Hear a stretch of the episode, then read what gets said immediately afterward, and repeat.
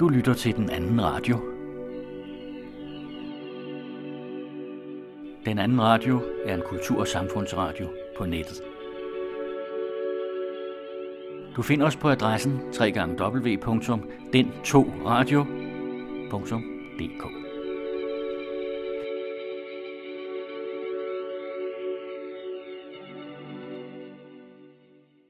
Her er den anden radio, og velkommen til podcasts i de tidlige sommeruger. Geomets har som sædvanligt spidse pinden i sit intermezzo, og overskriften er himmelråbende konsekvenser. Omkring solen for milliarder af år siden fandt mængder af is, grus og sten sammen i gas- og klippeplaneter. Nogle var for kolde, nogle var for varme, nogle var for små og andre for store.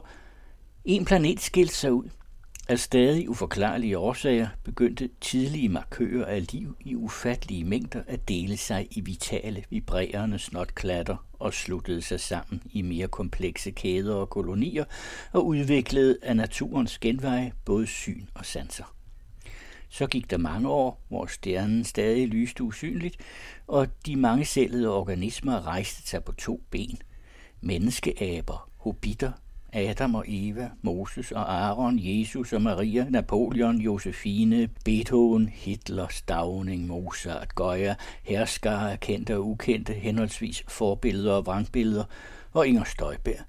Stabiliteten, forudsætning for tryghed, velstand og vækst, nødvendiggør love i et system, hvor den stærkes ret tøjles, og borgerne fra bund til top respekterer loven.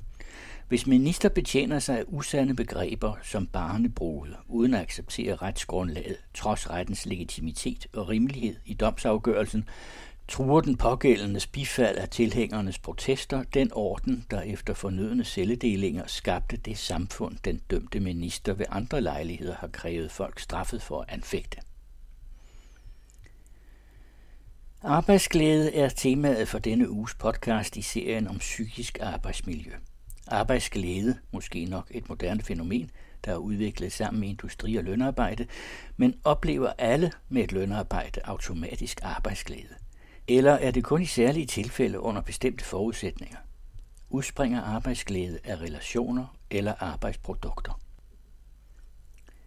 I Tage Bagmans slagerkrønike handler det denne gang stort set kun om et enkelt år i den store tyske historie, ja, faktisk kun om en enkelt dato, 9. november 1989.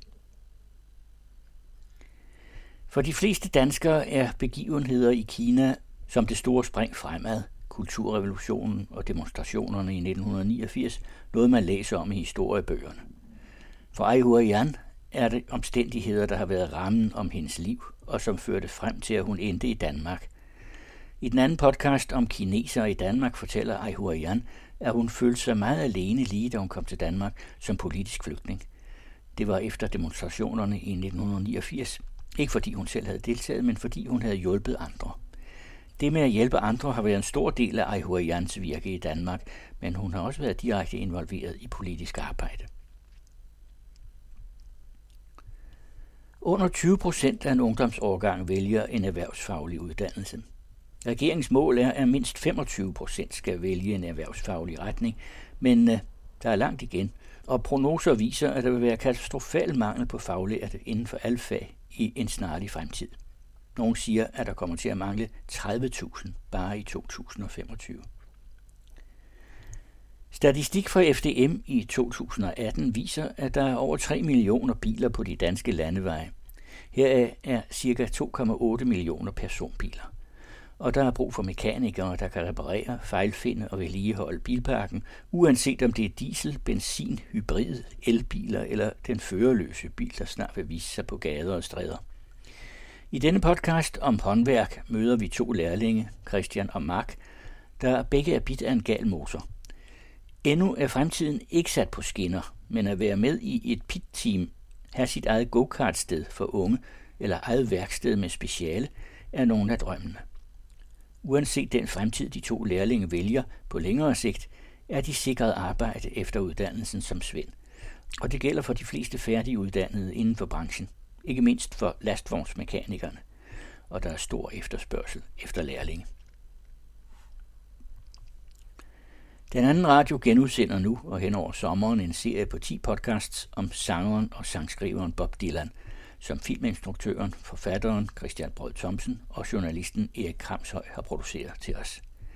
De enkelte udsendelser beskæftiger sig med en karakteristisk epoke i Bob Dylans udvikling, og i denne podcast skal vi høre om 1960'erne, hvor han sang om social uretfærdighed og den kolde krigs nærværende atomtrussel. Tiderne skifter, også i dag, og løgnene regner stadig ned over os. Vi skal høre om Bob Dylans protestsange, og vi skal naturligvis også lytte til dem. I en digters bazar i Farovs klassiker, er H.C. Andersen for alvor nået til bazarernes by, til Istanbul, som dengang hed Konstantinopel, Tyrkiets myldrende hovedstad, som ofte får Andersen til at sammenligne med de store europæiske byer. Og tyrkerne fremtræder så åbne og ærlige, så Andersen bliver ganske charmeret.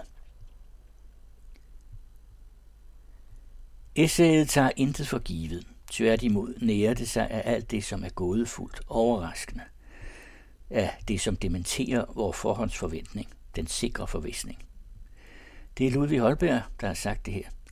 Her på den anden radio sender vi i denne uge den femte og sidste podcast om genren essay. Vi begyndte for 400 år siden med essayets fader, Michel de Montaigne, videre over Holberg og Johannes V. Jensen og Jakob Paludan, Knud Sønderby og Martin A. Hansen, til de sidste i denne uge, Susanne Brygger og Claus Rigsbjerg. Det er Torgild Borup, der fortæller om Min indre posedame af Susanne Brygger og Glæden ved vin af Claus Rifbjerg. Gennem 21 afsnit sender den anden radio hen over sommeren Stefan Zweigs erindringsværk Verden er i går. Stefan Zweig var en meget berømt forfatter i mellemkrigstiden, men nazismen drev ham fra sit hjemland Østrig, og efter et længere ophold i England rejste han med sin kone via USA til Brasilien. Her begyndte han at skrive sit erindringsværk, der udkom posthumt, for i 1942 begik ægteparet selvmord under indtryk af nazismens fremmarsch og sammenbruddet af alle den gamle civilisationsværdier. Carsten Farver læser, og vi skal høre andet afsnit i denne uge. Du lytter til den anden radio. Her er nu først Intermezzo. Allerede for godt 13 milliarder år siden oplyste en stjerne sit nærområde i det nyslåede ekspanderende univers, hvor 8,5 milliarder år senere et helt andet sted i samme univers, en mellemstor stjerne i en middelstor galakse blev dannet, akkurat som mange andre lignende større og mindre stjerner, både herværende galakse og et par hundrede milliarder andre. Den fjerne stjerne er nu dukket op efter de 13 milliarder år, lyset har været undervejs mod solen, der vel at mærke ikke fandtes før 8,5 milliarder år efter, at stjernen på de 13 milliarder lysårs afstand begyndte at skinne, og som universets ekspansion er 28 milliarder lysår væk nu. Omkring solen på de kun 4,5 milliarder år, og hvis lys for den fjerne stjerne derfor er relativt nyt, virvlede materiale rundt om det solare centrum i elliptiske cirkler, mængder af is, grus og sten fandt sammen i gas- og klippeplaneter, hvor nogen var for massive eller det modsatte, nogen for kolde eller varme, for små eller store, til at blive andet end en sammentrængt gas, hvidglødende søer af smeltet klippe eller golde is- og heliumoceaner. En planet skilte sig ud. Partikler af syre og affaldsstoffer mellem liv og nærmest død udviklede sig af stadig uforklarlige årsager til gelédråber uden mål og med, bearbejdet af strålingen fra rummet, efterhånden trængt sammen bag beskyttende cellevægge med kerner og arveanlæg og ambitioner om faste forhold – Disse tidlige markører af liv begyndte i ufattelige mængder at dele sig i vitale, vibrerende snotklatter, eftersom den havdækkede klode tilbød kost og lunken luci. De prunkløse celler sluttede sig ydermere sammen i mere komplekse kæder og kolonier og udviklede af naturens genveje både syn og sanser tog bestik af situationen og satte til livs, hvad de fandt for godt, mens de til stadighed blev mere sammensatte, komplicerede flerheder, samlede i overordnede enheder med hjerne i hoved og røv. Så gik der mange år, hvor stjernen fra før stadig lyste usynlig, og de mangecellede organismer rejste sig på to ben, menneskaber, hubitter, Adam og Eva, Moses og Aaron, Jesus og Maria, Napoleon, Josephine, Beethoven, Hitler, Stavning, Mozart, Goya, herskare af kendte og ukendte, henholdsvis sårbilleder og vrangbilleder, og Inger Støjberg. Uanfægtet af den tynde beboelige skal var jordens indre fortsat sejt flydende, hvidglødende jern samt gas, som til tider brød gennem bristefærdige steder og udslettede Pompeji og Herculanum, og mange år senere sprængte Krakatau i luften, uden at det betød så meget i det større regnskab. Ellers gik det godt, bortset fra at planetens liv blev nær og næsten udslettet af katastrofer, eller efter bedste evne forsøgte at udrydde sig selv. Hins særlige egenskab at til intet gør egen art, synes klodens opretgående art ene om i grov løgnagtighed og grusomme overgreb på artsfælder. Selv dinosaurer med tænder som slagterknive har til synligheden indskrænket sig til at slå ihjel for at æde, ikke for sjov eller fikse idéers skyld. Denne adfærd i dyreriget, ligeledes gældende for senere arter end dinosaurernes mangfoldighed, kan måske have inspireret regionstifterne til at satse på dyrisk sagmodighed og naturlig empati, teologisk indpodet i menneskene af Gud himself. Dog del som styrende ideal i hygtet barmhjertighed over for den faldende fjende, når det kunne betale sig. Den overvundne og magtesløse har jævnligt på egen hånd måtte finde sig i at betale. Jungleloven er bare skidt i ordnet samfund, sådan som menneskene møjsommelige i udviklingshistoriens løb fra ensættet af møbe til smalsporet populist bygget op.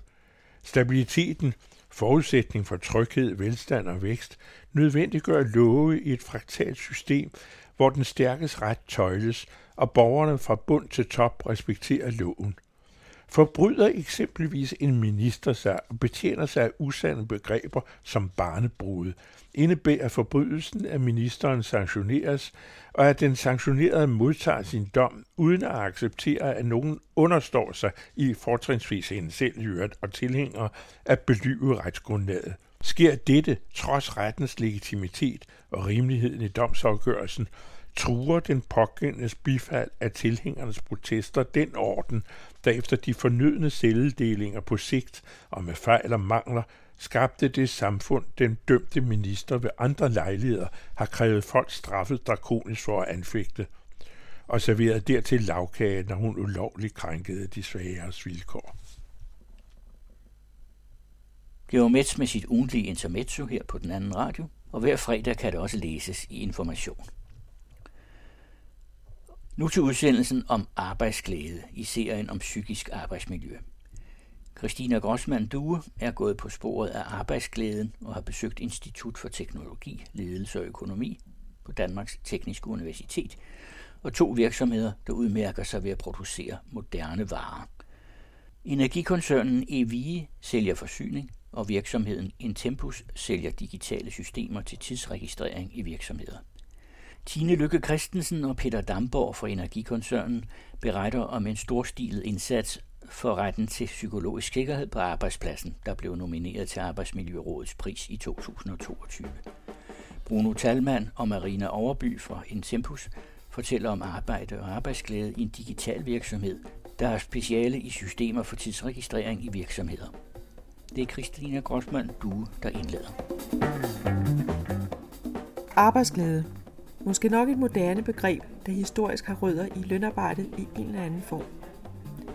I de senere år tales der mere og højere om arbejdsglæde, og en forståelse af, at det er ok at stille krav om arbejdsglæde.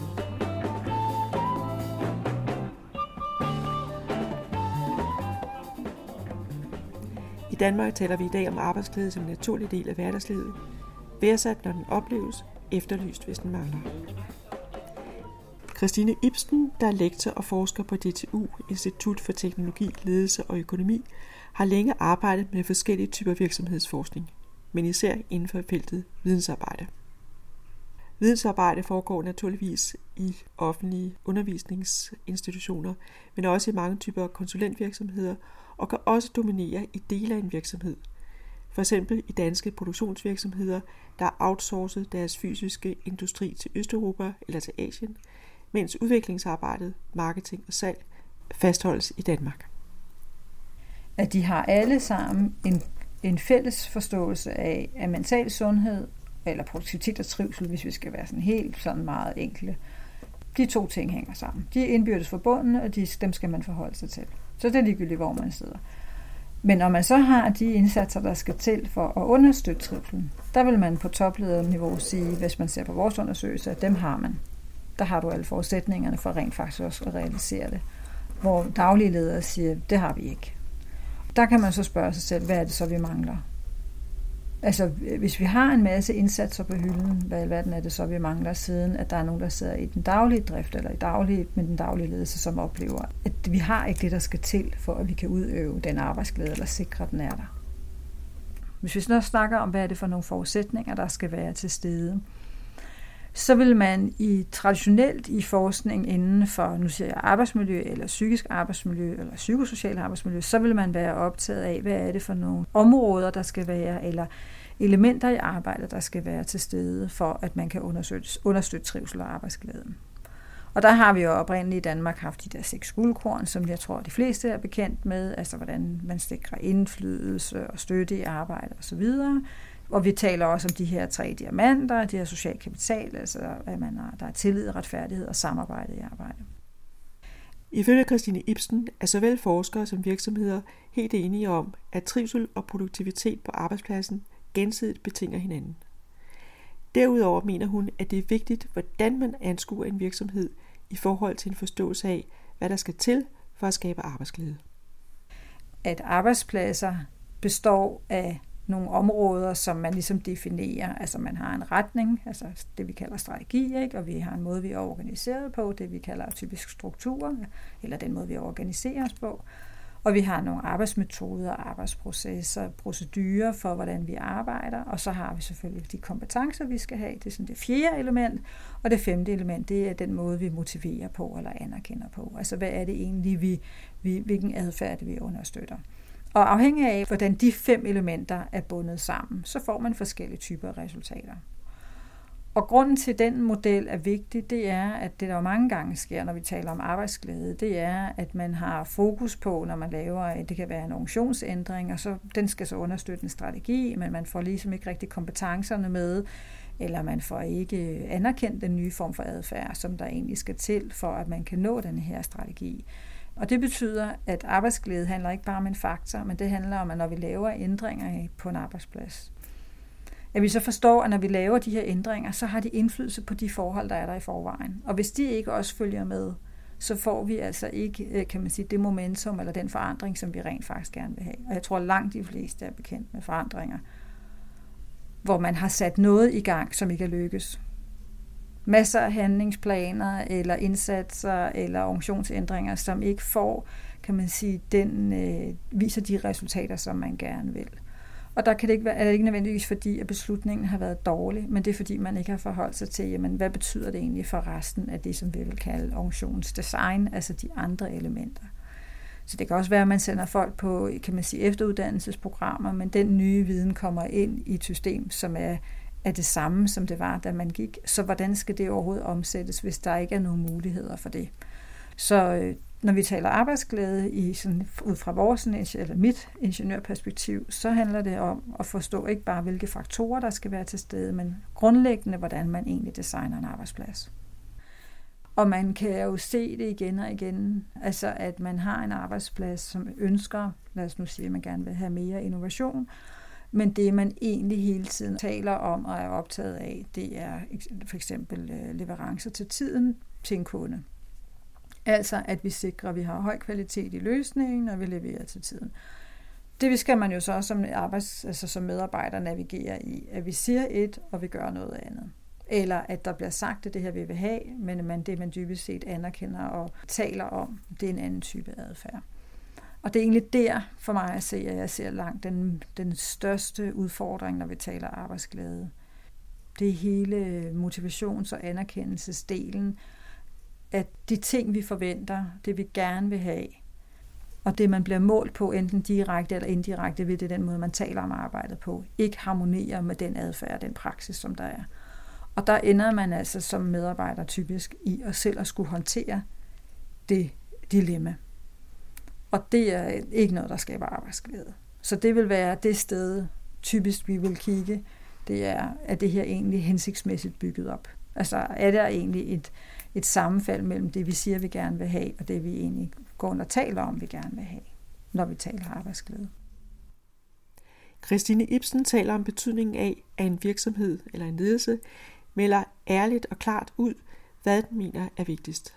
Og det er netop, hvad man har gjort i energivirksomheden EVI via en stor indsats for at forbedre trivsel i forskellige medarbejdergrupper og udvikle såkaldt psykologisk sikkerhed. EVI står for Energy World Inspired by Innovation og hed tidligere Trefor. Koncernen har mere end 500 ansatte og sælger forsyning af vand, varme, elektricitet og fibernet i trekantsområdet. EVI blev nomineret til Arbejdsmiljørådets pris 2022 i kategorien psykisk arbejdsmiljø. Netop fordi EVI ikke sælger vand, varme og elektricitet, men forsyningen er samme, har der været brug for at sætte spot på værdien af selve varen og produktet, og ikke mindst alt det arbejde, som de forskellige medarbejdere udfører. Jeg møder to af deltagerne fra EVI ved Arbejdsmiljørådets event i København. Jamen, jeg hedder Tine Lykke, og jeg arbejder som HR-konsulent hos EVI med fokus på arbejdsmiljø. Man kan sige, at det er et lidt specielt produkt at arbejde med, hvis man overhovedet kan kalde det et produkt. Det er jo en service.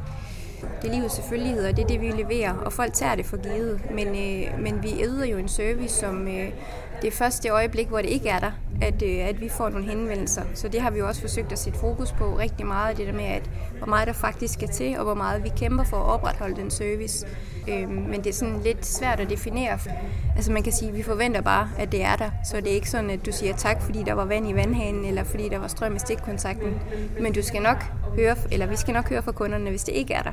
Så det er jo også lidt mere at få den der gode tone ind omkring, at vi har jo faktisk et kontrolcenter, der arbejder 24-7, og en kundeserviceafdeling, der gør alt for at ligesom opretholde den her forsyning på alle fronter. Men så snart det ikke er der, så vil vi gerne have, at kunderne også forstår, at så er der faktisk nogen, der er på vagt hele tiden og er ude for at opretholde det og gøre alt, hvad vi kan for at sikre, at vores hverdag som borgere og som, hvad kan man sige, forbrugere af det, er helt uforstyrret af det. Nu er I en virksomhed, som har over 500 ansatte. Hvad er det for nogle arbejdsgrupper, I har? Jamen, vi har både øh, en ganske almindelig kontorarbejde-funktion, og så har vi de her udkørende medarbejdere, som jo er serviceteknikere, og som ja, hvad kan man sige, tilbringer en stor del af deres tid ude at drifte. Hvornår begyndte I at arbejde bevidst med, med psykisk arbejdsmiljø? Jamen, det var egentlig tilbage i 2021, hvor vi skulle udarbejde en ny strategi, øh, og det vi hørte fra vores medarbejdere, det var, at øh, psykisk arbejdsmiljø er svært at tale om, og vi var nået rigtig langt i forhold til det her med værnemidler og værktøj og generelt den fysiske sikkerhed. Så det vi hørte, det var egentlig, at psykisk arbejdsmiljø er, er der, hvor vi skal sætte vores fokus, så vi indarbejdede det i vores nye strategi. Men havde I nogle problemer i forhold til trivsel? Nej, det var faktisk ikke, fordi vi sådan, øh, havde set nogle problemer i vores øh, medarbejderfristighedsundersøgelser eller noget af det. Men som nævnt det her med, at, at når vi var ude på APV'er, så hørte vi jo, at, at det der fyldte, og det der var sådan, den primære risici, når vi snakkede med arbejdsmiljøgrupperne, det var psykisk arbejdsmiljø, arbejdspres og generelt det her, hvordan takler man det, og hvordan kommer vi til at snakke om det, og hvordan skal man som leder være klar til at tale om det, og, og hvad kan medarbejderne selv gøre for at passe på sig selv. Så det var det fokus og den, sådan, de udsagn, vi fik på de her forskellige dialoger, der gjorde, at vi gerne vil sætte fokus på det. Har I så lavet forskellige indsatser i forhold til de forskellige medarbejdergrupper? Ja, det vi har gjort, det er, at øh, samlet set i vores arbejdsmiljøorganisation har vi lavet en central kampagne, som vi så har bedt øh, de lokale arbejdsmiljøgrupper om at tage til sig og gøre til deres, altså gøre det nærværende for dem og Øh, nu har vi jo to forskellige medarbejdergrupper, altså nogle, der er udkørende, og nogle, der er meget øh, sidder på kontoret. Og, og vi kan ikke lave den samme kampagne til de her to målgrupper. Så det her med at, at få arbejdsmiljørepræsentanterne ind og sige, jamen hvis vi skal snakke om det her emne, som jo vi har kaldt psykologisk sikkerhed, øh, så skal det være på den her måde, hvis jeg skal have mine kollegaer med, og hvis de skal lytte til de her budskaber. Det gerne komme fra nogen, som forstår deres arbejdssituation, så dermed arbejdsmiljørepræsentanternes rolle har jo været mega vigtig. Peter Dambo er montør og arbejdsmiljørepræsentant, og jeg spørger, hvorfor det efter hans mening har været vigtigt for Evi at sætte fokus på netop det psykiske arbejdsmiljø. Ja, det betyder jo i hvert fald for dem, øh, jeg repræsenterer, som er udkørende montør, at vi skal have den der Tarzan-kultur lagt på hylden, og at øh, vi snakker om tingene, problemerne, når de sker, så vi kan lære af de fejl og, og de erfaringer, vi gør hver især. Hvor opstår de fejl? Jamen, det handler jo også om, hvordan vi snakker til hinanden, på den måde, vi agerer på i dagligdagen. Vi møder også kunder, øh, som er utilfredse med det, vi laver, fordi de øh, har en anden overbevisning om, at vi måske kommer på arbejde for at genere dem, men vi er der for kundernes skyld og for at servicere dem. Når du siger fejl, kan du så beskrive, hvad, hvad kan fejl være? Ja, det kan jo være en, der mangler strøm jo. Så skal vi ud og have gjort, så de har strøm øh, igen, der hvor de nu bor. Ikke? Og det her øh, har de jo så ikke forståelse for, at det måske tager en 3-4 timer, for lige at få finde ud, eller finde ud af, hvor, hvor fejlen er, inden vi får det udbedret. Og det er jo tit kunder, som også er presset på en eller anden måde. Men uh, som regel får vi dem snakket ned igen, så vi kommer derfra i, i fordrag, eller vi skiller til fordragelighed. Arbejdsglæden som montør, hvad handler den om? Ja, det handler om at finde tilfredsstillelse i det, du møder ind til hver dag, og have nogle rigtig gode kollegaer, og nogen, du kan snakke med og spare med, fordi vi er, vi er meget afhængige af hinanden i det job, jeg har, og skal kunne stole på hinanden. Og som jeg plejer at sige, så kan vi jo synes om hinanden, hvad vi har lyst til, men på arbejde, der er vi sammen, og i et fællesskab, hvor vi skal have det til at fungere, og vi skal have det lykkes, til at lykkes, og, så vi kan gå hjem og, og være tilfredse med det, vi har udført. Og hvor, hvor mange mennesker arbejder man sammen med til daglig, hvis man er montør? Jeg kører for det meste for mig selv. Når der lige er nogle jobs, hvor det er påkrævet, vi er flere, så er vi øh, nogle gange to-tre stykker sammen. Men ellers som udgangspunkt kører vi selv. Og så er vi, vi er jo sammen på kryds og tværs. Det er ikke sådan, at vi har en fast makker, man kører med. Så du siger, at øh, kollegaerne og fællesskabet, det er vigtigere end selve produktet, altså det, du laver som montør? Ej, det skal jo gerne være i en harmoni, jo. Ikke? Men jeg sætter der mine kollegaer er, er så høj, at det er gode kollegaer her, at vi kan have det godt sammen. Det gør det jo lidt nemmere i hverdagen.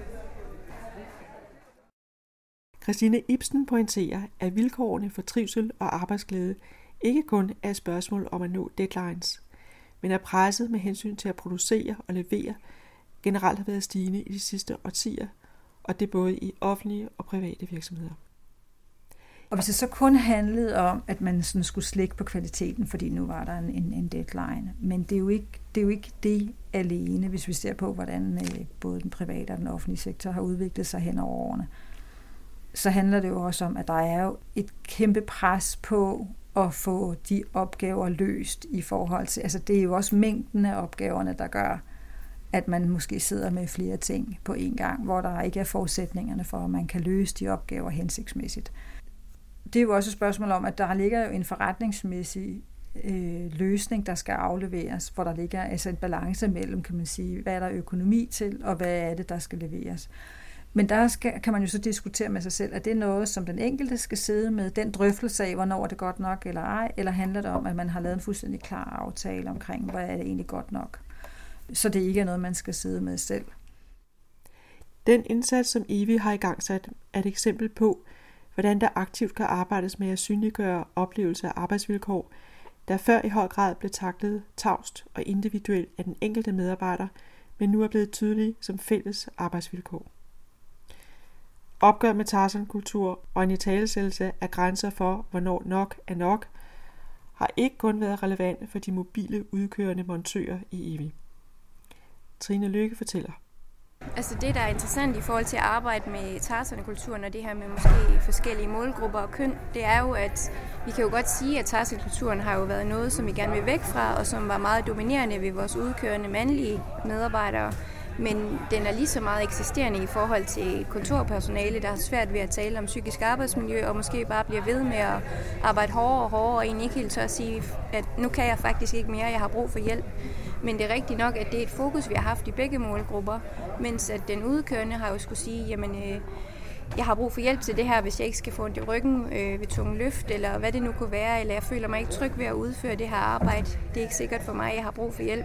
Men det er jo lige så meget kontor og medarbejderne, der skal kunne sige, jamen øh, jeg kan simpelthen ikke klare flere arbejdsopgaver. Er der nogen, der vil hjælpe mig, i stedet for hele tiden at have den attitude med, at jeg kan det hele. Vi bliver nødt til at kunne sige det højt, for ellers ender vi med de der tilfælde, hvor man enten kommer til skade fysisk, eller man lige pludselig står med en eller anden øh, arbejdsbelastning i forhold til det psykiske arbejdsmiljø.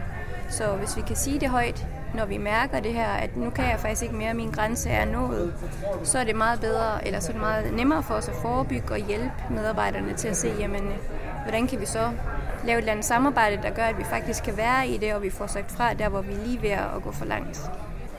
Hvad skal der til for dig selv at opleve arbejdsglæde i dit arbejde? Jeg oplever en stor glæde ved at arbejde med arbejdsmiljø, fordi at det er det, der driver mig, og det der med, at vi får opbakningen fra alle sider, og at ledelsen bakker op omkring, at vi må bruge ressourcer, tid og så videre på det her, så vi kan få det til at lykkes. Det er det, der gør, at jeg får en god dag, fordi jeg kan jo se, hvordan effekten er for medarbejderne, og hvordan det skaber arbejdsglæde hos os alle sammen. Så det der med, at man rent faktisk får lov til at og hvad kan man sige, sætte noget i gang, øhm, og der er opbakning til det, og det kan lykkes, fordi der er den der opbakning. Det synes jeg gør mig, eller gør mit arbejde fedt. Hvordan har I kunne se, at øh, er, folk, er folk glade, eller hvad, hvordan kan I mærke resultaterne af indsatsen? Øhm, jamen, noget af det, vi kan se, det er jo blandt andet, at folk er blevet bedre til at sige det højt, hvis de mangler, eller hvis der er et eller andet, der er svært, eller hvis der er en eller anden øh, arbejdsopgave, der er svær at udføre på en sikker måde, eller på en hensigtsmæssig måde. Så vi har fået mange flere nærvedregistreringer ind på det. Og der har faktisk også været nogle nærvedregistreringer, der handlede om psykisk arbejdsmiljø. Sådan noget som den gode tone, kan vi lige pludselig få en registrering på, at hvis der har været en eller anden samtale, der er gået skævt, og det gør jo så, at vi kan sætte fokus på det efterfølgende, fordi så har vi et eller andet eksempel, og så bringer man det videre måske til et afdelingsmøde, og så har du lige pludselig fokus på psykisk arbejdsmiljø.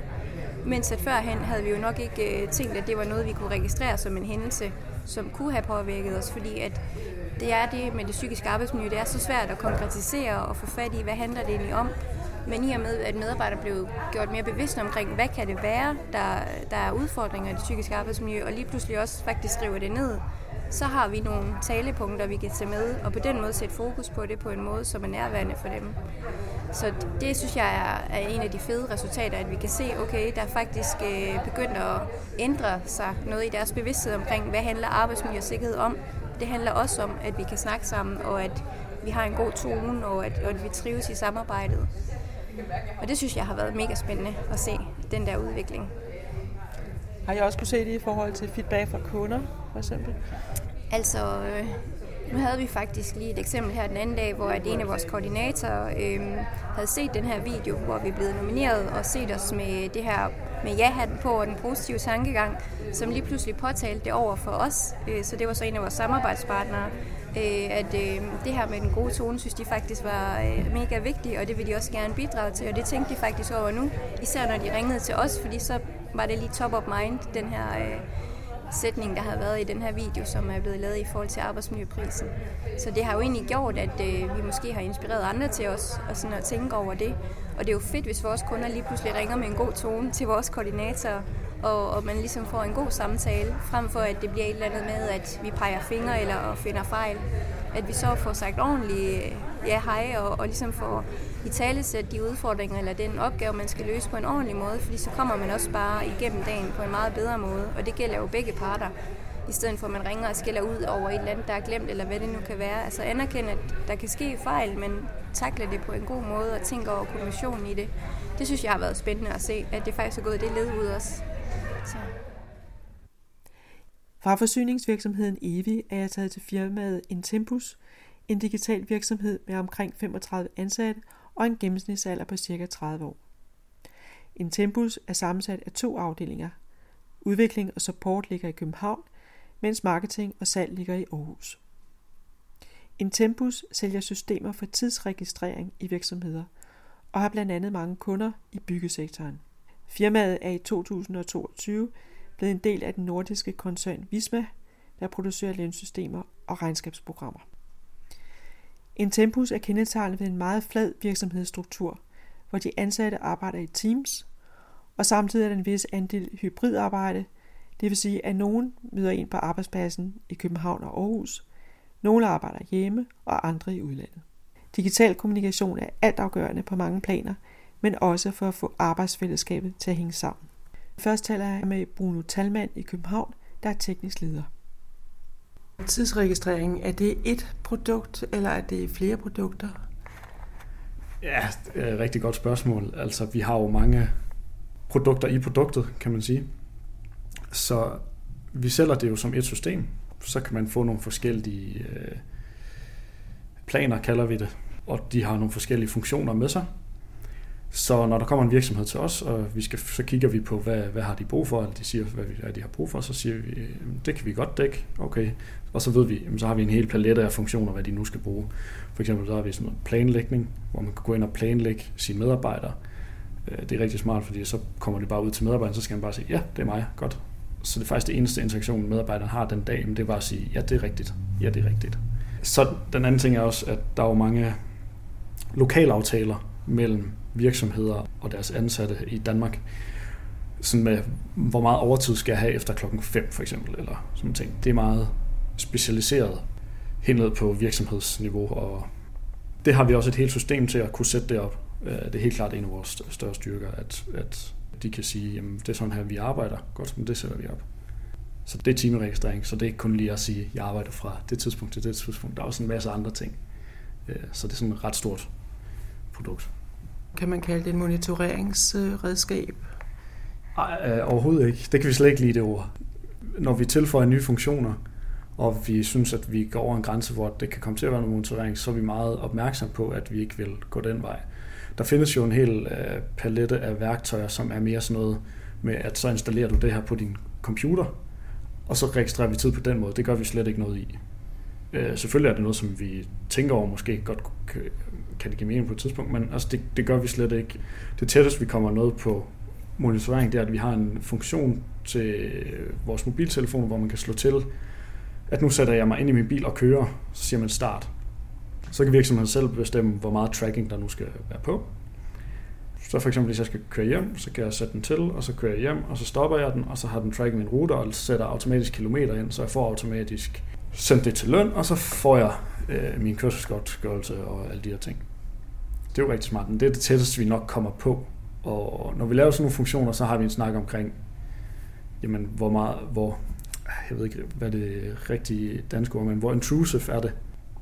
Vi prøver at have et medarbejderperspektiv, men vi har jo selvfølgelig også virksomhedsperspektiv, fordi det er dem, der vi giver det til. Ikke?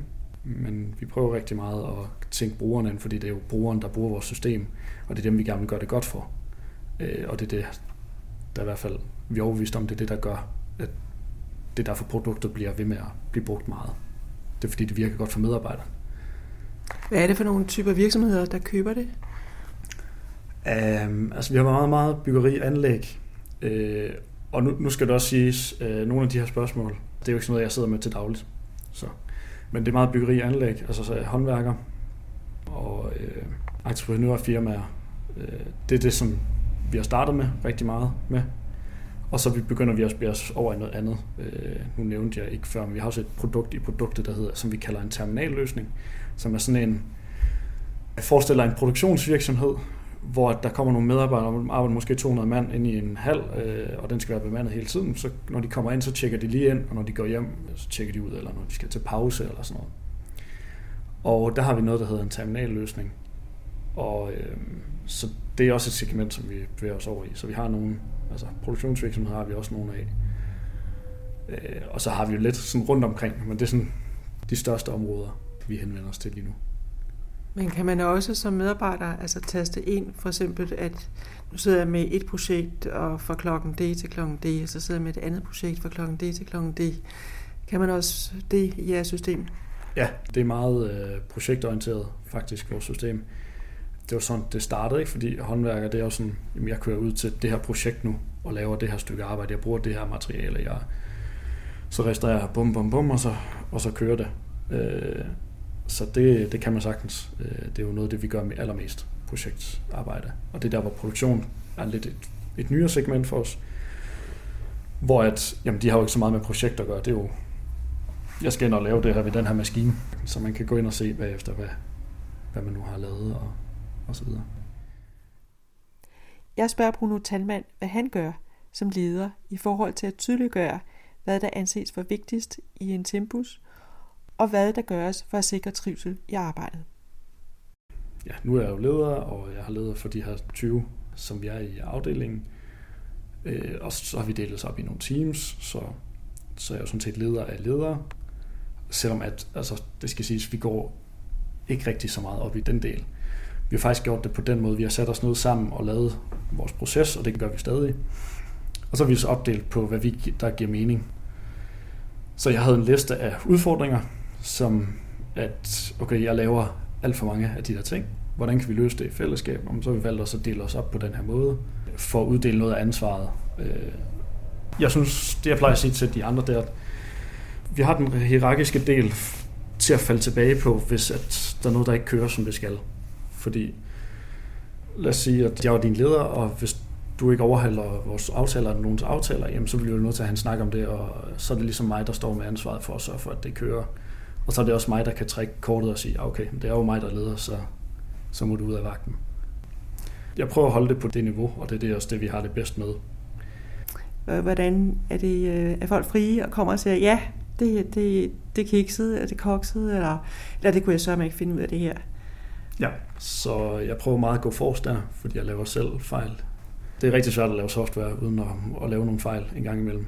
Så jeg prøver at gå forrest og sige, at ah, det var lige mig, der kiksede her. Og når vi gør noget godt, jamen, så siger vi vi.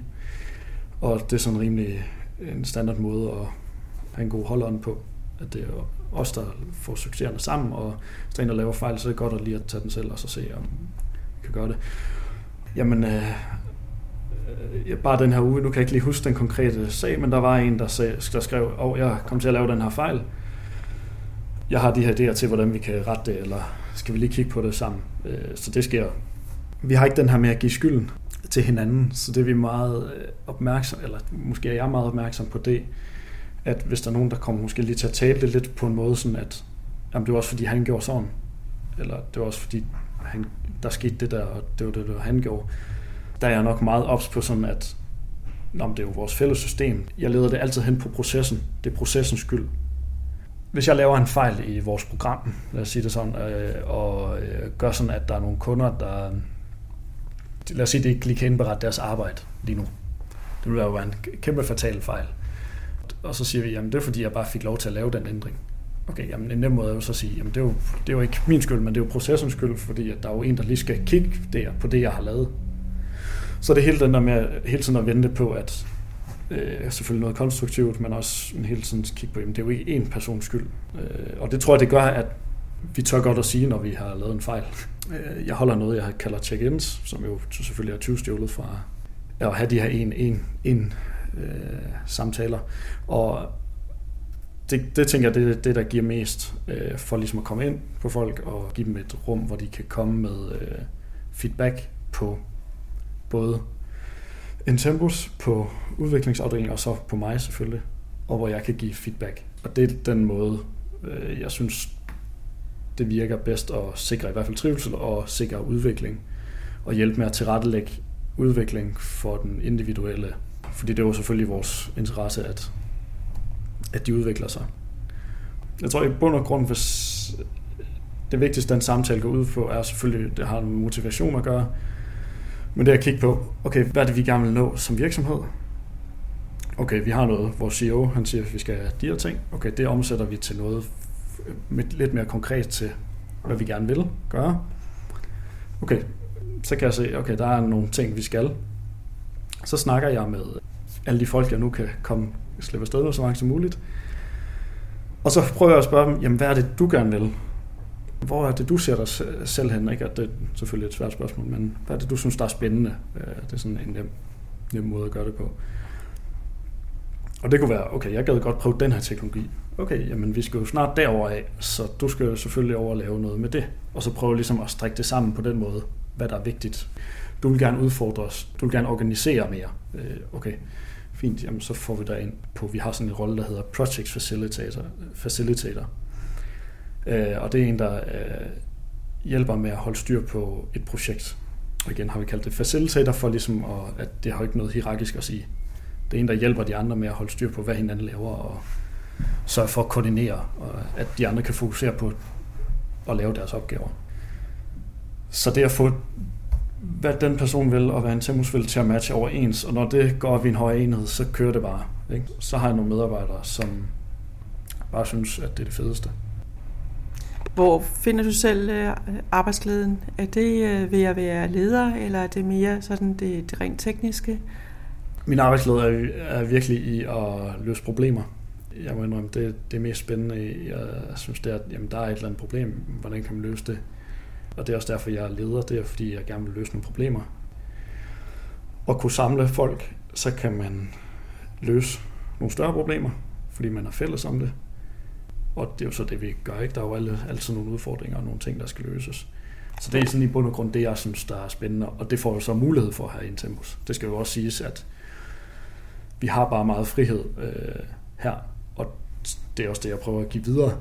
At øh, hvis der er nogen, der kan tage ansvaret og løfte ansvaret, jamen så værsgo her. Du har frihed, du er bare inden for de her rammer. Du tager det bare selv. Okay, hvis det kører godt, jamen du snakker bare selv med kunden eller med vores integrationspartner. Altså, så, så det kører øh, altså jo mere, jo bedre jo.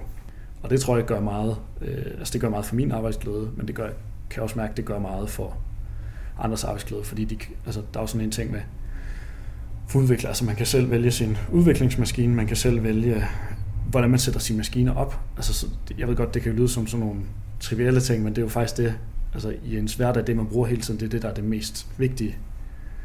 Vi kan vælge, hvad vi gerne vil have at drikke i køleskabet, altså sådan nogle ting. Øh, der er sådan frihed, altså meget frihed på den måde.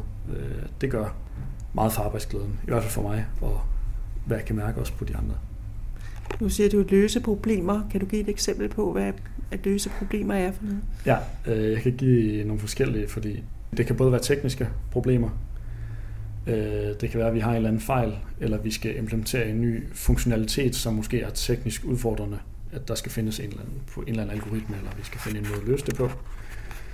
Eller det kan være, at vi har et team, hvor det måske ikke fungerer optimalt, eller jeg har en medarbejder, hvor det ikke fungerer optimalt. Øh, så er det også noget, jeg rigtig gerne vil løse. Og så går jeg bare ind og indsamler viden og prøver at, at løse det.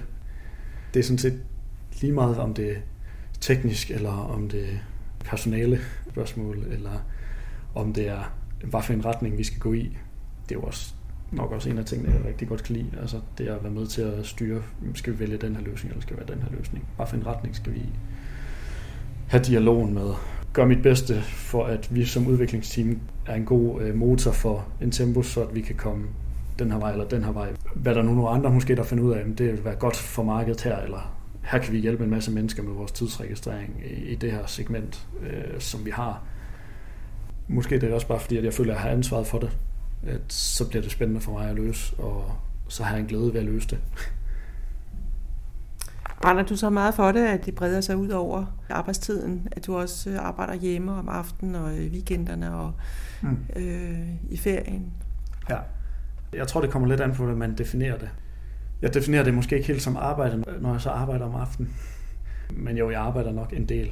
Øh, jeg tror måske i gennemsnit 60 timer om ugen jeg tror, jeg arbejder en del, ikke? og jeg har også to børn og en, og en dejlig kone, og, øh, så jeg arbejder nok ret meget, som jeg altid siger til folk, det er, at øh, selvom jeg arbejder meget, så skal de ikke arbejde meget, fordi at, øh, Øh, der er jo en masse forskellige spændende studier på det. Ikke? Altså, hvis man arbejder mere, det er ikke sikkert, at man er så effektiv, når man arbejder mere, og så videre. Det er meget, meget individuelt, vil jeg sige. Det er vigtigt, at i en tempus, der kan man som udvikler arbejde 37 timer om ugen, og det er fint. Der er ikke noget der. Øh, og det har vi rigtig mange eksempler på, at det kan sagtens lade sig gøre, og det kan sagtens overholdes. Jeg har ikke haft brug for at sige til nogen, kan du øh, hoppe på her om aftenen og hjælpe med det? Vi har et team øh, til at øh, styre vores infrastruktur. Altså, hvis der er noget, der går i stykker, så siger vi jamen, i teamet, hvornår vil det være bedst at gøre det her? Okay, det vil være bedst at gøre om aftenen. Og så spørger jeg så, okay, hvem har lyst til at komme på? jeg er der, og så har vi så en, øh, en der hedder Kasper også, som så også er der, som er øh, medejer af Intempus, som jeg vil sige, det er sådan lidt et andet, end hvis man er ansat. Så der er virkelig mulighed for at gøre det her øh, 37 timer, og det fungerer fint. Min opfattelse er ikke, at der er nogen, der føler, at de skal arbejde mere, bare fordi jeg gør det. Fordi det er meget sådan noget, jeg har prøvet at være opmærksom på, fordi bare fordi jeg virkelig godt kan lide at lave det, jeg laver, og jeg synes, at det er en passion for mig, og så betyder det ikke, at de andre skal føle, at nu skal de også gøre det samme. Øh, øh, og det har jeg selvfølgelig også på et personligt plan, øh, når jeg løser noget. Det er selvfølgelig noget af det fedeste. det tror jeg sådan, jeg kan sige for alle i udvikling, altså alle ingeniører, der har det sådan, når der er noget, der fungerer, når vi har gjort noget godt for en kunde, eller noget teknisk, eller vi får noget op at køre igen, eller så, så er det bare en, det er fedt. Ikke? Øh, og det skal vi så for den energi, øh, vi kører videre på den. I Aarhus har jeg mødt Marina Overby, som er ansvarlig for marketing og HR. Mit arbejde det er lidt todelt. Jeg står både for marketingsdelen, det vil sige kommunikationen både til kunder, men også eksternt, og øh, vores hjemmeside og, og rigtig meget i forhold til ja, eksponering og markedsføring øh, generelt. Og øh, så står jeg så også for meget af det interne i forhold til øh, kulturudvikling og medarbejdere, ja, rigtig mange ting internt, rekruttering osv. Og I sælger jo øh, systemer til øh, tidsregistrering. Er det et produkt, som øh, er let at sælge? Jamen både og. Man kan sige, det er for mange virksomheder en naturlig udvikling af deres eksisterende administration. Det er meget almindeligt, at virksomheder kigger mod mere digitale og meget mere ja, smarte og mere moderne måder at holde styr på deres administration på. Så for nogen er det, er det rigtig nemt, men for andre er det selvfølgelig noget helt nyt, og det kræver, at øh, der er mange medarbejdere, der skal sætte sig ind i nye processer og nye måder at gøre tingene på. Hvad skal man være rigtig god til, hvis man vil ansættes her? Man skal være god til samarbejde, fordi øh, vi samarbejder rigtig meget, både i vores individuelle teams, men også på tværs af teams. Og øh, det skal man være indstillet på, at vi ikke har de her hvad skal man kalde det, solo riders, der bare øh, kører derud af helt selv.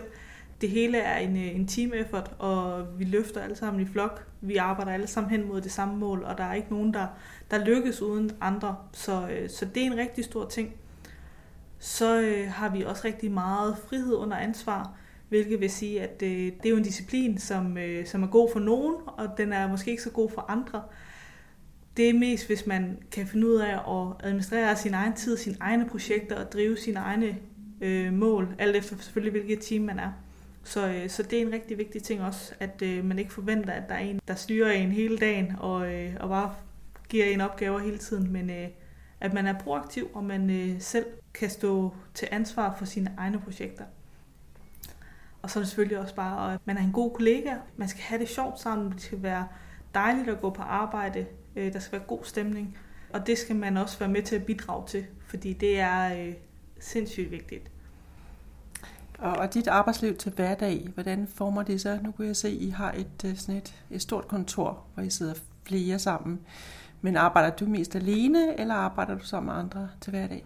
Jamen, øh, i lang tid der har jeg faktisk arbejdet meget solo, hvis man kan sige det på den måde. Jeg har siddet øh, i vores kontorfællesskab og egentlig haft øh, rigtig meget samarbejde med de forskellige teams, men egentlig har jeg stået for mine egne projekter selv, fordi jeg øh, har været øh, ene kvinde i, øh, i de her to teams, jeg arbejder i.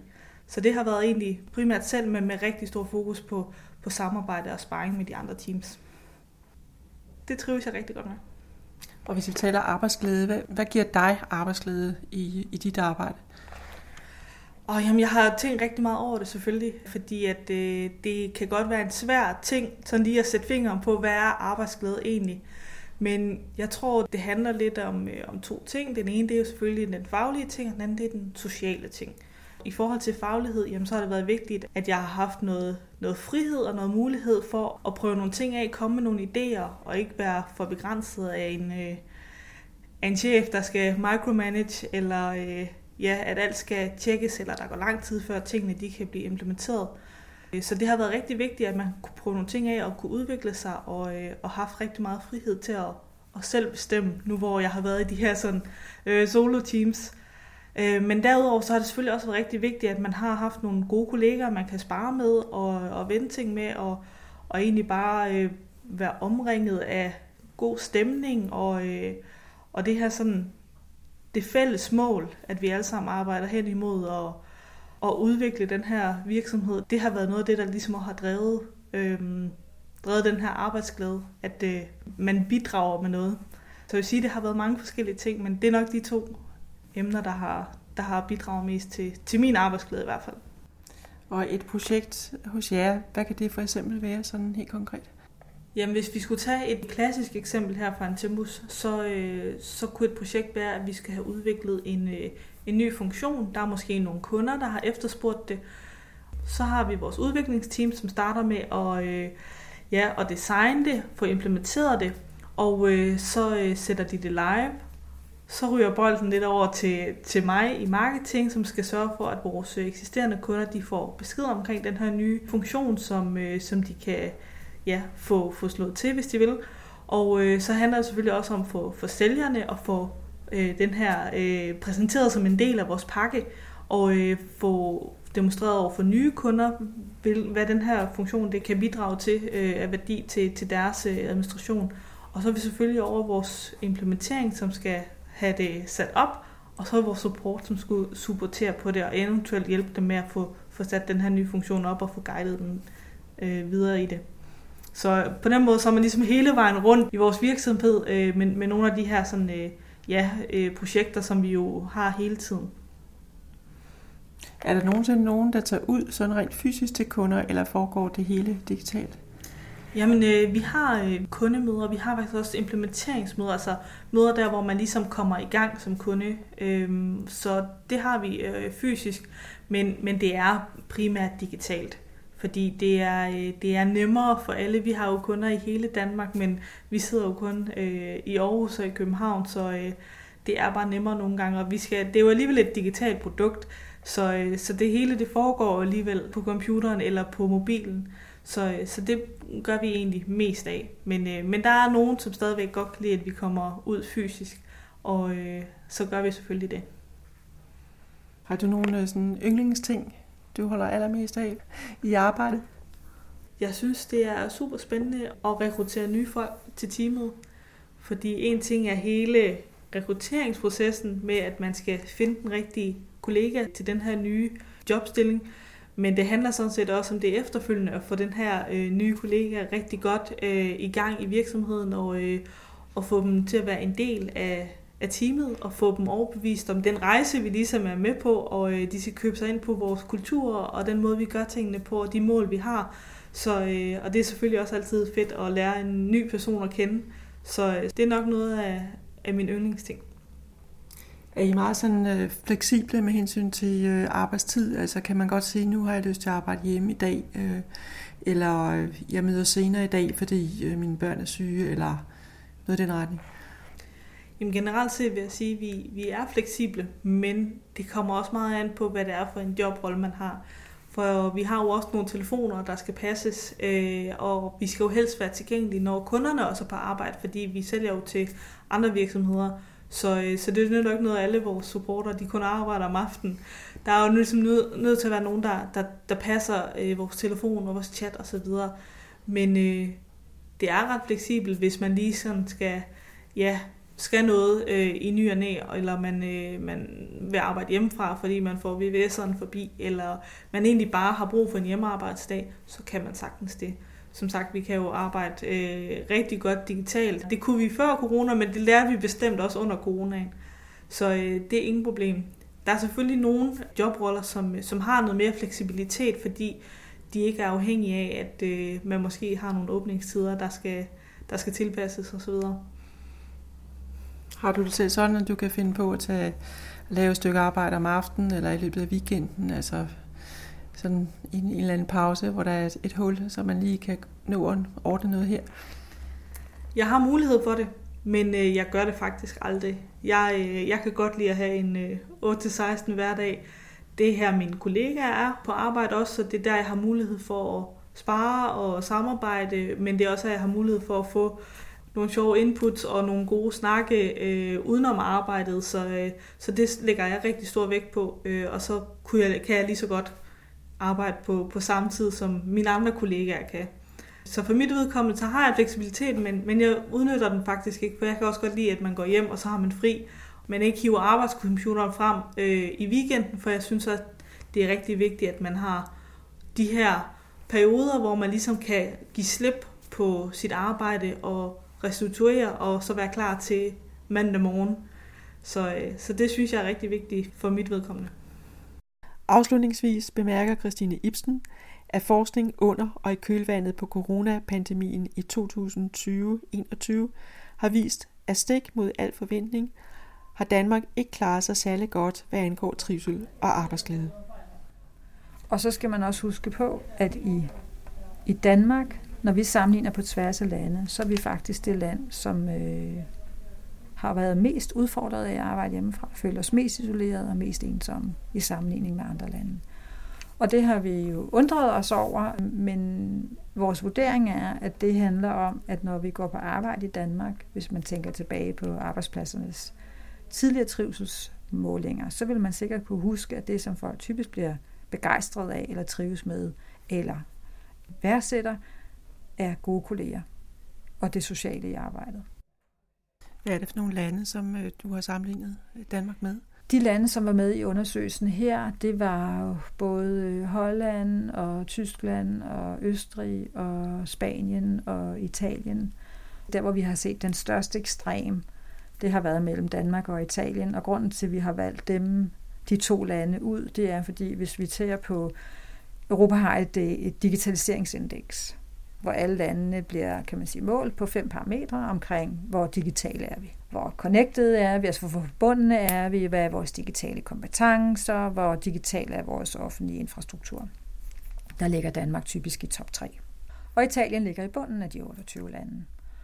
Og samtidig havde vi som land erfaringer med hjemmearbejde før pandemien, i modsætning til andre lande, deriblandt Italien. Og det var derfor, vi valgte at se på de to lande, som kan man sige, hver sin ende af det her indeks med hver sine erfaringer med hjemmearbejde. Og så kunne man jo have den antagelse, at når man så har et godt digitalt udgangspunkt, så skulle man også have nogle gode forudsætninger for at arbejde hjemmefra. Altså der er det lige omvendt. Der er det italienerne, der kan få det til at fungere, og vi kan ikke få det til at fungere. Og det overraskede os. Og det, det vi så har, har, kan man sige, som vi peger på, det er, at der ligger til synligheden noget i i det at gå på arbejde for os, som handler om noget andet end løn og pension, men som, og ikke kun heller om opgaven, men som handler om relationen. Arbejdsglæden, den skabes i relationerne. Og det skal man huske, at det er det, der, det, er det vi mister, når vi øh, arbejder på distance, eller når vi har hybridarbejde. Altså, det er jo indbygget i det at have afstand, det er, at vi ikke er sammen. Så kan vi gøre alt muligt for at skabe nærhed over distance. Og det gør man jo alle mulige ting for. Hvordan kan vi skabe den der oplevelse af, at vi stadigvæk hører sammen. Men det ligger jo iboende i afstand, det er, at vi ikke er sammen. Og det ser ud til, at det har altså en pris for os i Danmark, når vi arbejder øh, hybridt, eller når vi arbejder hjemmefra. Og der skal vi bare være opmærksom på, hvad er det så, hvad får vi som følger det valg? At vi ikke risikerer, at vi kommer til at, at, og faktisk smide noget ud, som vi rent faktisk værdsætter, når vi går på arbejde. Og det er det sociale element i det at være sammen med kolleger, at have gode kolleger. Ja, som giver en god energi, og som hjælper en med at løse opgaver, og som er der for en, og som har den der ja, teamforståelse, eller altså, at til sammen så kan vi mere, end vi gør tingene hver for sig.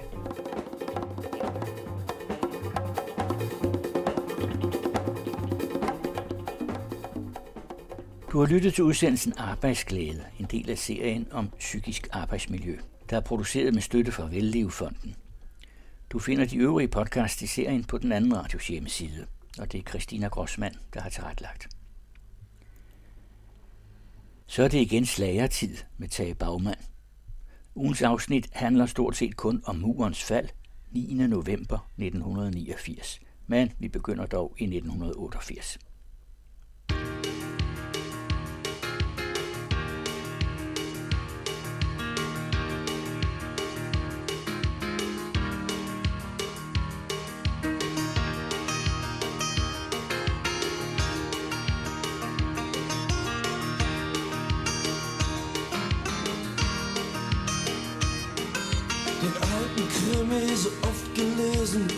Spaghetti, zu viel gekaut, zu lange geschlafen, zu oft gebadet und vor allem zu viel Fernsehen geschaut.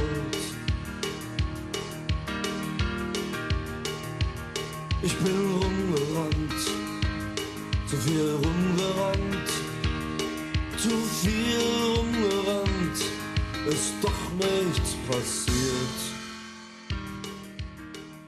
Tage Bagman, vi går lidt tilbage i kronologien igen. Det her, det er Pankov, et østtysk band. Et af de større østtyske band i øvrigt. Langevejle fra 88. Ja. En profeti. Det er en profeti, det er også en konstatering af, hvor man er henne. Den er fra et album, der måske også er en slags program, der hedder Oprør i øjnene. Og Panko er en lidt spændende østtysk gruppe. Den blev dannet i, i 81, men med rødder længere tilbage, og med forbilleder i den vesttyske punk, rock-punk scene. Og Panko formåede at manøvrere i det østtyske farvand, hejfyldte farvand for øh, udøvende kunstnere, på en sådan måde, at de i perioder var tilladt, i perioder ligefrem var anerkendt af styret, i andre perioder var, var tolereret, i andre perioder øh, blev forbudt, og samtidig det hele på én gang. Øh, for eksempel ved, at, at styret tillod dem at spille deres sange på koncerter, men de måtte ikke optage dem på plade, og de måtte ikke spilles i radioen. Og i perioder blev de så alligevel tilladt. Og, altså, øh, Panko formåede sådan at gøre sig selv så mangetydige, at de fik skabt sig et frirum. Viele Frauen nur nur mit mir rumgespielt, zu viel gesoffen, zu viel geredet, zu viele Nächte, wo nichts passiert.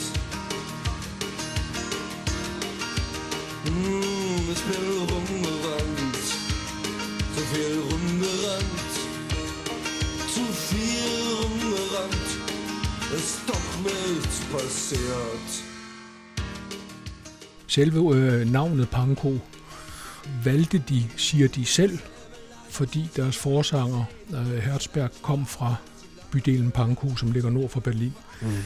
Men Pankow var også det, øh, vesttyskerne altid sagde, når de talte om regimet i Østtyskland, fordi de anerkendte ikke, at den østtyske regering øh, havde lov til at være i Østberlin på grund af firmagtsstatusen efter 2. verdenskrig og alt det der. Øh, Så derfor så omtalte man, man dem kun lidt nedsættende som panko, øh, fordi der boede øh, regeringsmedlemmerne nemlig ude i deres flotte villager. Som ikke er så, så flot, når man ser dem i dag i Nej, virkeligheden. men, men, men det var de i sammenligning med, hvad man bød østtyskerne at bo i selv. Og måske derfor valgte man også navnet Panko. Måske valgte man også navnet Panko, fordi punk, P-A-N-K, er den tyske udtale af det engelske punk. Øh, fordi tyskerne har det ikke godt med den der å-lyd. Øh, så det bliver altid til en slags a-lyd. Og måske var det også sådan. Og så, så tvetydigt var Panko hele vejen igennem. Men altså allerede med deres første plade prøvede de at formidle en, en fornemmelse af, hvordan det var at være ung i Tyskland. Det er den første plade, som hedder øh, Paula Panke. Det er øh, i virkeligheden en rockopera, som handler om lærlingeerfaringen i øh, Østtyskland. Og naturligvis så havde styret svært ved at øh, sige, at de måtte ikke lave noget om lærlinge, fordi det var jo arbejder- og bundestaten, og lærlingen var ligesom indbegrebet af den socialistiske ungdom. Øh, så på den måde så, så balancerede de også der. Og op gennem 80'erne, så kommer de altså hele tiden med tekster, som måske er uangribelige for for styret, men som sagtens kan forstås af et publikum, som så digter videre på dem og, og ligesom laver deres egne billeder ind i deres hoveder. Altså nogenlunde svarende til, at man binder os på hånd og mund i, under besættelsen herhjemme. Ja, det kan man sige. Panko benyttede sig af en teknik, som andre systemkritiske, kan man næsten kalde dem, øh, grupper i øh, DDR også benyttede sig af, når de skrev sangtekster øh, så indbyggede de det, de selv kaldte grønne elefanter. En grøn elefant, det var en provokation, der var så stor, at censuren straks slog ned på den. Det skulle være noget, man kunne få øje på, derfor elefantstørrelse og grøn, øh, så øjnene blev trukket derhen lige med det samme. Og så blev det forbudt, så fik de at vide, at de der skal, skal skrives ud, og samtidig fik man ikke øje på de andre steder, som man i virkeligheden gerne ville have med. Så grønne elefanter, det blev en del også af, af, af Pankos strategi. Men det, der er interessant med denne her sang, det er, at den kommer lige på et tidspunkt, hvor opbruddet i øst, altså voldsomheden i opbruddet, der førte til murens fald, kunne man endnu ikke se. I 88 kunne man ikke se det. Der var også et helt år til det skete jo. Ja, og, og, og i øvrigt så kom jo øh, det, der skete i, i Kina hen over sommeren 89, kom ligesom til at stå i vejen for, at man opdagede, hvad der foregik i Østeuropa. Fordi vi var alle sammen mere optaget af, hvad der foregik i Kina. Men allerede på det her tidspunkt kan man i de her tekster fornemme, hvad det er, Panko gør. De formidler, de forløser en stemning blandt det publikum, som nu var deres, som i virkeligheden peger frem mod murens fald. I en anden af deres sange på det samme album, der hedder det, Jeg vil ud og se andre lande. Jeg vil noget andet. Vil du være med? Giv mig et tegn. Giv mig et tegn. Det er ikke alle, der behøver at vide det her, men giv mig et tegn. Hvis du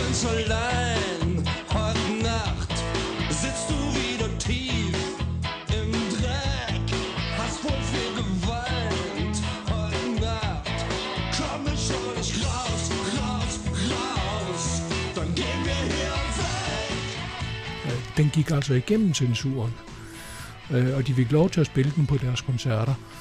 Og, og, og det blev ligesom en fornemmelse af den stemning, der var omkring, øh, omkring opbygningen af muren. Det interessante ved sangen er, at den, og, og, og den her album, at den fik kultstatus efter murens fald. Man skulle ellers tro, at det havde været en slags brugsmusik, der så var overflødig, kan man sige. Ikke? Men, men Panko blev rigtig store efter murens fald i det samlede Tyskland, og har så i øvrigt den helt specielle DDR-biografi, at på et tidspunkt, og det var i 1996, øh, så øh, synes øh, forsangeren Herzberg, at han lige vil se sin Stasi-mappe, sin, sin, sin mappe hos, øh, hos statssikkerheden. Og den får han lov til at se. Og da han læser den igennem, så opdager han, at øh, deres guitarist har været Stasi-spion. Øh, mm. Og så sker der noget interessant.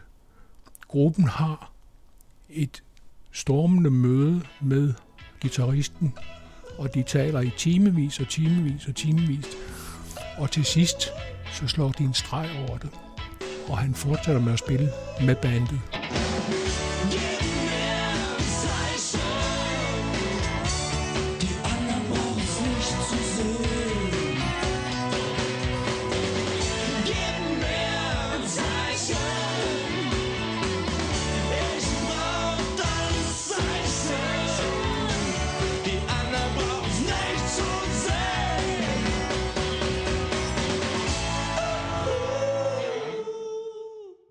Der er jo ikke rigtig nogen, der den dag i dag forstår, hvad det egentlig skete, det gjorde, at det lige pludselig, at muren faldt. Det er simpelthen den dag i dag en gåde. Vi har jo så sagt, at østtysk punk var en medvirkende faktor, og langvejlige var i den grad også. Man taler om perspektivløsheden.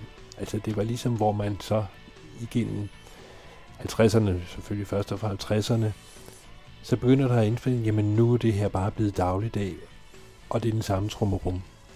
Altså, hvis man sammenligner det med en, en ting, vi har talt om i en af de tidligere udsendelser, nemlig øh, Wolf Biermanns øh, sang om søndag i Buko, mm.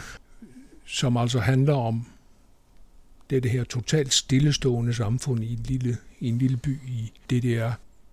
Hvis man sammenligner de to sange, så slår de samme strenge an, men på helt forskellige måder, fordi Panko ligesom lade ligge i sangen, at det nok ikke er nok, at man løber omkring for at se, om der sker et eller andet. Man skal måske selv være på en måde instrumentel i at få tingene til at ske. Altså, det er jo en helt anden snak. Det er slut 80'er fornemmelsen, der hedder, måske kan vi gøre noget selv. Fordi i mellemtiden havde man jo set, at det lykkedes i hvert fald delvis i, i Polen, som det så endte i et militærdiktatur, så, så lykkedes det jo alligevel ved at argumentere på styrets egne betingelser. Det var det, Soldanos gjorde, og, og, og, og kor, øh, altså den intellektuelle overbygning på Soldanos, hvis man kan sige det så kort, gjorde i Polen. man havde set, at, at det kunne lykkes. Øh, man så ungarerne operere med nogle nye økonomiske mekanismer, som måske kunne føre et eller, andet, et eller andet sted hen. Og så havde man jo, i modsætning til i 68, da Birman skrev sin sang, så havde man jo i Moskva et styre, der havde sagt perestrojka og glasnost. Og perestrojka, det kunne det østtyske regime måske godt gennemskue, hvad betød. Men de var noget i tvivl om, hvad glasnost var. Mm. Det tror jeg også, vi var i Vesten. Det, det var vi jo alle sammen. Og hvordan skulle man så manøvrere i forhold til det? Jeg tror, at unge østtyskere på det her tidspunkt simpelthen så, at de måske, måske anede nogle instrumenter, de kunne spille på, som kunne få en ny sang til at, at, at vokse frem i det der. Nogle endte jo så med bare at stikke af. Andre endte med at blive der. Man skal huske på, at da demonstrationerne, fredags- og mandagsdemonstrationerne, øh, kørte for fuld hammer i, i øh, DDR, der var et af slagordene, vi er bleiben her. Vi, vi bliver her. Øh, vi vil selv være med til at opbygge noget nyt.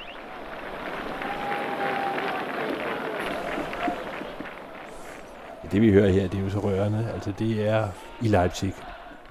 Og nu kan vi godt sige, at det var måske punken, der satte det i gang, den østtyske punk, men der var jo trods alt ikke, jeg tror, der er 70.000 til stede ved denne her demonstration. Så mange punkere var der ikke i Østtyskland. Nej, det var ikke punken, der satte det her i gang.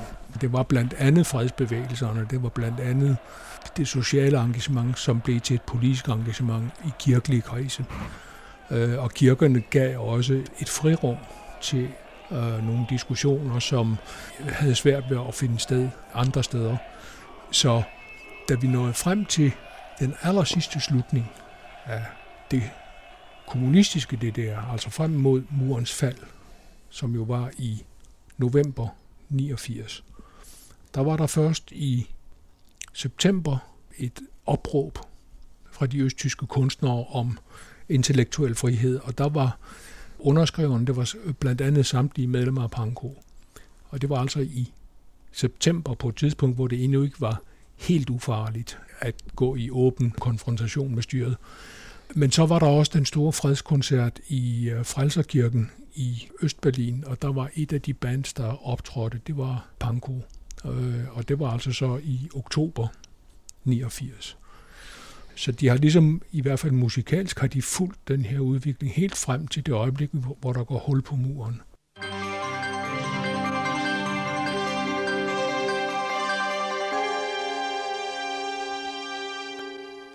10.000 af østtyskere strømmer i disse timer til Vesttyskland efter en jubelnat, hvor berlinerne dansede på muren, og hvor 40 års adskillelse mellem øst og vest endelig blev brudt.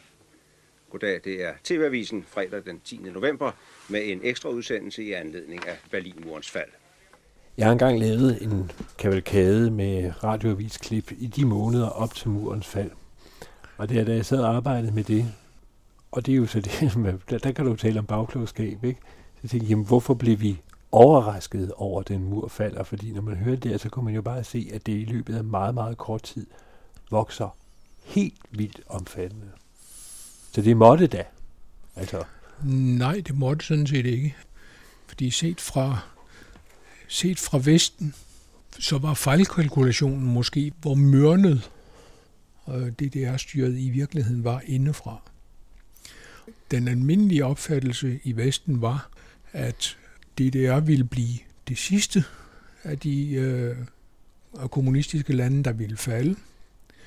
Og det ville det, fordi øh, DDR-styret var mere forbenet end alle andre og mere kampberedt. Og det ville det, fordi DDR var geostrategisk så vigtigt for Rusland, eller for Sovjetunionen, øh, at man ikke ville give slip på det, uden først at have forsøgt at holde på det ved hjælp af de sovjetiske øh, soldater og tropper, der stod i Østtyskland. Det er først efter den østtyske 40-årsdag, øh, som er i øh, september 89. Med det berømte kys mellem Honecker og Gorbachev. Med det berømte kys mellem Honecker og Gorbachev, og Gorbachevs udtalelse, den der kommer for sent straffer livet. Øh, det er først der, man bliver opmærksom på, at hov, måske er der alligevel et eller andet, der er i bevægelse her. Men man havde jo mere travlt på det her tidspunkt med at se mod Polen, med at se på, hvad der skete i Sovjetunionen, også med at se, hvad det i grunden var, der var sket hen over sommeren med de østtyske øh, borgere, der var stukket af. I Ungarn. De var stukket af i Ungarn over grænsen til Østrig. Det interessante der var, at de ungarske myndigheder lukkede grænsen op. Øh, og det var sådan et hov, der sker et eller andet Øh, helt exceptionelt i, i Ungarn. Ungarn er på vej i en socialdemokratisk retning. Det var, det var sådan, man tænkte. Der sker sikkert også noget i Tjekoslovakiet, tænkte man, fordi de havde jo prøvet før i 68, og, og der var måske et grundlag for et eller andet der. Og i hvert fald i Polen, selvom man havde øh, fået Jaruzelski-styret, altså øh, et autoritært styre, øh, Øh, så var der stadigvæk de kræfter, der var bag Soldanos og, og hele den bevægelse, de var stadigvæk der. Så man kiggede alle mulige steder hen og tænkte, hvor sker tingene? Men man var enige om, at på grund af DDR's geostrategiske betydning for Sovjetunionen, og på grund af styrets forbenethed, og så myten om det alt bestemmende Stasi, der lå bag ved alting. De tre ting til sammen gjorde, at man sagde, det bliver det sidste sted. Og så blev det i virkeligheden det første sted. Og alt andet fulgte med. Man sagde også, det kan godt være, at der kommer nogle forandringer i det der, men grænsen kommer til at bestå. Muren kommer til at bestå. Også selvom, selvom Reagan havde været der og sagt, øh, øh, herr Gorbachev, rive den her mur ned osv. Det vi jo ikke vidste, det var, at da DDR forsøgte at få nogle garantier fra øh, chefen for de sovjetiske styrker i DDR, der fik de at vide, at øh, det kunne de godt glemme. Altså på en mere diplomatisk måde, men, men ret tydeligt fik de at vide, det kommer ikke til at ske. DDR må søge sin egen vej. Med andre ord, DDR kan sejle sin egen sø. For nu at sige det på den måde. Og derfor kom det for de fleste af de vestlige øh, iagtagere kom det som en overraskelse, at det gik så hurtigt. Vel ikke kun de fleste, alle sammen, det påstår Per Ørgaard. Og jeg kan heller ikke finde og, nogen, der havde profiteret det der. Nej, og især overrasker det, at vesttyskerne var så dårligt informeret, øh, som de var. Fordi det kom også totalt bag på dem. Herr Präsident, meine sehr verehrten Damen und Herren, bevor ich zu meinem Thema komme, möchte ich Ihnen eine Meldung vorlesen, die ich im Moment erhalten habe. Ich kannte sie nicht. Von sofort an können DDR-Bürger direkt über alle Grenzstellen zwischen der DDR und der Bundesrepublik ausreisen. Ja, det er nemlig det. Altså, der har jo været, det er jo velkendt, der har været spionage, der har været efterretningstjenester, der har været på kryds og tværs, og de har været meget sammenspiste. Ja. Hvordan kunne det komme bag? Det er der ingen, der rigtig ved. Altså, bagefter har man jo forsøgt sådan at, at, at, at sige, jamen det kom ikke helt bag på os alligevel. Vi havde godt set nogle tegn, og men, men det er jo ikke sådan, det er.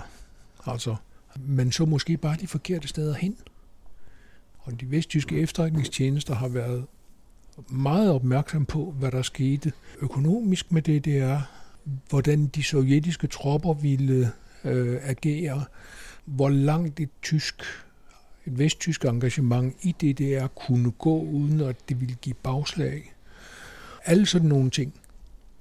Fordi Vesttyskland var jo nødt til at balancere her, fordi øh, det skulle ikke se ud, som om de pludselig anede en chance til at tage, til at annektere øh, det der. Og samtidig så skete der jo så også noget, som forstyrrede hele billedet, nemlig Helmut Kohl, der pludselig sagde, det var efter muren var faldet, men han sagde, at spørgsmålet om Polens vestgrænse stadig er åbent. Oder-grænsen, ja. Det var Oder-grænsen. Og polakkerne var jo ved at få et følge, og det samme var man i, i Moskva. Men det var Helmut Kohl, der endnu en gang formulerede sig så klumpet, at man kom til at tro, at han sagde noget helt andet end det, han mhm. sagde. Det han forsøgte at sige, det var bare, nu skal vi altså have konfirmeret de her grænser, fordi sådan er lovgivningen, sådan er vesttysk øh, forfatningslovgivning. At han var faktisk 9. november i Warszawa lige præcis for at drøfte det spørgsmål. Han havde... kom han så, der sagde Helmut Kohl altså noget, som ikke var forkert. Han sagde, jeg har fornemmelsen af at være det forkerte sted på det forkerte tidspunkt.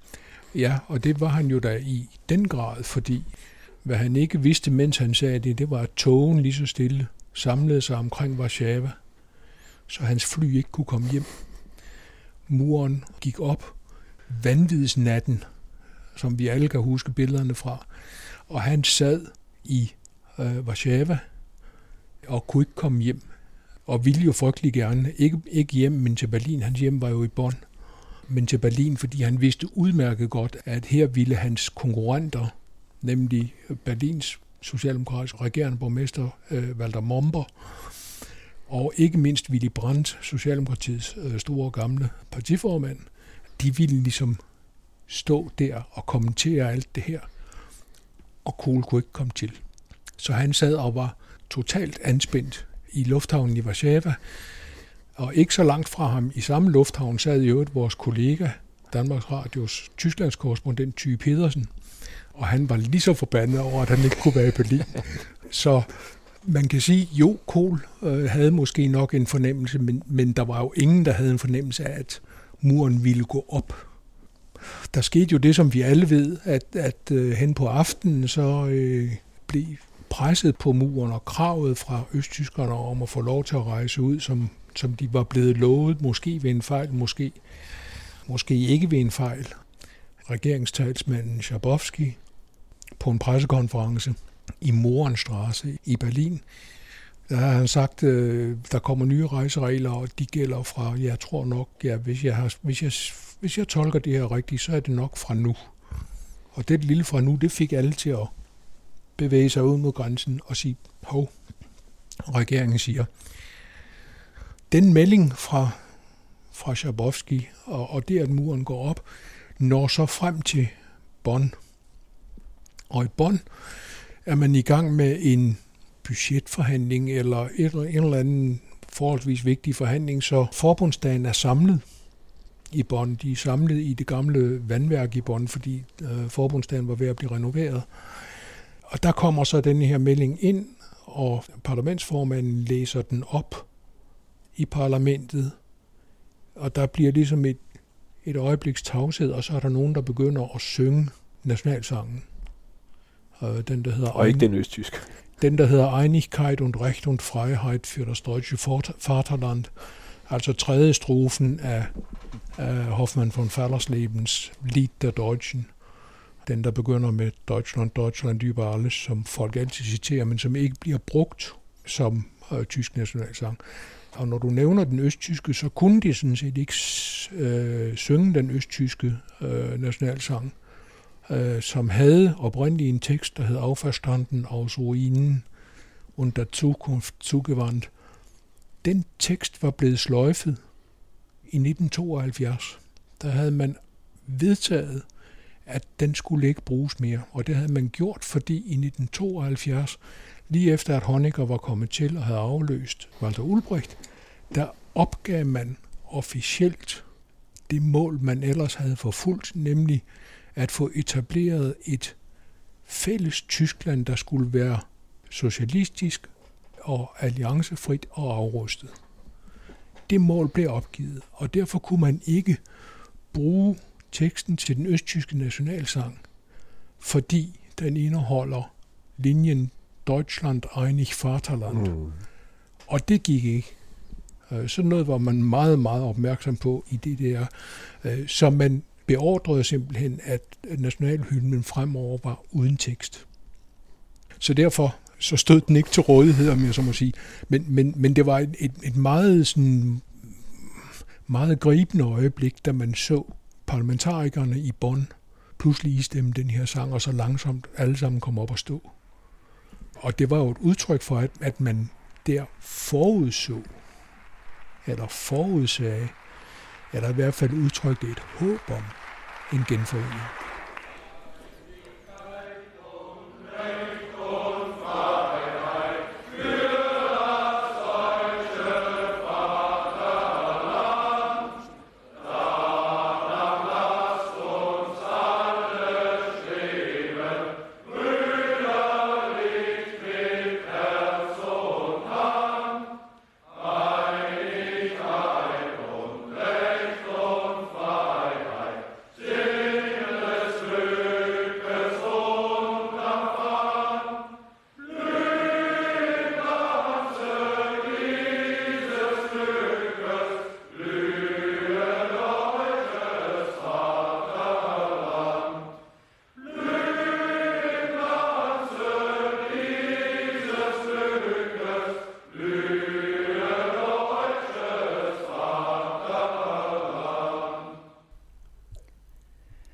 Tyske nationalsang, som den lød i Bundesligaen 9. november 1989, afsluttede dette afsnit, sagde Bagmans slagerkrønike.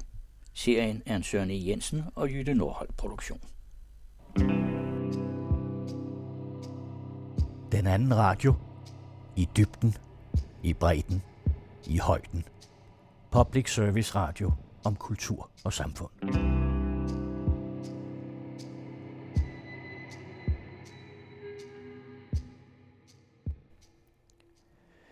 Efter kulturrevolutionen i Kina kunne Ai Huayan få sig en uddannelse og arbejde, som hun fortalte om i en tidligere udsendelse sidste uge. Men tiderne ændrede sig, og hun blev fængslet. I denne udsendelse fortæller hun til den anden radios Henrik Moral om, hvordan hun kom til Danmark og blev engageret i både frivilligt arbejde og politik. Men hvordan kom du så til Danmark? Ja, hvordan kom til Danmark? Det er, det er rent tilfærdigt. Det er for i virkeligheden, jeg skal til USA. Det var tilfærdigt. Jeg har ikke selv valgt at blive i Danmark, men jeg har valgt først omgang komme til Danmark.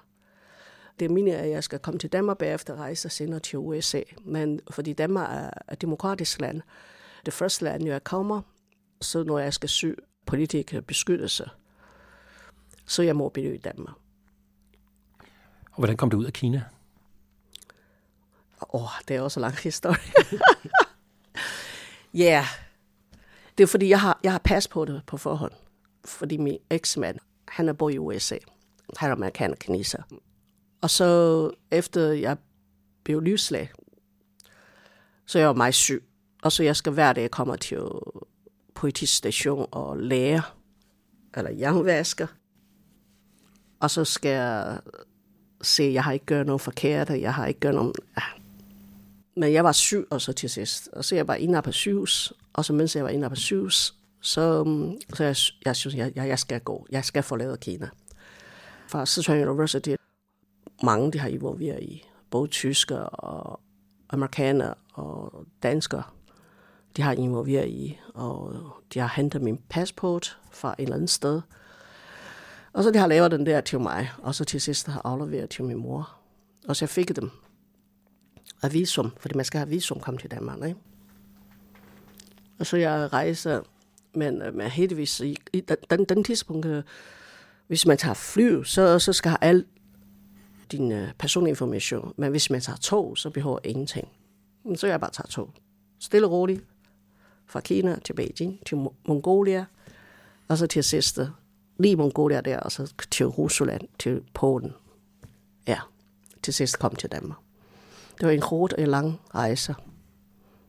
Og det værste, forlade min søn på fire år. Ja. Men heldigvis øh, et, et, et år senere, han fik lov til at rejse til USA. Og så to år senere, så jeg hentede ham fra USA til Danmark, efter jeg er skidt fra min eksmand. Hvad så, når du kommer til Danmark? Hvad sker der der? I Danmark, helt frem for mig, jeg kommer den 13. december, Mok, iskold, ingen familie. Heldigvis jeg har en rigtig, rigtig gode venner, og jeg fik lov til at bo hos dem. Men jeg kan ikke spise ubor, og ubord iskoldt og hårdt, ligesom dansk vært, hårdt og iskoldt. Og jeg kan ikke tale sprog, jeg kender ingenting. Efter en måned faktisk, så jeg flyttede til, jeg bor i Kollegium. Jeg tager en kursus, starter på Aarhus Universitet og statskundskab og lærer økonomi og politik. Men det er en kort tid i kursus. Mens jeg bor nogle danske, først jeg bor i danske privatleje.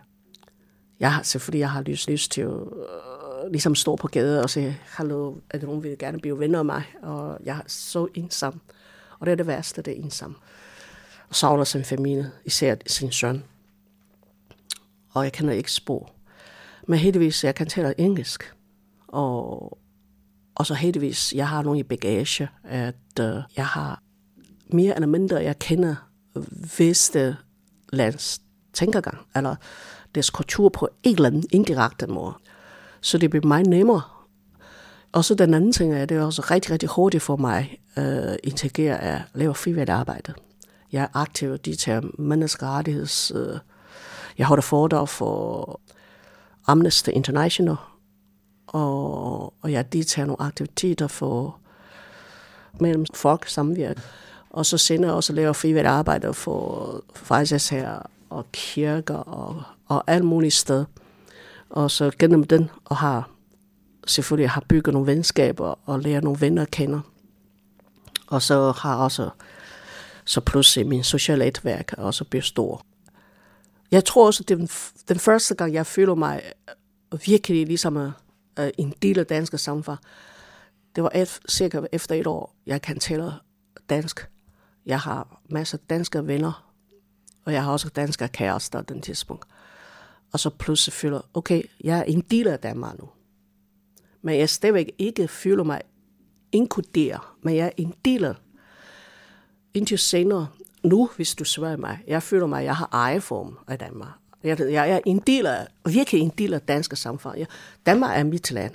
Kina er min øh, ligesom, uh, biologiske land, men Danmark er deporteret mig, og det er det har jeg mig selv har valgt, at i dag er danske statsborger, og som jeg er meget, meget stolt af.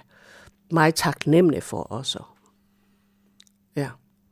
Men så derfor nu, jeg føler, at Danmark det er mit land, og jeg, jeg er en del af Danmark, og, og jeg har fået anerkendelser her, og jeg har fået venner her, jeg har... Men du er så også, også kineser? Ja, min blod det er kineser. Min, øh, ja, det kan man se. Min hjerte er også kineser. Men, men jurist fra jordas side og fra min rigtige side. Jeg, jeg er dansker. Jeg elsker Danmark så meget. Som jeg også elsker Kina, selvfølgelig. Og du har lige frem taget navn efter det? Jamen, det er rigtigt. Mit navn hedder Aihua. Kærlighed til Kina. Ja, Aihua. Hua betyder Kina. Den der navn, det er min forældre har givet mig, og siden jeg blev født. Så jeg har ikke øh, tænkt mig, at jeg skal lave om. Øh, det er bare en identitet. Men øh, man ejer det er elsker Kina. Men man kan også, også elske blomster, elske natur. Hua, det kommer an på, hvordan siger hua, hua. Hvis du nu møder en kineser i Danmark, mm. føler man så noget, at det er en ligesom mig, det er en, jeg har lyst til at lære at kende på en anden måde end øh, hvem som helst ellers. Jeg har ikke nogen speciel på den måde. Men, men, men selvfølgelig, jeg føler, her jeg har pligt til, hvis det er nogen henvendt til mig, nogen kineser eller kineser organisation henvendt til mig og siger, at ej, hvor vil du hjælpe os? Og, og så hvis jeg kan se, at de har fået uretfærdige behandler, selvfølgelig jeg hjælpe dem. Eller hvis øh, de har krav for, for eksempel hvis de danner en forening, og de har en sted, de vil gerne have en sted til at kan øh, mutes eller dyrke deres interesser, selvfølgelig. Så jeg også hjælpe dem, fordi vi gør vores pligt og kræver vores øh, rettighed. Og på den side, så jeg har hjulpet faktisk rigtig mange kinesiske foreninger. Og så jeg også, også hjælpe dem, ikke kun øh, selvfølgelig kræve for sin ret og gøre sin pligt, men jeg også fortælle nogle lovmæssige, øh, hvad man må og hvad man ikke må, og gøre det her som, som, som hjælp dem. Næsten alle kineser henvender til mig, så har jeg gjort det og hjælpe dem. Fordi jeg har været formand for social Udsæt over 10 år. Så i det 10 år, jeg hjælper ikke kun kineser. Faktisk, den henvendte mig ikke kun kineser. Det er også en tjørker, det er araber, det er palæstinenser, det er somalier. I mine øjne, jeg betragter ikke deres nationalitet, eller racerne, eller deres tro. Men jeg betragter dem som mennesker, som har brug for hjælp, så gør jeg det. Også dansker selvfølgelig. Som mor, så må du have oplevet en forskel på den danske opdragelsestradition, og så hvad du har haft med hjemmefra. Meget, meget store forskelle. Da jeg dengang skal starte på universitet, og så min forældre sige, at de bestemmer, øh, hvad for en fag jeg skal læse. Det er dem, skal vælge nummer et, nummer to, nummer tre. Men og, og ud fra deres erfaring, ud fra deres interesser. I Danmark, der er opdraget mine to sønner, jeg begynder så, jeg også lidt kører, ligesom, åh, for eksempel, ældste søn, han startede at lære at spille klaver som fire år, øh, og så skal, hver gang når de skal deltage Steinway eller, eller Burnings klassisk, eller du skal have jo nummer et. Ellers, ligesom man har den der forventning, og så man tvang folk, tvang barnet. Det var ikke så godt. Nu jeg tænker tilbage, det var ikke så godt, fordi han skal have lyst til at um, give, give barnet en værlig mulighed. Men jeg fik også chok, selvfølgelig, ligesom min ældste søn, da han først han, øh, han læser på CBS. Jeg sagde, yes, egentlig det var godt fag. Ikke? Efter et år, han hopper over. Han vil uddanne som politibetjent og gå i politiskoler. I begyndelsen, jeg kan ikke acceptere, altså hele min familie, alle sammen ellers vi har civilingenøruddannelse, eller er Ph.D. eller post-Ph.D. Pludselig kommer ind sammen, hvad laver du? Jeg kan ikke forstå det her. Så det er faktisk, at min sønner har, har lært mig også at sige, at øh, jo, jeg ved det også godt, men alligevel ligesom dybe ind som kineserne. Vi skal altid nummer et, vi skal altid blive det bedste, vi skal altid ligesom... Øh, og så har glemmer, hvad vores hjerte bange for. Og hvad, hvad vi virkelig interesserer om det. Fordi når vi går ud, fortæller man også kineser nogle gange, ligesom i, især min gamle kreds, så når de går ud, så siger åh, se, min barn er Ph.D. eller positiv Ph.D., så man føler slopper, ikke? Og positivt, det er starte, og negativt, det er slopper. Men, og så de komplerer hinanden hele tiden. Så giver jo stor presse for barnet, og det var ikke så godt. Men det gør min fader også, ikke? Garanteret deres fader også, fordi de er også alle sammen min, min familiehistorie, eller kultur, det er en, ligesom man skal mest have en eller anden, uddannelse. Så jeg fik chok, da min søn, og jeg var i Kina den tidspunkt på, øh, på ferie, og så jeg var så ked af det. Men fordi min søn, han var meget forluftig, og så han taler med mig og et eller andet. Og så jeg kan se også, han blev en rigtig, rigtig, rigtig politimand, i stedet for, han blev bankemand. Jeg tror ikke, han, hvis han kan ikke lide det, så han kan ikke blive den rigtige bankemand. Så ja, så accepterer jeg også, efter hun selvfølgelig også, jeg kan se, at han er, han er meget sød, og han vil gerne gøre noget. Jeg tror også, det var fordi, dengang, da han var 13 år gammel, han blev usikrori. Og det er den, der har, har set også døber i ham. Og, og så fik jeg så mange hjælp fra politimand, og så har jeg kigget mig op og politi. Jeg tror også, at folk, der, deres liv, det har blevet en eller anden påvæk. eller så har givet en eller anden uh, feedback, eller på en eller anden måde. Ikke?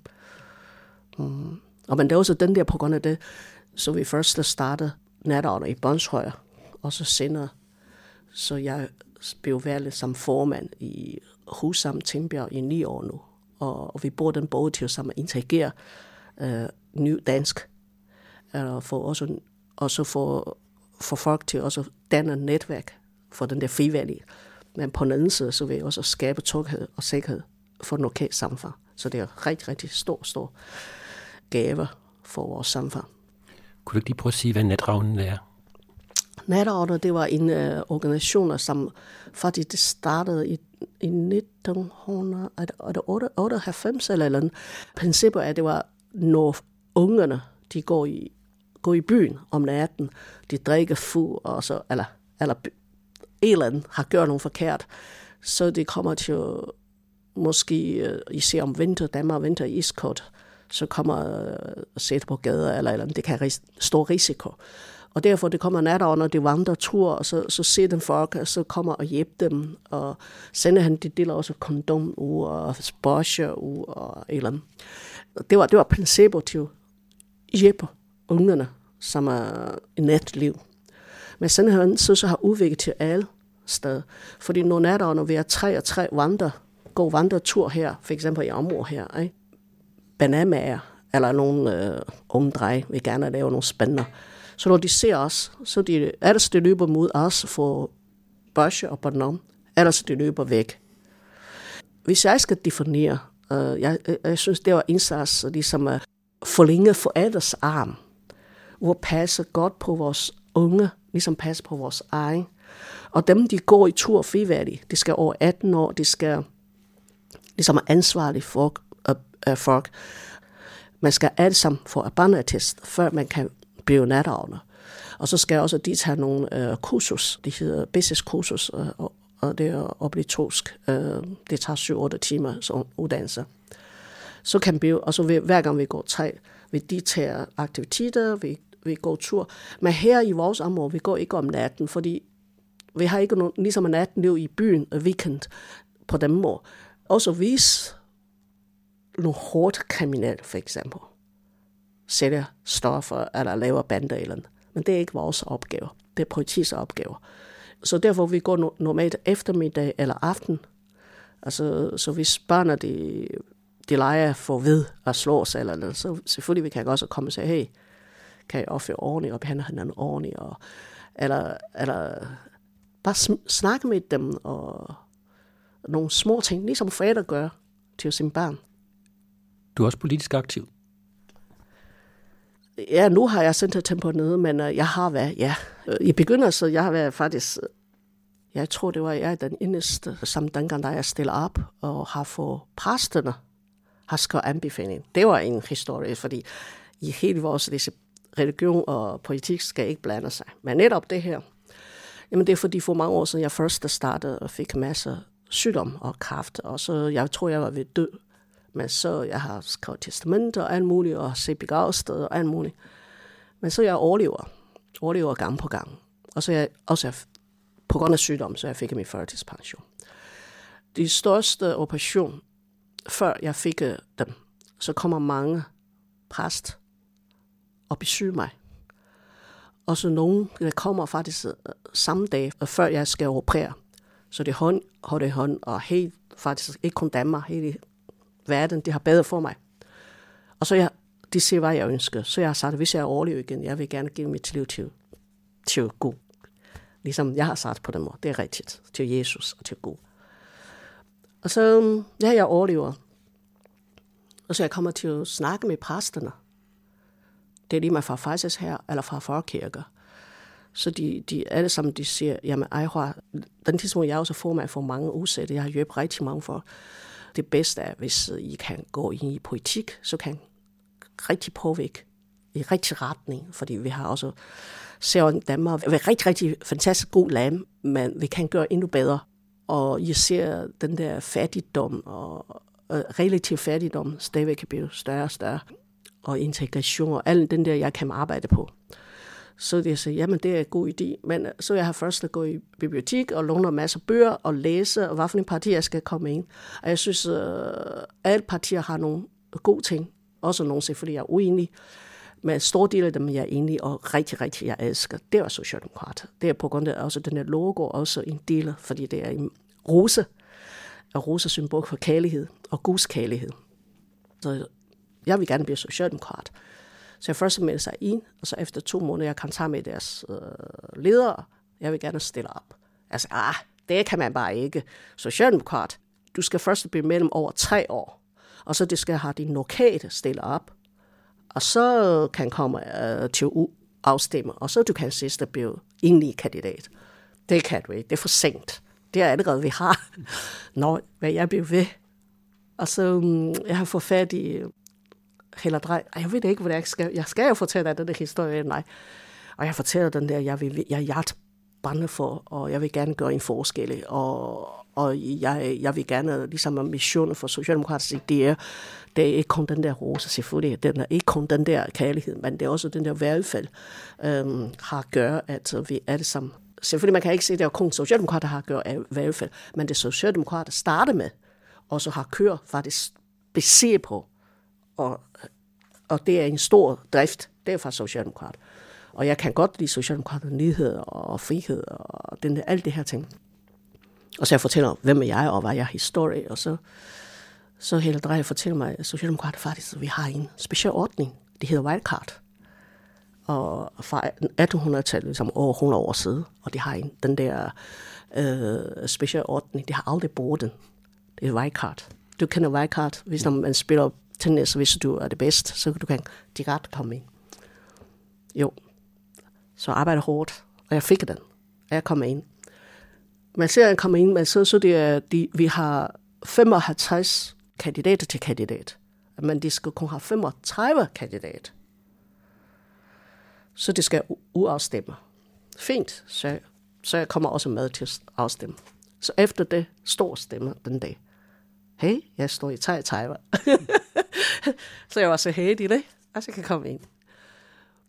Og så, mm, ja, så mange siger, ej, har du nødt til at skifte dit navn, fordi vi kan overhovedet ikke huske dit navn. Der er er, vi kan ikke udtale, hvordan du kan få andre til at stemme. Jeg siger, jamen, mit navn vil aldrig skifte. Jeg, jeg vil gå ind i politik for at gøre nogle gode ting. Øh, jeg selv synes, det er godt for samfundet og for andre. Men hvis det skal skifte navne, ah, det synes jeg ikke, det jeg skal gøre. Men, men hvis det kan ikke huske mig, så stem bare Socialdemokrat. Jeg siger til alle sammen, hvis I kan ikke huske mit navn, så stem på Socialdemokrat. Fordi jeg har en, netop det her, det var en nøgne, som jeg har ikke lært. Personlige stemmer, det taler. Jeg har ikke lært det. Jeg har bare sagt, stem på Socialdemokrat. Undskyld, jeg, jeg har gjort det. Jeg har så sagt til alle. Så, så mange folk så siger, okay. Så efter faktisk øh, stemmer færdig, men det, jeg, jeg, jeg kan ikke sige, det var helt det var på grund af det, men det var en del af også den der på grund af, da de er færdige, så jeg mangler, jeg tror det var 23 stemmer kommer ind, som er, som er rigtig malem.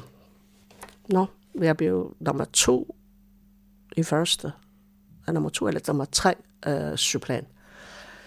Men for mig, det, nogen faktisk, min, min pastor, nogen, det var så okay, og så for mig, jeg tager det meget roligt, fordi jeg synes, at uh, min formål er ikke i sig selv blive medlem uh, eller som en, en rigtig politiker sætter derinde. Men jeg kan aldrig udfylde min politiker ting, hvis jeg ser som bagmand også.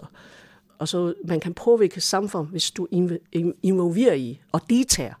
Kun det tager høring, det tager aktiviteter, så du kan altid bidrage. Øh, og så du kan også komme og tage på politikere så få dem til at høre. Så jeg var ikke så kær af det faktisk.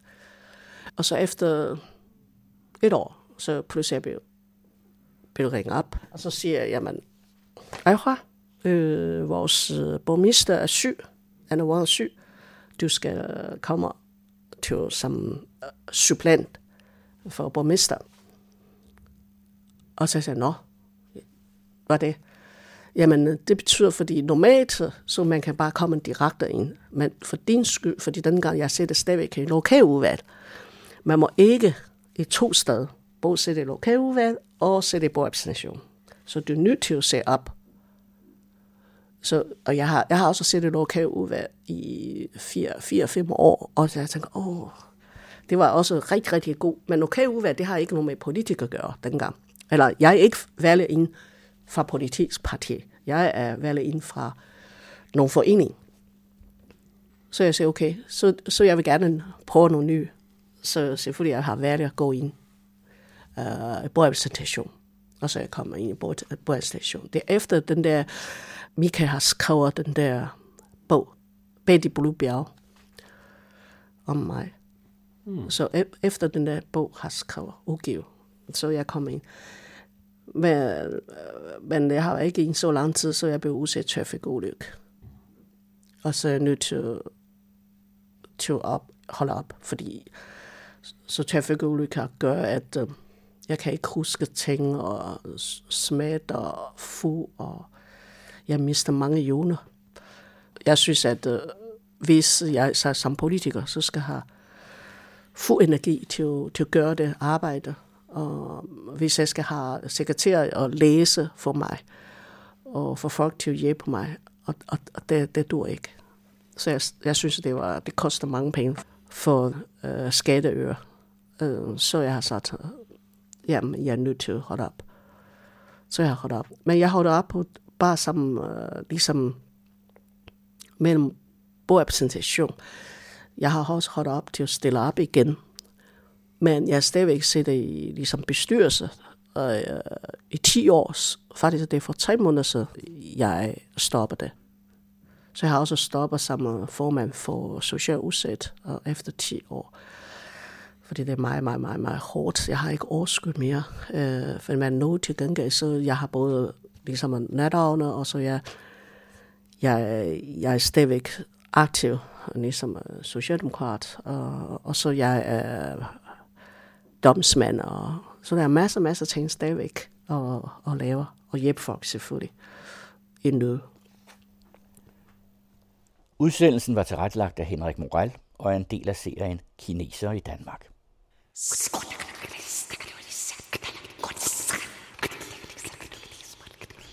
Du lytter til den anden radio.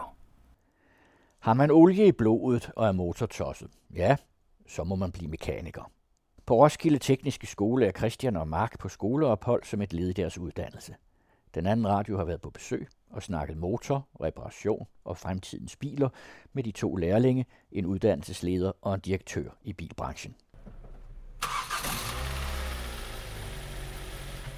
Jeg har altid godt kunne lide at lege med mekanik. Altså, det har været knallert, der var helt lille, ikke? og man lå og så, hvor meget man kunne, øh, kunne få en standard knallert op og, op og ramme med først standarddel, og så derefter skifte ud med, med lidt mere tunedel. Ikke? Man skal bare holde sig til, til privatveje og, og bane og banekørsel. Ikke? Blink, blink.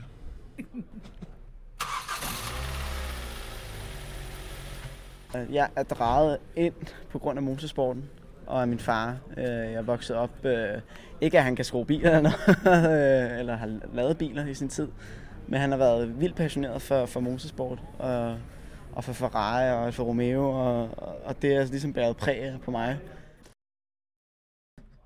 Vi er lige nu nede på Roskilde Teknisk værkstederne. Vi har både værksteder og teorilokaler, så undervisningen bytter meget mellem de to. Og øh, inde ved siden af os, det er motorværkstedet. Der står simpelthen motor i stativer, så man lærer grundprincipperne. Christian Vermut Frederiksen, 26 år, har været lærling i to et halvt år og har altså halvandet år tilbage af sin uddannelse som personbilmekaniker. I øvrigt kører han pt. en Peugeot 206. Christian fortæller her om sin uddannelse. Det er jo et springbræt, ser jeg det som. Ikke? Jeg har også en gymnasiel uddannelse bag mig. Jeg vil gerne starte min egen virksomhed, når jeg er færdig.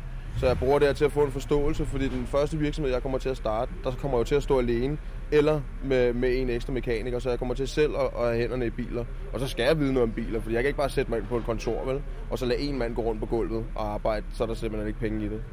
Det er jo ikke kun én ting, du så specialiserer dig i, kan jeg høre. Du har sådan en, en måske en bred vifte. Det er alt fra der, hvor hjulene rammer asfalten op efter, kan man sige. Øhm, og alle komponenter og dele imellem der. Om det er kølesystemet, om det er din gearkasse, din motor, servostyringen, øh, ABS-sensorerne, bremserne, dæk, hjul, udstødning. Der er meget. Det eneste, vi jo sådan faktisk ikke laver, det er jo faktisk pladearbejdet. Der er pladesmed ved siden af, der sørger for karosseri og, og chassis, ikke? at det er i orden. I dag, jo, vi har diesel- og benzinbiler, men opbygningen af selve motorstyringen og hvordan de er samlet, er så vidt forskellige fra fabrikant til fabrikant. Vi bevæger os faktisk hen mod et marked, hvor at, at, at det bliver mere og mere af, at det samme. Altså, du kan enten, en hybridmotor ligner næsten alle andre hybridmotorer, men virkemåderne er no, også nogenlunde de samme. Ikke? Mark Blok Nielsen er 22 år, og til november er han færdig med sin uddannelse. Allerede nu er han ved at have en aftale med sit værksted om at blive som Svend, og med tiden oplærer endnu en lærling. Han kører forresten i en Alfa Romeo 156 2.0 Twin Sparks 1998. Da jeg var lille, der ville jeg altid gerne være racerkører. Og så kunne jeg godt se, at jo ældre man blev, jo mindre var sandsynlighed for det, hvis du ikke havde råd til det, og hvis du ikke havde talentet for det. Det koster en del penge, og du skal helst starte ligesom fodbold. Du skal starte i 5-6 års alderen, og så skal du arbejde dig videre op efter. Ikke? Så skal du indsamle sponsorer, og det er ikke noget, man bare lige gør. Øh, Så du og din far har mere været tilskuer? Ja. I bilværkstederne er der masser af lifte med biler, der undersøges, skrues på og skiftes dele på. Flere steder står stålbord med motorer, og andre steder er computerne skubbet hen til bilerne for at kunne sættes til og registrere fejl. I et hjørne er der nogen, der borer den. Lige nu så sidder vi og, øh, og arbejder med noget automatgearkasse på en Citroën, hvor vi skal indsamle en masse inddata og noget uddata på den.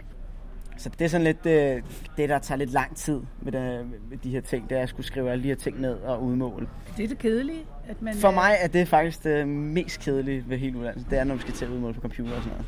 Jeg kan helst lige arbejde med mine hænder og have det i hænderne, og så se det for mig.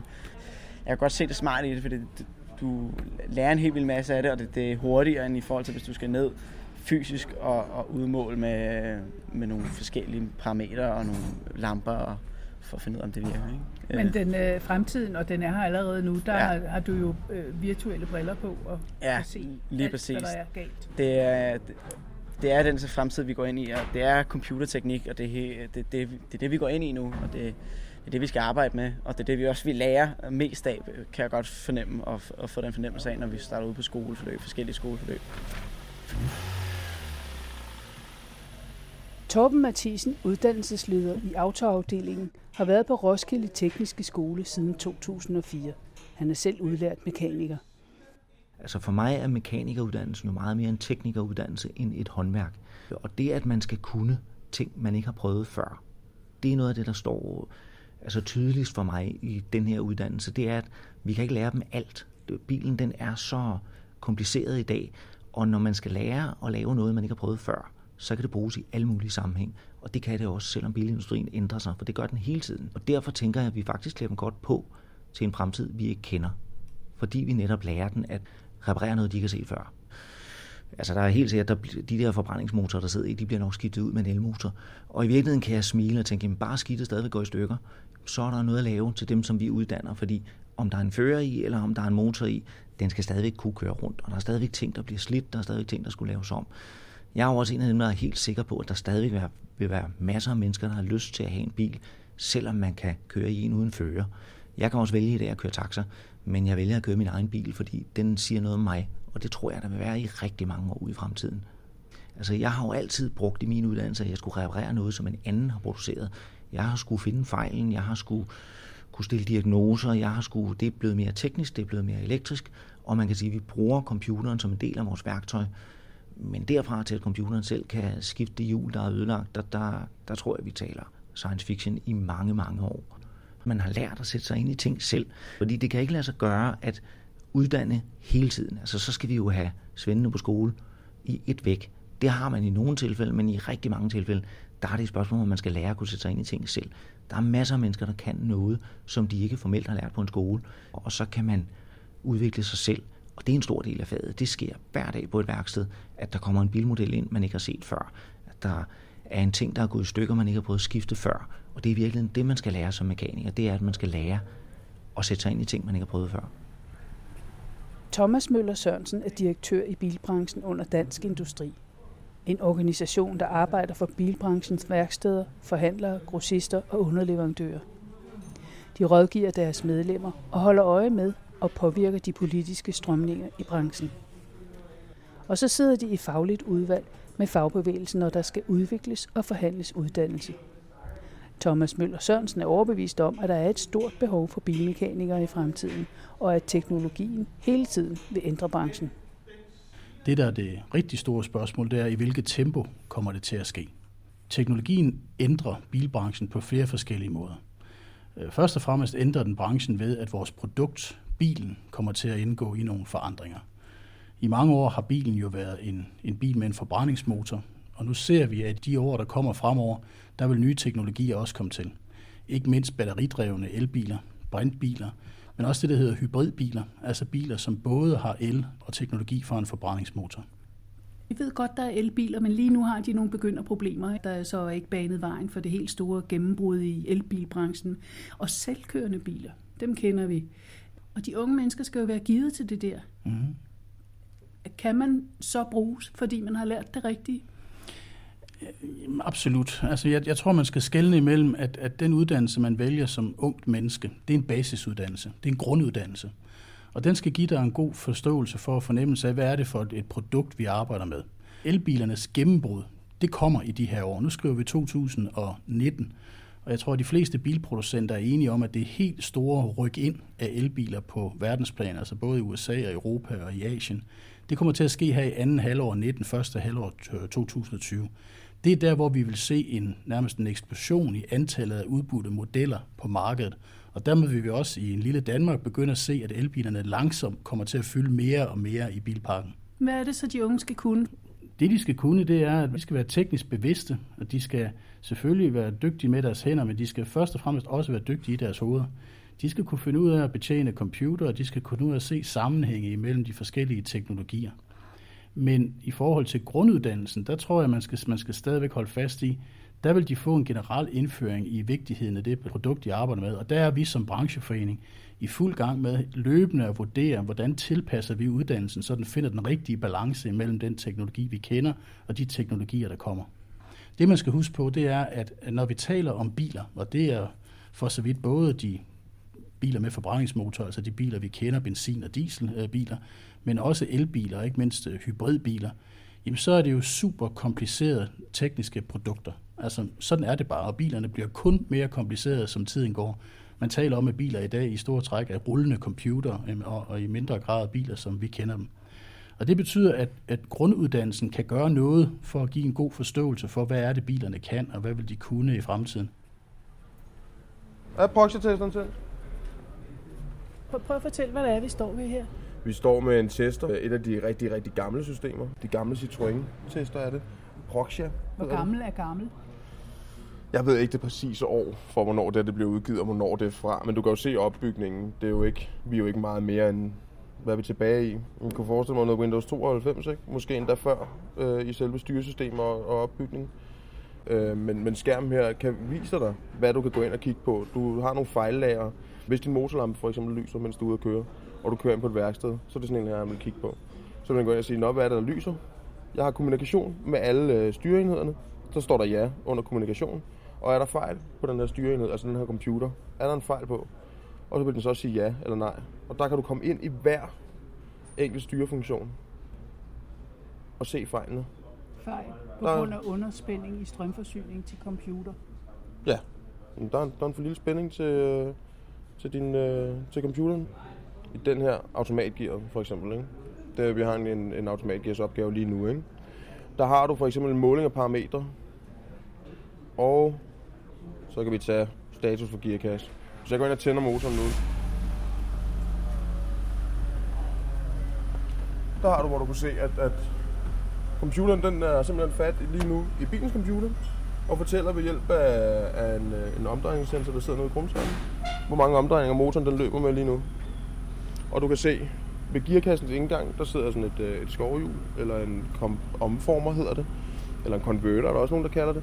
Og der kan du så se, at gearkassen ligger nogenlunde lige efter den, der sidder et skovhjul med, nogle, med noget olietryk, der sørger for, at gearkassen og motoren løber i de nogenlunde samme omdrejninger, for ikke at beskade gear. Og i og med, at det er et olietryk, der er imellem gearkassen og øh, motorens omdrejninger, så vil det ikke altid følge med. Der er en lille smule udveksling i forhold til de to, fordi der er noget tryk, ikke? Er man gearet til at komme ud i den virkelige verden, når man har været på skolen? For jeg tænker, man kan jo dog nok nå at blinke, så er der sket noget nyt teknologisk. Det tror jeg faktisk kommer an på, hvor du er. Øh, jeg tror, grunden til, at jeg for eksempel, jeg synes måske, det er lidt trættende nogle gange at skulle sidde og lave lige de det er, fordi jeg arbejder på et gammelt Alfa Romeo værksted. Og der har vi nogle øh, lidt ældre biler i forhold til så mange af vi os andre herude. Øh, der er mange, der kommer på de store autoriserede forhandlere, hvor der hele tiden er en ny bil, og så skal de, og de nye biler bliver jo hele tiden lavet selvfølgelig på, på fabriksgaranti og alt det der. Så de når at lære alle de nye computerteknik, og, og men jeg arbejder stadig med biler fra 90'erne, kan man sige. Ikke? Og der er stadig en del teknik i dem og udmålinger, men hvis nu min chef han har fundet en fejl tilbage i 90'erne på den her bil, og den kommer igen og igen og igen, og der er gået 20 år, så behøver man ikke at sætte så meget måleudstyr på, fordi så er man sådan lidt, okay, så er det højst sandsynligt den fejl, og så tager man en hurtig udmåling og finder ud af, okay, det er den fejl, som jeg troede, det var. Før Mark fik den absolut bedste læreplads i verden, måtte han i to måneders skolepraktik efter det første grundforløb. Jeg startede jo i skolepraktikken. Det startede jeg lige efter Roskilde Festival i 2016. Øh, og Der var jeg der til oktober. Hvordan er det at være i skolepraktik? Jeg kan godt forstå, at folk de bliver lidt skræmt af uddannelsen, fordi det er lidt som, som man hører det. Du får lov til det hele. Det skal jeg så, så lige sige. Du får lov til at lave alle opgaver. Det er slet ikke det. Du, får, bare- du bliver sat på en opgave, så skal du lave den. En motorskift kan du snilt blive sat på. Problemet er bare, at der er ikke den der passion ude i skolepraktikken. Der er rigtig mange, der går og, Åh, jeg gider ikke lave noget, og så står man med telefonen, og, og det er lidt ærgerligt, fordi de lærere, vi havde derude, og sådan, noget, de var nemlig super passionerede. Men det er sådan lidt det hele det der med, at det, der er ikke nogen, der har læreplads, og lønnen er forfærdelig. Bogstaveligt talt er det bare røvnederen. Arbejdstiderne hører jo for, det er jo en arbejdsplads, så arbejdstiderne hedder øh, fra 8 til 4 hver dag. Det gjorde det i hvert fald, da jeg gik der. Så du havde heller ikke mulighed for at komme ud og søge en læreplads. Øh, værkstederne lukker kl. 4. Så Hvad jeg, gjorde du? Jeg havde skrevet, inden jeg startede på skolepraktikken, der havde jeg skrevet ud til Carcenter, som er et gammelt Alfa Romeo værksted ude på Amager. På det nuværende tidspunkt, da jeg skrev til dem, der havde de en lærling, og de søgte ikke nogen, men jeg skulle prøve igen om nogle måneder. Og så kan jeg bare, jeg kan tydeligt huske det, så kommer jeg så ud, ud på værkstedet, og det første jeg ser, det er bare de to mest sjældne alfærd, der holder inde på liften. Så man, jeg har aldrig set dem i virkeligheden, og så holder der to af dem for snotten af mig. Ikke? Så kommer jeg hen og siger goddag, og jeg skal snakke med mesteren i det her værksted. Han hedder Kasper, han kom så hen. Og så begyndte vi bare stille og roligt at snakke. Han så mine papirer, jeg kunne godt se, at 12 det var også flot, men øh, han var også sådan et karakter en karakter. Hvad kan du med hænderne? Så vi aftalte, at jeg skulle starte i to ugers praktik hos ham en måned efter, så han lige kunne se mig an, og så jeg også kunne se ham an om, hvordan, hvordan vi arbejder sammen. Den første uge gik egentlig rimelig tæt. Jeg fik lov til at lave bremser, og de blev glade på den måde, jeg altså, tingene op. Altså, jeg lå, så lagde jeg bremseskiven ved siden af hinanden, og lavede, øh, lavede det gamle ligesom smidt hen til siden. Øh, stillede bolden op, så man havde styr på dem, og kunne nærmest navngive dem, og så sige, okay, den bold skal til det, og den bold skal til det, og den bold skal til det. Fordi jeg gerne ville vise, at jeg havde, jeg havde et overblik. Øh, så nu arbejder jeg hos ham. Det er Danmarks ældste Alfa Romeo værksted. For nogle år siden blev optagelseskravene til automekanikeruddannelsen skærpet, og der kom besparelser. Eleverne skal nu bestå 10. klasse i matematik, engelsk, dansk og fysik, inden de kan fortsætte på uddannelsens hovedforløb. Noget, der i den grad har ændret elevsammensætningen og skabt et hul i dækningen af lærepladser. Autouddannelsen har altid været en af dem med en relativt lav gennemsnitsalder for dem, der søger ind. Den er nok steget lidt. Det er jo et gæt, men jeg tilskriver, at overgangskravene er blevet lidt høje. At det, det har de svært ved at honorere, eller de har svært ved at se sig selv i det her. Og der er flere med gymnasieuddannelser også? Ja, det er der. Det, vi har klasser, hvor der måske er næsten en fjerdedel eller en tredjedel af eleverne, der faktisk har enten en studenterhue eller har gået nogle år på gymnasiet. Øh, så vores optag har ændret sig markant, og man kan sige, at her i Roskilde, der kan vi ikke følge med med de elever, som vi skal bruge lærepladser til. Ja, for det kan man nemlig måske tro, det udelukker nogen, som egentlig har talentet. Det er i hvert fald det, jeg oplever, når virksomhederne ringer til mig og siger, at de har en ung knæk, der har gået ude og måske faret i virksomheden, som rigtig gerne vil det at blive mekaniker, men som simpelthen ikke kan se sig selv hvad skal man sige, bestå en 10. klasse i de her fire fag, at øh, de så finder på noget andet. Og det synes jeg er rigtig ærgerligt, for jeg er jo sikker på, at hvis det er det, man vil, så skal man nok lære det. Men man skal tro på det selv. Og det har vi simpelthen nogen, der ikke helt tror på, og så vælger de simpelthen anderledes. Øh, det vi oplever, når de starter her, det er jo i virkeligheden, at vi har måske mere tidligere, men vi har elever, som ikke har synes det har været super skægt at gå i folkeskole. Og det, som vi kan rigtig nemt, og som jeg synes, vi er gode til, det er jo at forklare dem, hvorfor skal vi lære det her? Fordi her der bliver det jo lige pludselig relevant i forhold til den mekanikeruddannelse, de gerne vil have. Så giver det mening, hvorfor vi skal arbejde med det. Så vi har elever, der flytter sig rigtig, rigtig langt. Hvis vi bare kunne bruge lidt længere tid på dem, så kan vi få dem ud et helt andet sted, end vi kan med de regler, vi har lige nu. Hvad for nogle kriterier synes du, der skal være øh, til stede, hvis man skal booste erhvervsuddannelserne? Det vil være lyve ikke at sige, at der er jo flere elever i en klasse i dag, end der var for 10 år siden. Og det kan godt være en forkert vej at gå, hvis man gerne vil gøre det attraktivt at gå her. Øh, jeg er sikker på, at vi gør det rigtig godt, og lærerne gør det bedste, de kan. Men vi kan godt mærke, at der er færre midler, end der var engang. Det er på trods af, at jeg jo kun har været her siden 2004. Øh, men, men pengene skal bruges med mere omtanke, end de skulle engang. Og så lige præcis for mekanikeruddannelsen, så har jeg nævnt det med overgangskravene. De, de fylder rigtig meget. Det er, at eleverne skal i meget tidligt i deres uddannelse rent faktisk have bestået en 10. klasse. Det vil jeg gerne flytte til lidt senere. Øh, det vil gøre en stor forskel, for vi skal nok lære dem det, de skal lære. Det er bare svært, når det skal gøres ret hurtigt. Så er der en anden gruppe, det er pigerne. Dem vil I gerne have nogle flere af. Dem vil vi rigtig gerne have flere af. Vi har nok, altså uden det er sådan videnskabeligt, så har vi nok måske 10 procent her i min afdeling. Og typisk så bliver de rigtig dygtige. Dem, der vælger, de gerne vil, skal måske bevise noget, det ved jeg ikke, men, men typisk så bliver de gode. Og jeg tror også, branchen sætter pris på, at vi får nuanceret de folk, der går og laver biler. Så, så der er altså en fremtid for bierne. Der er ikke nogen tunge løft, de ikke kan tilbage. Der er ikke noget fysiologisk, der gør, at det skulle være sværere for en pige. Så de skal bare komme an. Nøgleordet, uanset hvilket bilmærke man kommer til at beskæftige sig med, eller om det er den autoriserede eller, eller frie del af branchen, det er specialisering. Øh, det bliver sværere og sværere at være mekaniker på tværs af mange mærker, fordi bilerne bliver mere og mere komplicerede, mere og mere individualiserede. Der bliver teknologier, som kun findes i bestemte biler, bilmærker, øh, i, i langt højere grad. Og derfor vil der være behov for, at man i forlængelse af sin grunduddannelse specialiserer sig enten i det bilmærke, man arbejder med, eller i den teknologi i bilen, som man nu engang øh, arbejder mest med. Kan du give nogle eksempler på, hvordan man forandrer eller kan forandre uddannelserne? Jamen, det vi blandt andet sidder sammen med fagforbundene og kigger på lige i øjeblikket, det er, når vi nu har det antal timer og uger og måneder tilgængelige på en mekanikuddannelse, som vi har, er der så nogle af de mere klassiske moduler i en øh, mekanikeruddannelse, som vi kunne gøre på en lidt anden måde i dag, på en lidt kortere måde, for at skabe plads til de nye teknologier?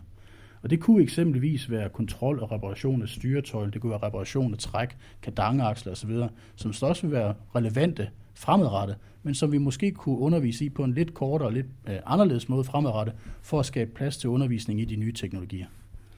Kan du give et slag på tasken om, hvor længe har man brug for en, der kan det hele nede i motor?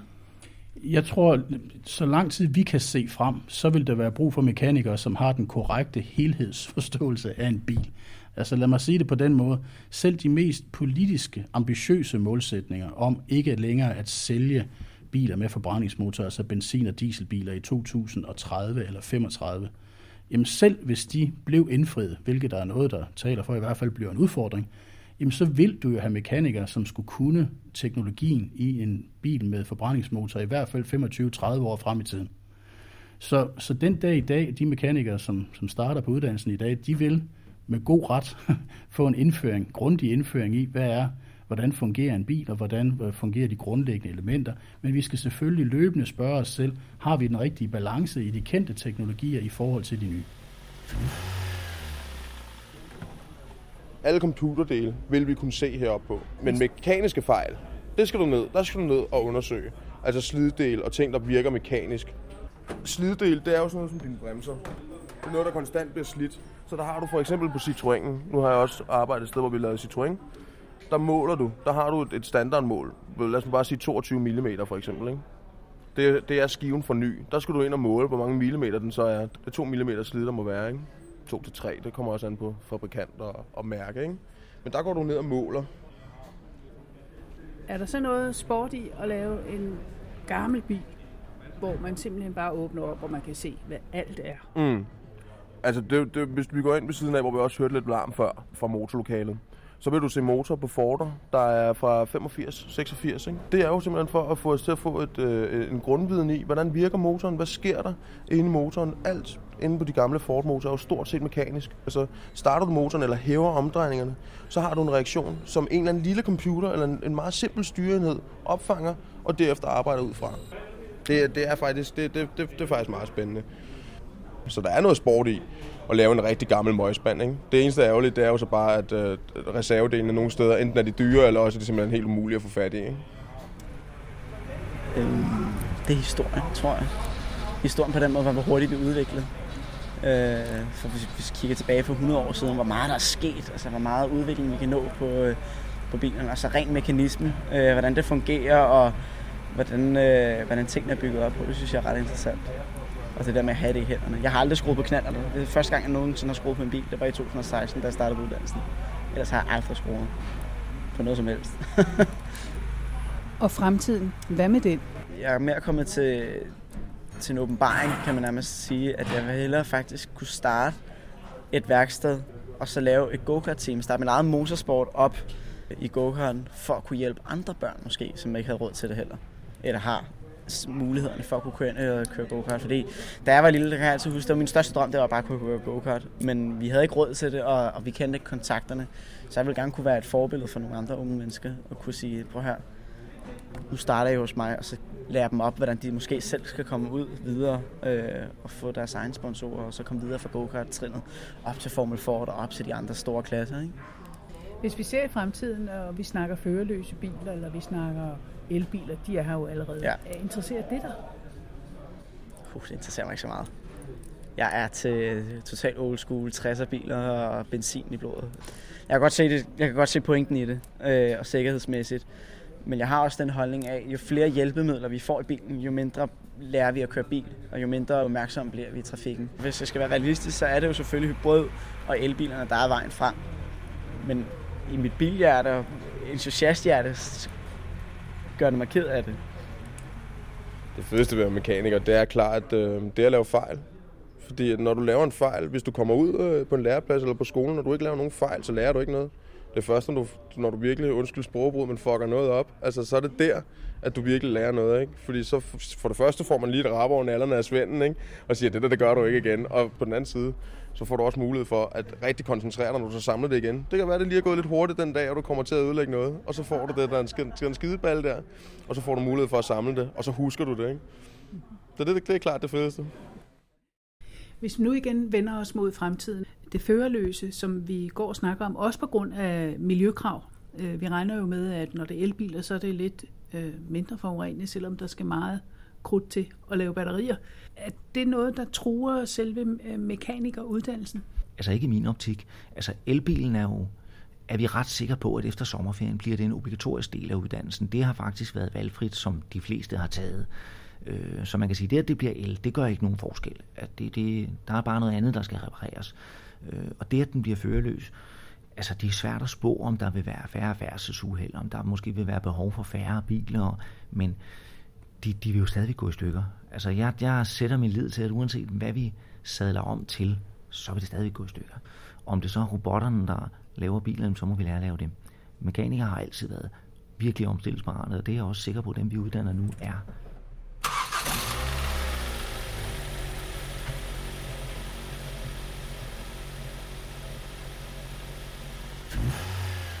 I podcasten medvirkede de to lærlinge Christian Vermut Frederiksen og Mark Blok Nielsen. Uddannelsesleder i autoafdelingen Torben Mathisen, Roskilde Tekniske Skole, og Thomas Møller Sørensen, direktør for bilbranchen i Dansk Industri. Erne Eggen havde tilrettelagt. Og på hjemmesiden kan du finde link til mekanikeruddannelsen og de øvrige podcast om håndværk.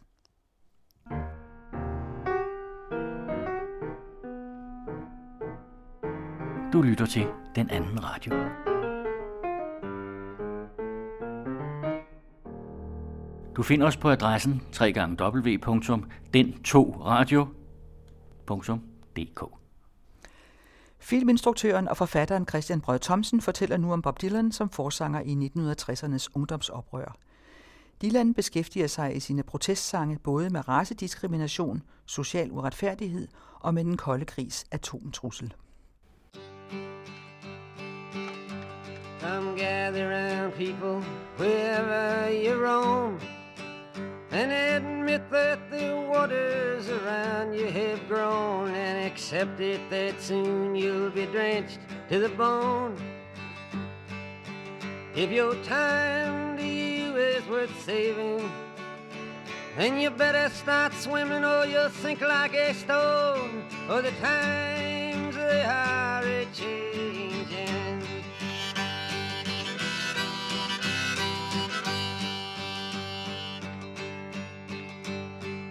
Writers and critics who prophesize with your pen. And keep your eyes wide, the chance won't come again. And don't speak too soon, for the wheel's still in spin. And there's no telling who that it's naming. Was the loser now will be later to win, for the times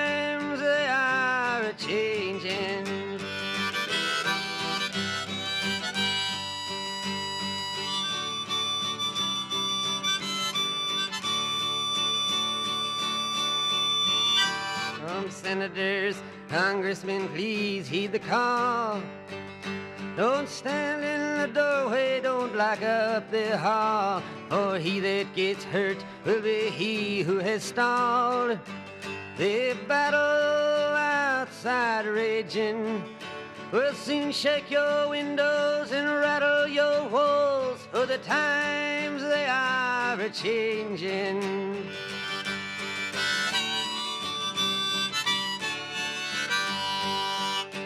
Mothers and fathers throughout the land And don't criticize what you can't understand. Your sons and your daughters are beyond your command. Your old road is rapidly aging. Please get out of the new one if you can't lend your hand. For the times they are a changing.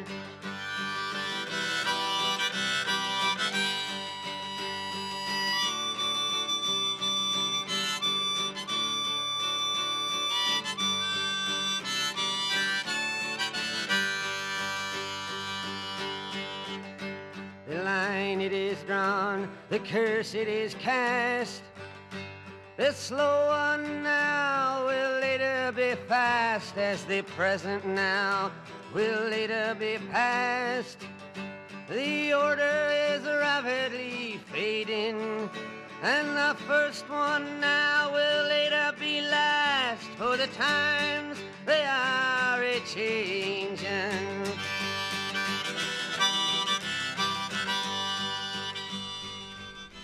Med The Times They Are a Changing skabte Bob Dylan en generationshymne for 1960'ernes ungdomsoprør. En selvsikker og triumferende opfordring til skribenter og kritikere, til senatorer og kongresmænd, til mødre og fædre om, at nu gælder det om at kunne svømme på ungdommens oprørske hav, for ellers vil de synke som sten. Uden for deres vinduer raser nemlig et slag, tiderne skifter, og den gamle orden står for fald. I den situation giver Dylan dem et velment råd. Don't criticize what you can't understand. Your sons and your daughters are beyond your command. Og skønt han i sangen besynger en social og politisk omvæltning, er han ikke bange for at karakterisere den i bibelske vendinger. De første skal blive de sidste, og de sidste skal blive de første. Men det betyder mildest talt ikke, at han vil tages til indtægt for kristendommen, hvad der fremgår utvetydigt af den sarkastiske smedesang With God on Our Side. Her hudfletter han den vestlige civilisation for de monstrøse forbrydelser, der er sket i Guds navn, lige fra nedslagtningen af indianerne over de to verdenskrige og frem til vor tid, hvor vi aldrig betvivler, at vi har Gud på vores side i nye krige, det være sig i Vietnam eller Irak. Til slut stiller Bob Dylan det frygtelige spørgsmål, om ikke også Judas havde Gud på sin side, da han forrådte Jesus med et kys. Og det havde han jo, så sandt som det var Guds plan med Jesus, at han skulle dø på korset for med sit blodoffer at frelse menneskeheden. Bob Dylan stiller spørgsmålet, om en religion baseret på et blodoffer ikke altid vil producere nye ofre.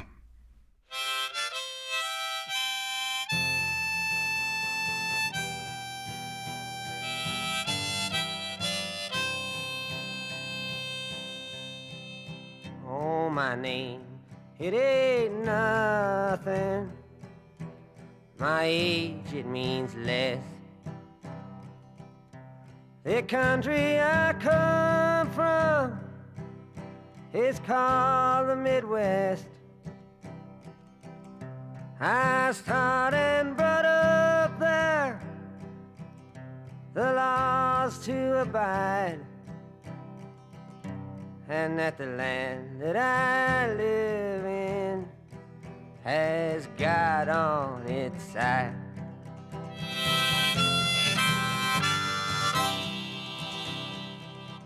Oh, the history books tell it. They tell it so well. The cavalry's charged, the Indians fell. The cavalry's charged, the Indians died. Oh, the country was young with God on its side.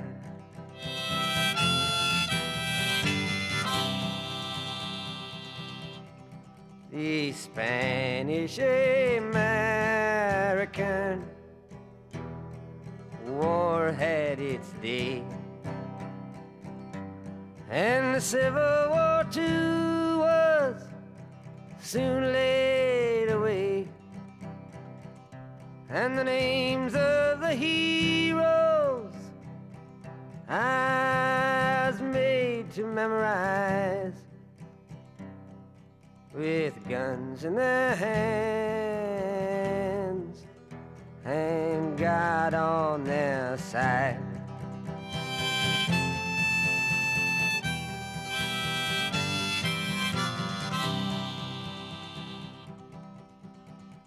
The First World War, boys, it came and it went.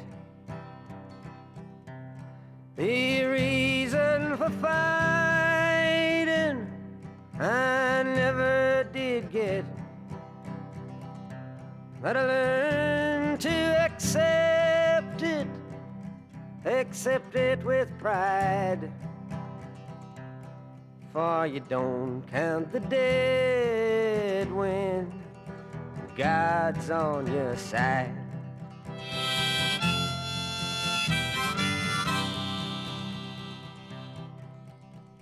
The Second World War came to an end. We forgave the Germans, and then we were friends. Though they murdered six million in the ovens they fried, the Germans now too have God on their side.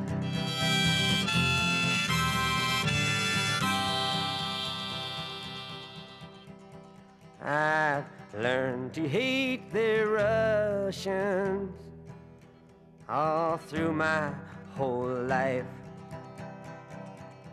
If another war comes, it's them we must fight.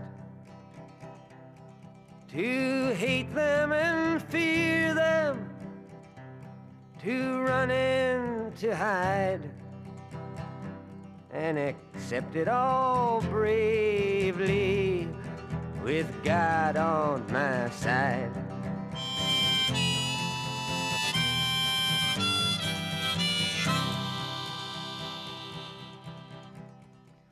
But now we got weapons of chemical dust.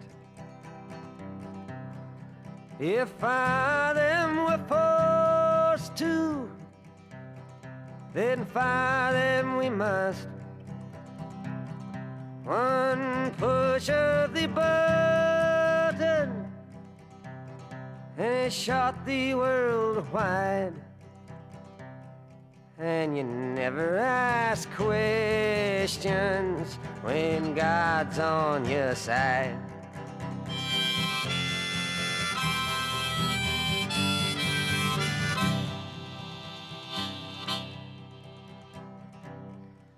Through many dark hours, I've been thinking about this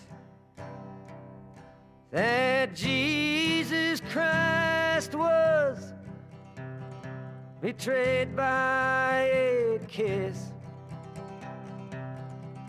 But I can't think for you.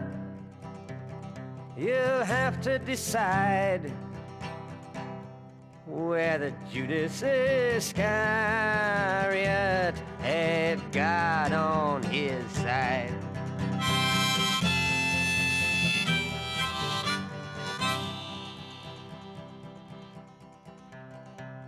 So now, as I'm leaving, I'm weary as hell. The confusion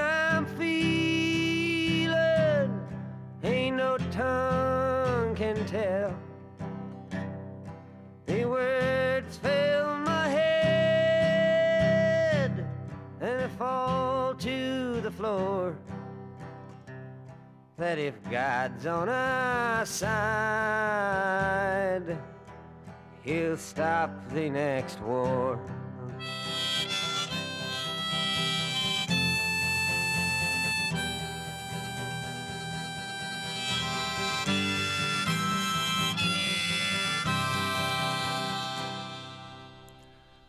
With God on Our Side er baseret på en gammel irsk folkesang, The Patriot Game, og det er næppe tilfældigt. Netop i den irske konflikt i forrige århundrede myrdede protestanter og katolikker jo også løs på hinanden, begge i den faste tro, at de havde Gud på deres side.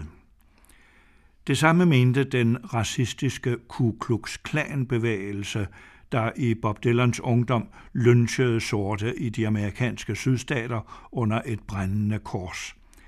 En af Dylans første protestsange handlede netop om en lynchning.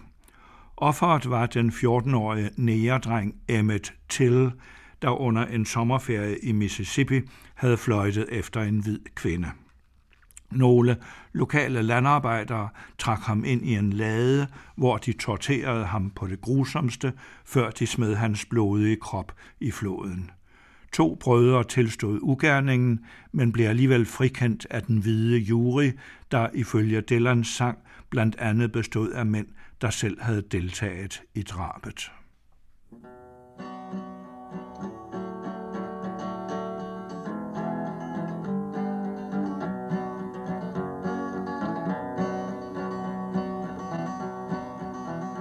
Twas down in Mississippi not so long ago when a young boy from Chicago town stepped through a southern door.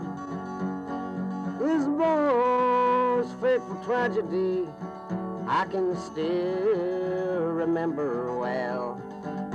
The color of his skin was black, and his name was Emmett Till. Some men they dragged him to a barn, and there they beat him up. They said they had a reason, but I can't remember what.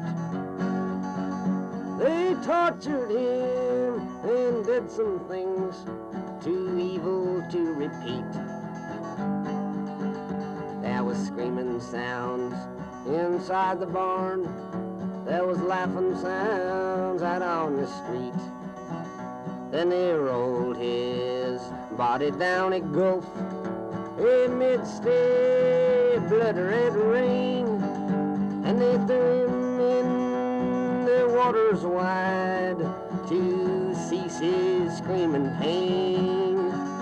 The reason that they killed him there, and I'm sure it ain't no lie, was just for the fun of killing him and to watch him slowly die. And then to stop the United States of yelling for a trial. Two brothers, they confessed that they had killed poor Emmett Till. But on the jury, there were men who helped the brothers commit this awful crime. And so this trial was a mockery, but nobody there seemed to mind. I saw the morning papers, but I could not bear to see the smiling brothers walking down the courthouse stairs. For the jury found them innocent, and the brothers, they went free. While Emmett's body floats the foam of a Jim Crow southern sea. If you can't speak out against this kind of thing, a crime that's so unjust, your eyes are filled with dead man's dirt, your mind is filled with dust. Your arms and legs They must be in shackles and chains, and your blood it must refuse to flow. For you to let this human race fall down so god awful low. This song's just a reminder to remind your fellow man that this kind of thing still lives today in that ghost robe Ku Klux Klan. Plenty of us folks that thinks alike if we'd give all we could give we'd make this great land of ours a greater place to live.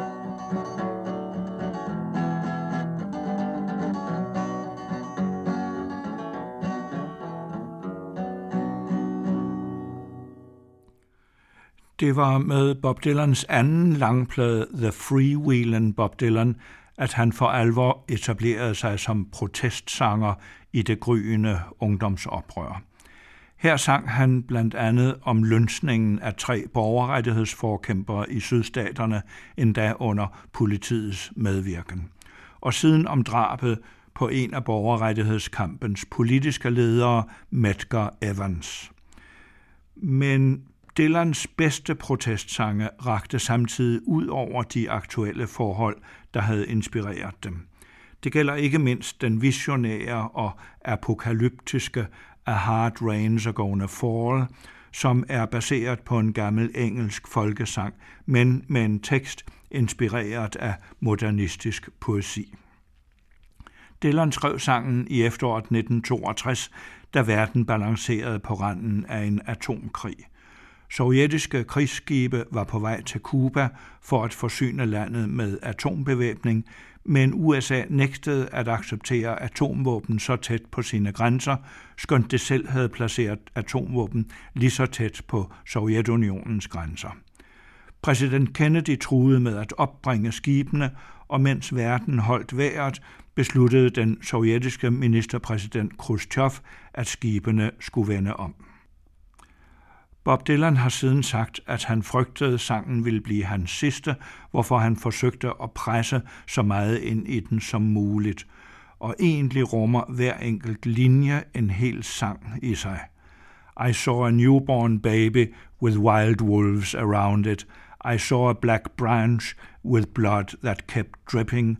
I saw 10,000 talkers whose tongues were all broken. I saw guns and sharp swords in the hands of young children.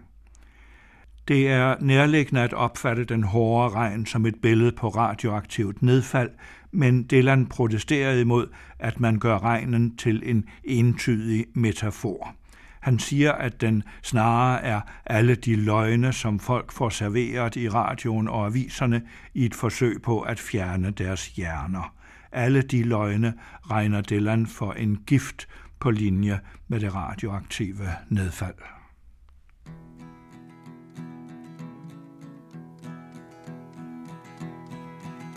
Oh, where have you been, my blue-eyed son?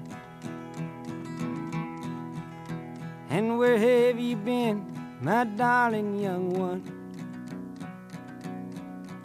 I've stumbled on the side of twelve misty mountains. I've walked and I crawled on six crooked highways. I've stepped in the middle of seven sad forests. I've been out in front of a dozen dead oceans. I've been 10,000 miles in the mouth of a graveyard.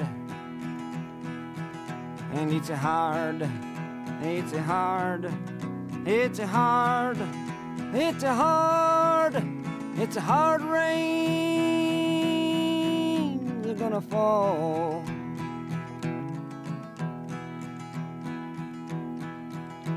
Oh, what did you see, my blue-eyed son? And what did you see, my darling young one? I saw a newborn baby with wild wolves all around it. I saw a highway diamonds with nobody on it. I saw a black branch with blood that kept dripping. I saw a room full of men with their hammers a bleeding. I saw a white ladder all covered with water. I saw 10,000 talkers whose tongues were all broken. I saw guns and sharp swords in the hands of young children. And it's hard, it's hard, it's hard, and it's hard, it's hard rain. They're gonna fall.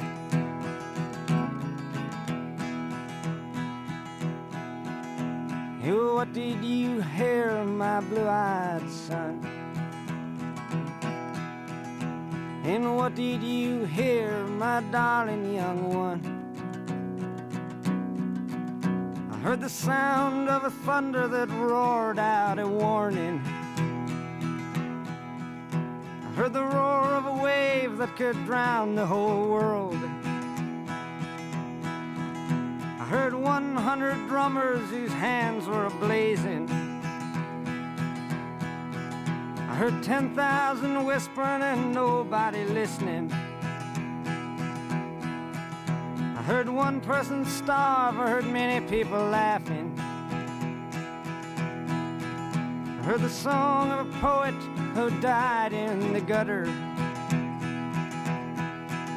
I heard the sound of a clown who cried in the alley. And it's a hard, it's a hard, it's a hard, it's a hard, it's a hard are gonna fall.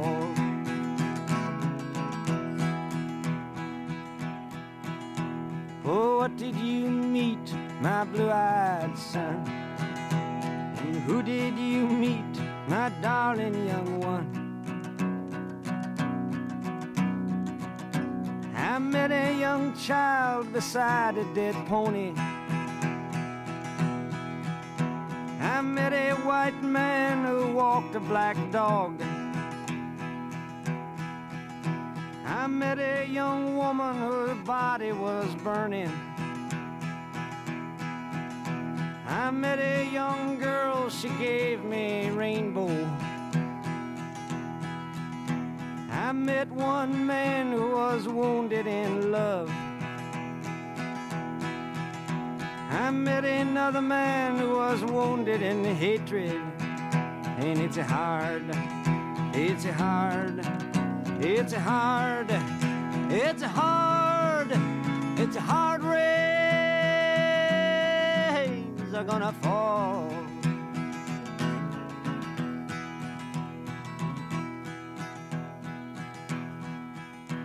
And what'll you do now, my blue-eyed son?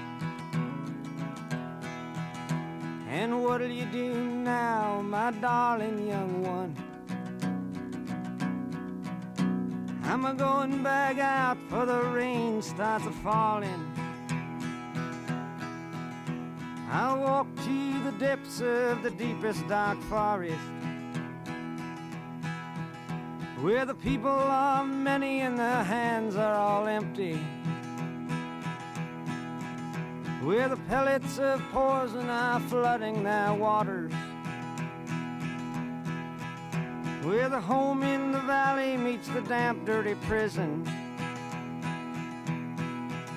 And the executioner's face is always well hidden. Where hunger is ugly, where the souls are forgotten. Where black is the color, where none is the number. And I'll tell it and speak it and think it and breathe it. And reflect from the mountains so all souls can see it. And I'll stand on the ocean until I start sinking. But I'll know my song well before I start singing. And it's a hard, It's a hard, it's a hard, and it's a hard, it's a hard rains are gonna fall.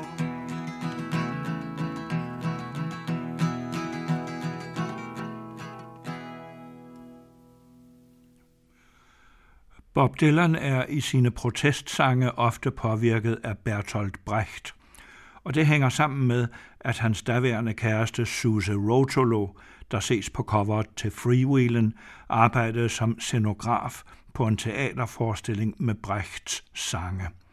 Bob Dylan overværede ofte prøverne på teatret. Han fandt sine temaer på avisforsiderne, men han omsatte dem kunstnerisk under påvirkning af Brechts Verfremdungsmetode. Det er ikke sange, man nyder tilbagelænet. Her skal ikke føles, men forstås, sådan som Dylan faktisk selv siger det i omkvædet til en sang om et racistisk drab. Now ain't the time for your tears. I The Ballad of Hollis Brown bruger Dylan også den faste Brecht-vending, balladen om den og den. Skønt Dylans sang faktisk ikke er en ballade, men en blues, hvor første strofe i hvert vers gentages. Hollis Brown er en fattig landarbejder, der ikke længere kan udholde gråden fra sine fem sultne børn eller sin kones skrig, der skærer som en kniv i hans indvolde. I desperation over sin håbløse situation skyder han hele sin familie og til sidst sig selv. Og Dylan slutter sangen med en cyklus, han igen og igen vender tilbage til, nemlig sammenstillingen af liv og død. There's seven people dead on a South Dakota farm. Somewhere in the distance, there's seven new people born. Det underforstås med denne lakoniske konstatering, at det er op til os, om de syv nyfødte skal blive offer for elendigheden eller være en del af forandringen.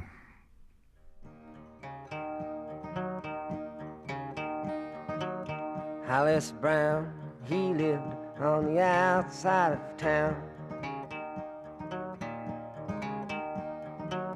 Hollis Brown, he lived on the outside of town. With his wife and five children and his cabin broken down.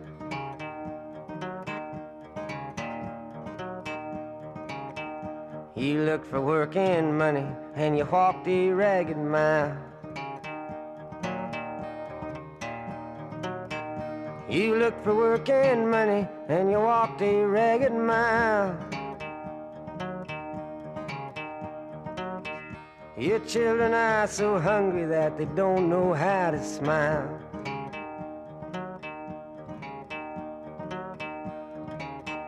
Your baby's eyes look crazy, they're a tugging at your sleeve. Your baby's eyes look crazy, they're a tugging at your sleeve. You walk the floor and wonder why with every breath you breathe. The rats that got your flour, bad blooded got your mare. The rats that got your flour, bad blooded got your mare. If there's anyone that knows, is anyone that cares? He prayed to the Lord above, oh, please send you a friend. He prayed to the Lord above, oh, please send you a friend. Your empty pockets tell you that you ain't got no friend. Your babies are crying louder now, it's a pounding on your brain. Your babies are crying louder now, it's a pounding on your brain. Your wife screams of stabbing you like the dirty driving rain. Your grass is turning black, there's no water in your well. Your grass is turning black, there's no water in your well. You spent your last long dollar on seven shotgun shells. Way out in the wilderness, a cold coyote calls. Out in the wilderness, a cold coyote calls. Your eyes fix on the shotgun that's hanging on the wall. Your brain is a bleeding and your legs can't seem to stand. Your brain is a bleeding and your legs can't seem to stand. Your eyes fix on a shotgun that you're holding in your hand. There's seven breezes blowing all around the cabin door. There's seven breezes blowing all around the cabin door. Seven shots ring out like the ocean's pounding roar.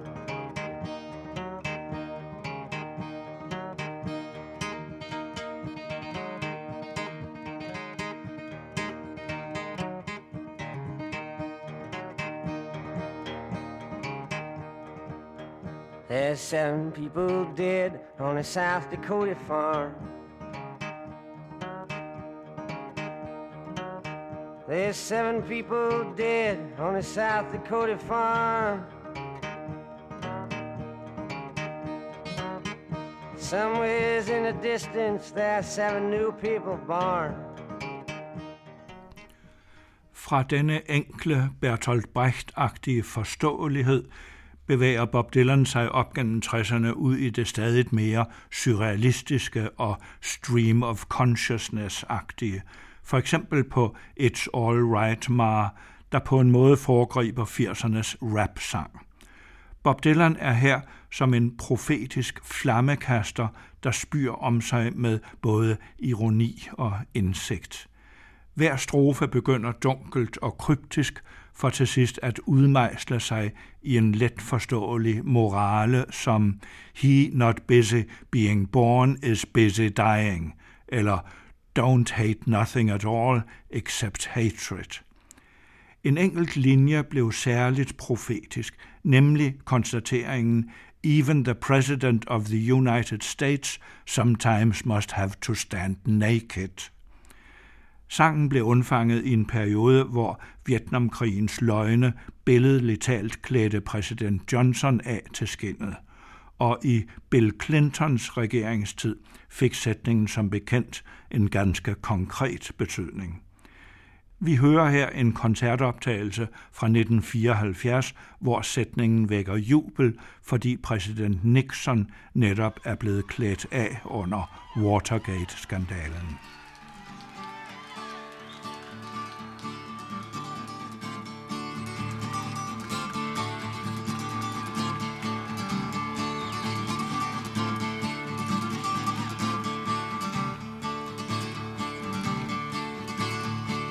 Darkness at the break of noon, shadows, even the silver spoon, the handmaid played the child's balloon, eclipses both the sun and moon. To understand, you know too soon, there is no sense in trying.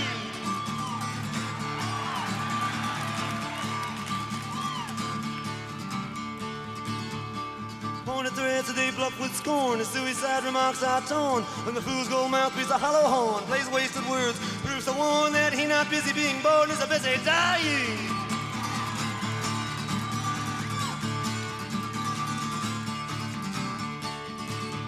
Temptation's page flies out the door. You finally find yourself at war. Watch waterfalls of pity roar. Feel the moment unlike before. You discover that you just be one more person crying.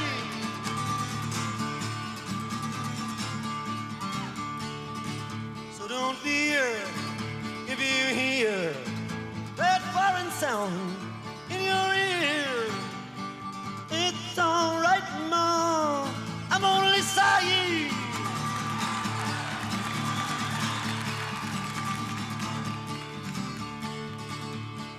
Some want victory, some down for private reasons. Greed or small can be seen in the eyes of those that call and make all that should be killed to crawl. While others say don't hate nothing at all except hatred.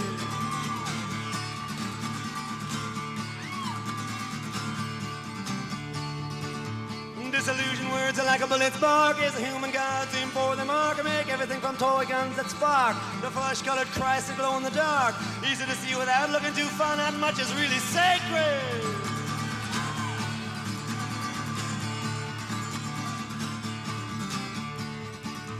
While preachers preach of evil fates, teachers teach that knowledge waits can lead you to hundred dollar plates. Goodness hides behind its gates, but even the president of the United States sometimes must have to stand naked.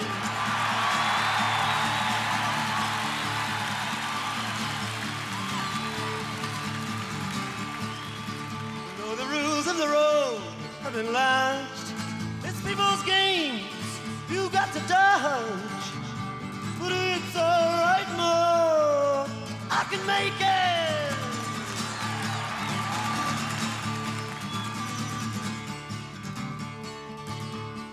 Advertising signs that con you into thinking you're the one that can do what's never been done, that can win what's never been won. Meantime, life outside goes on all around you.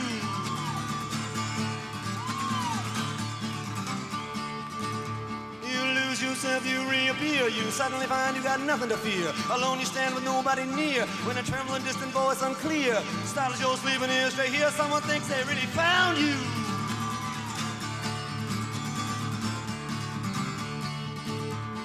Question in your nerves is lit, yet you know there is no answer fit to satisfy. Sure you're not to quit. Keep it in your mind and not forget that it is not he or she or them or it that you belong to.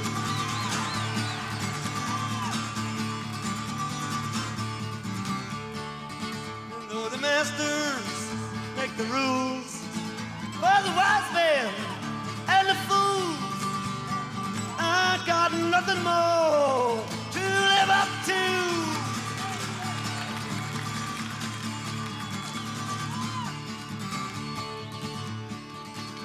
Old lady judges watch people in pairs, limited in sex they dare. The push fake malls, insult and stare. Money doesn't talk, it swears obscenity. Who really cares? Propaganda all is phony.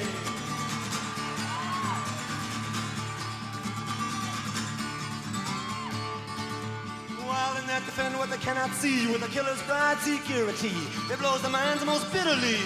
For them that think death's honesty won't fall upon them naturally, life sometimes must get lonely.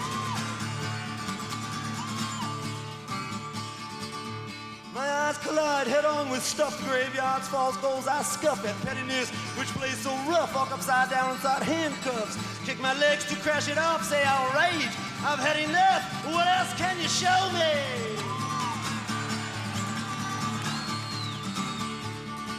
And if my thought dreams could be seen, they'd probably put my head in a guillotine.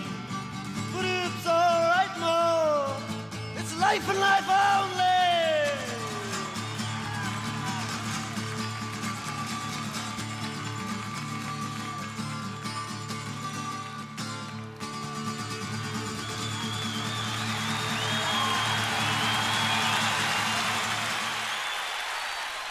Fra 1979 skete der et voldsomt skift i Bob Dylans produktion.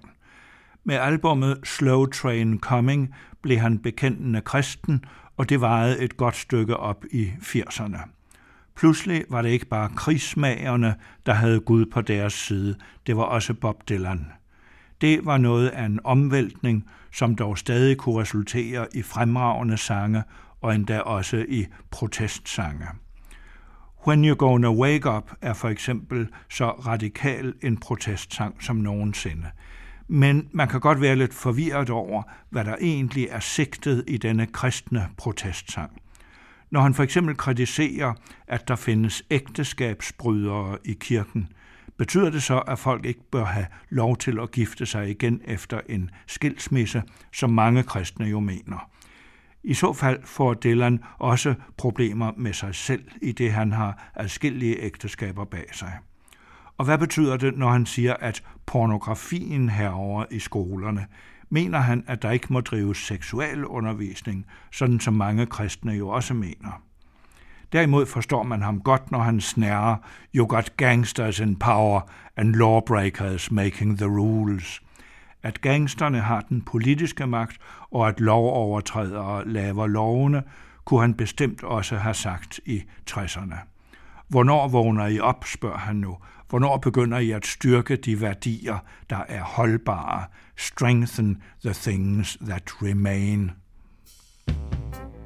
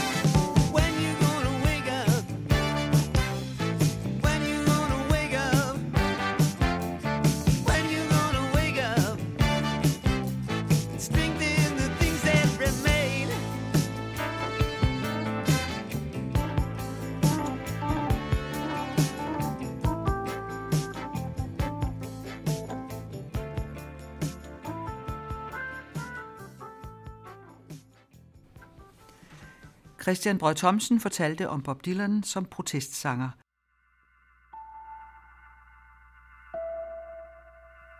Du lytter til Den Anden Radio. Den Anden Radio er en kultur- og samfundsradio på nettet. Du finder os på adressen den2radio.dk. I Farovs klassikere fortsætter en digters bazar. H.C. Andersen er nu kommet til rejsens endemål, Tyrkiets myldrende hovedstad, der dengang hed Konstantinopel, altså det nuværende Istanbul. Dardanellerne og Marmorhavet. I morgenstunden sejlede vi ind i Dardanellerne, de gamles Hellespont. På europæisk side lå en by, der synes at have kun ét tempel for Gud, men derimod flere for buen, har stået et minaret og fem værmøller. Op til byen lå en smuk og, som det synes, pyntelig fæstning. På asiatisk side en lignende. Afstanden mellem begge forekommer at være omtrent mellem en halv og en hel sømil. Begge kyster frembød grusgrænter og flade grønne marker. På europæisk side lå i nogen afstand fra hinanden usle stenhytter, hvor vindue og dør kun var huller i muren. Hister her voksede en pinjebusk, og på den ensomme sti langs stranden vandrede et par tyrker. På asiatisk side så det mere venligt og sommerligt ud, har strakte sig grønne marker med bladfulde træer. Foran os lå i Asien Abydos, i Europa Sestos mellem hvilke Leander svømmede over den stride strøm, der skilte ham fra Hero. I stormen slukkedes den brændende lampe, som kærlighed holdt, og i stormen blev et brændende hjerte isnende koldt. Bayern gjorde som kunststykke her den samme svømmetur. Afstanden her mellem kysterne af de to verdensdele forekommer mig ikke stor. Jeg så i det mindste med blotte øjne hver enkelt busk og hvert menneske, dog luftens gennemsigtighed gjorde meget. Begge småbyerne havde brune tage, høje spinkle minareter og foran hvert hus en grøn blomstrende have. Strømmen var vort dampskib imod, men med henved 200 hestes kraft kommer man nok frem i verden. Vi styrede over mod Asiens kyst, hen mod den store Dardanelby, på hvis fæstning den ene kanon lå ved siden af den anden, uden at hilse os. Europæisk klædte soldater, dog med røde højpullede fæs, kiggede frem mellem kanonportene. Rundt om vores dammskib krydsede både med tyrker og tyrkinder. Alle skibe rundt om førte flag med halvmånen. Selv dammskibet, som for forbi, var tyrkisk. Dækket der var opfyldt af muselmænd og deres tilhyllede kvinder. Vind og strøm var dem gunstig. Storsejlet var hejst, Røgen virvlede tyk og sort ud af skorstenen, og skibet med sine brogede passagerer skød en flyvende fart mellem de grønne kyster. En del af vort selskab forlod os her, men nye gæster kom i stedet. Over 100. Alle tyrker med fæs eller turban, bevæbnet med pistoler og geværer. En officer, måske nogen 20 år gammel, havde hele sit terræn med. Konerne og deres tyne fyldte en hel båd, da de kom – jeg stillede mig ved trappen, hvor de steg op til os.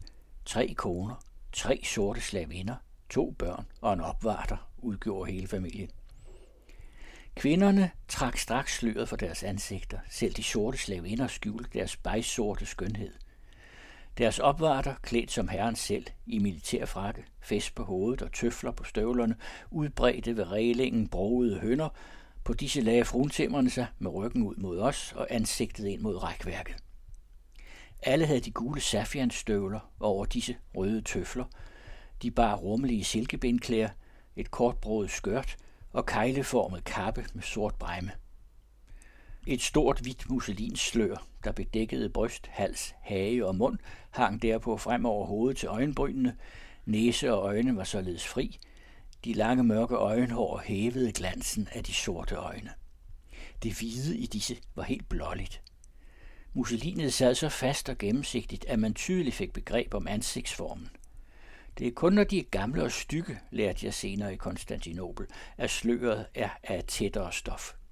Man ser form, farve, de røde læber og de skinnende hvide tænder, når de lærer. Den yngste af kvinderne her var meget smuk. Før vi sejlede, måtte alle tyrkerne, vi fik ombord, først skyde deres pistoler og geværer af. Det knallede lystigt og gav ekko fra Abydos til Sestos.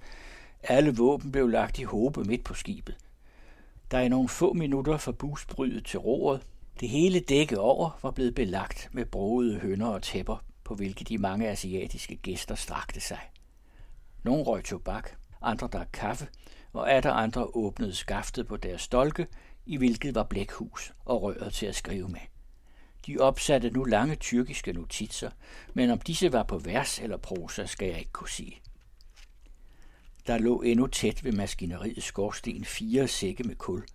På en af disse sad en ung, lystig tyrk, klædt i en mørkeblå skinbremmet pels og med en prægtig sjalsturban.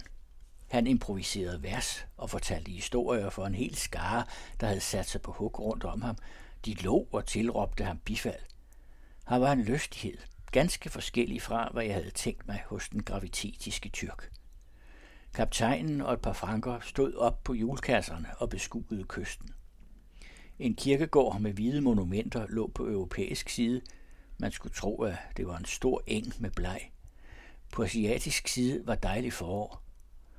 Jeg tog plads mellem tyrkerne, som lyttede til improvisatoren, og de viste mig, hvor langt anderledes bekvemme end mine deres klæder var til at ligge ned med. Benklæderne sluttede snævert om anklerne, men op mod knæet posede de sig vidt. Lige så mageligt sad deres trøjer. Den unge tyrk, som fortalte, forærede jeg nogle frugter. Han takkede med et velsignet venligt ansigt. Hans øjenhår var mørke og lange, men øjnene meget lyseblå. Der lå i dem et såre godlidende og dog politisk udtryk. Han greb sit skriverør, rev et blad papir ud af en tegnebog og skrev, i det han idelig nikkede til mig og smilte. Han overrakte mig derpå bladet med et tyrkisk vers. Jeg viste det til en franke, der kunne tyrkisk, og han oversatte det for mig. Der stod den unge tyrks navn. Han drog til Valakiet for at købe prægtige heste, men først skulle han se Stambul. Han gjorde rejsen med det udmærkede dammskib Ramses, og på dette havde han truffet mig, der kom så langvejs fra som tre gange til Mekka. Jeg takkede ham for verset, og han bad mig skrive sig nogle ord i mit sprog. Jeg skrev et lille dansk vers til ham, og det blev vendt og drejet af ham og hans kammerater, ligesom jeg vendte op og ned på hans tyrkiske digt. Jeg stillede mig senere ved reglingen af skibet, hvor de tyrkiske kvinder sad. Kysten ville jeg se på, men øh, jeg så også på fruentimmerne. De spiste og havde derfor taget sløret fra munden. De betragtede også mig. Den yngste og smukkeste synes jeg være et lystigt gemyt. Hun gjorde sig sikkert sin bemærkning over mig og viskede den til en ældre, der bevarede den største alvor og kun svarede med et nik. Under denne gensidige betragten kom en ung tyrk og indlod sig i samtale med mig på fransk. I løbet af denne sagde han i en halvt spøgende tone, at det var imod landets skik at se dets kvinder uden slør. Synes jeg ikke også, at ægtemanden betragtede mig med alvorlige blik?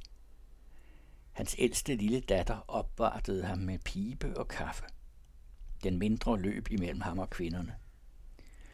Vil man stå så godt med forældre, så skal man give sig af med deres børn. Det er en visdomsregel. Jeg ville have fat på den mindste af småpigerne, give hende frugt og spøge med hende. Men hun var som et vildt kid. Hun for straks hen til en af de sorte piger, klyngede sig til denne og skjulte sig på ansigtet nær med dennes lange slør. Det lille lystige barn lå der og rakte munden frem som til kys, vinede så højt og styrtede derpå hen til faren. Den ældre søster, hvis nok seks år gammel og særdeles smuk, var mere tam. En nydelig lille, ubesløret tyrkinde med røde safians tøfler over sine gule støvler, lyseblå silkebenklæder, der posede vidt omkring benene, en rødblomstret kort tunika og en sort fløjlstrøje derover, der gik ned om hofterne. Hendes hår hang over skuldrene i to lange flætninger med guldmønter i, og på hovedet sad en lille hue af guldstof. Hun opmuntrede den lille søster at tage frugterne, jeg bød, men hun ville ikke. Jeg lod tjeneren bringe syltetøj, og straks blev den ældste og jeg de bedste venner. Hun viste mig sit legetøj, en lærkrukke til at drikke af. Den var formet som en hest, og havde en lille fugl bag hvert øre. Havde jeg kunne tale tyrkisk, skulle jeg straks have digtet hende et eventyr om den og fortalt hende det. Jeg satte hende på mit skød, og hun tog mig med sine små hænder om mine kinder, så mig så fortrolig og kærligt ind i øjnene, og så måtte jeg tale til hende. Jeg talte dansk, og hun lå, så hjertet hoppede i livet på hende. Aldrig havde hun hørt så sælsom en tale. Hun troede bestemt, at det var tyrkisk kravemål, jeg lavede for hendes skyld. Hendes fine små negle var, som de andre kvinders, malet ganske sorte. En sort streg gik midt ind over det indre af hånden. Jeg pegede på den, og hun tog en af sine lange hårflætninger og lagde inden i min hånd, for at danne en lignende streg over den. Vinkede derpå af den yngre søster, der talte med, men altid i tilbørlig afstand.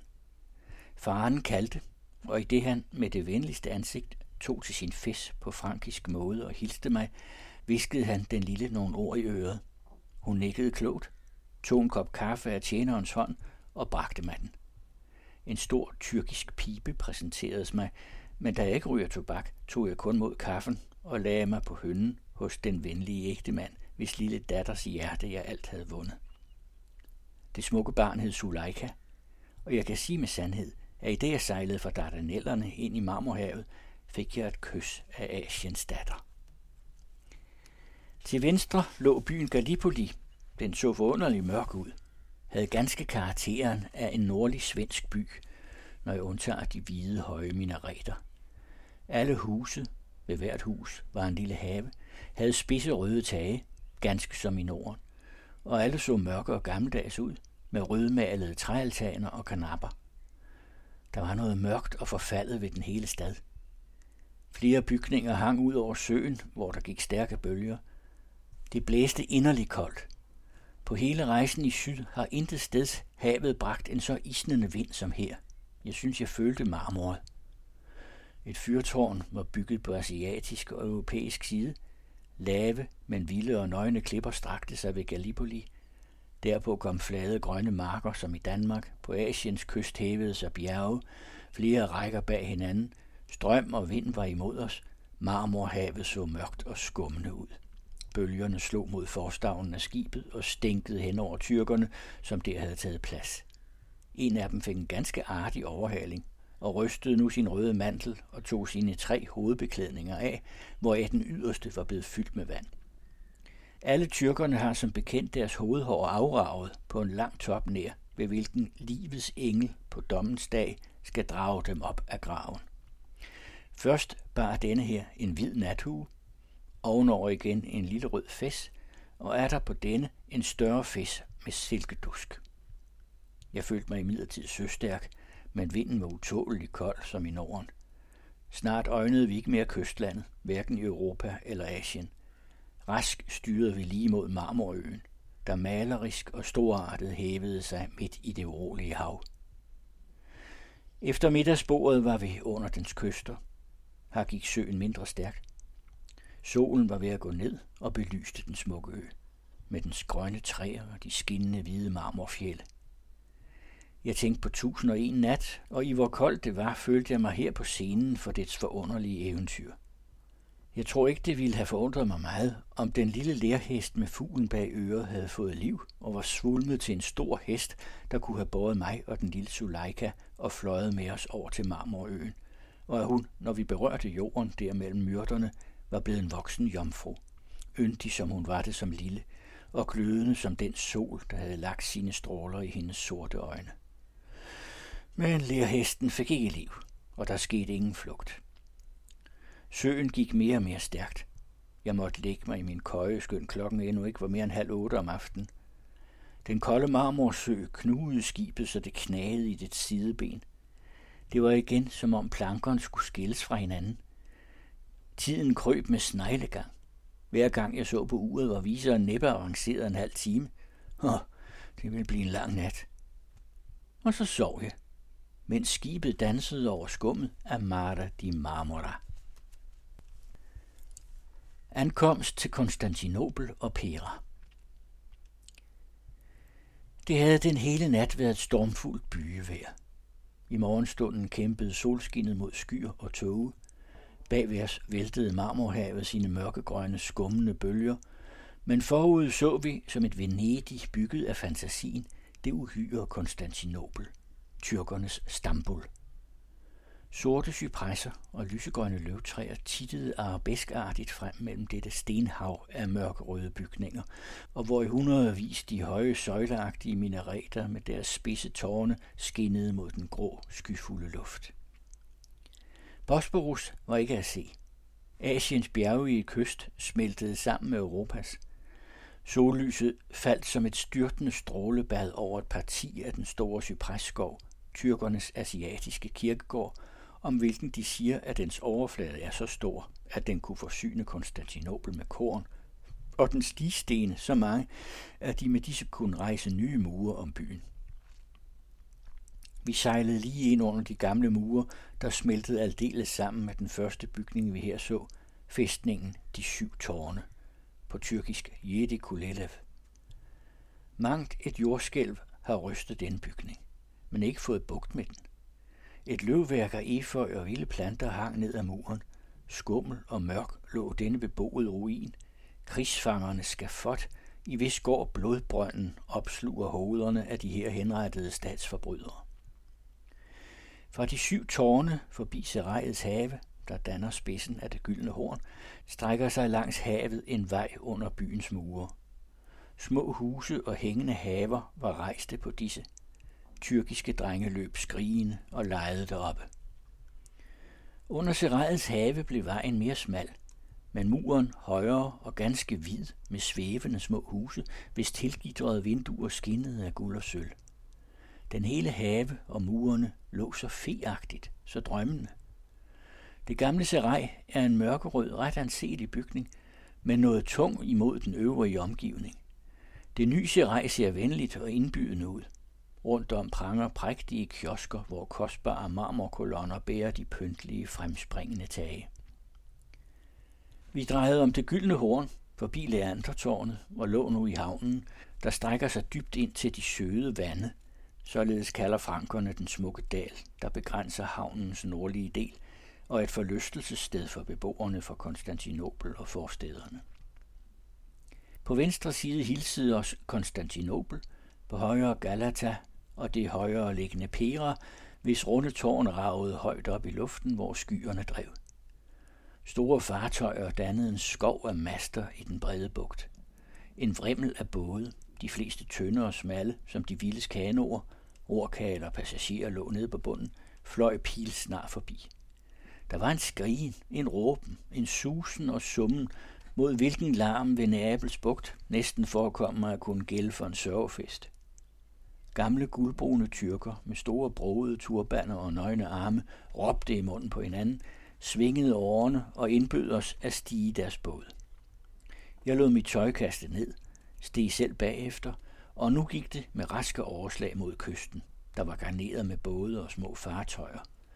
Over disse gik vejen i land. Vi stod på skibsbroen. Jeg bød rorkalen en sølvmønt, hvis vær jeg selv endnu ikke ret var klog på. Han rystede med hovedet, tog op af sin lomme en ganske lille mønt og viste den, i det han forsikrede, at der ikke tilkom ham højere betaling. Så ærlige er tyrkerne. Hver dag under mit ophold her fik jeg flere beviser derpå. Tyrkerne er de mest godmodige, de ærligste folk. En rødbrun, muskelstærk araber tilbød mig at bære mit tøj.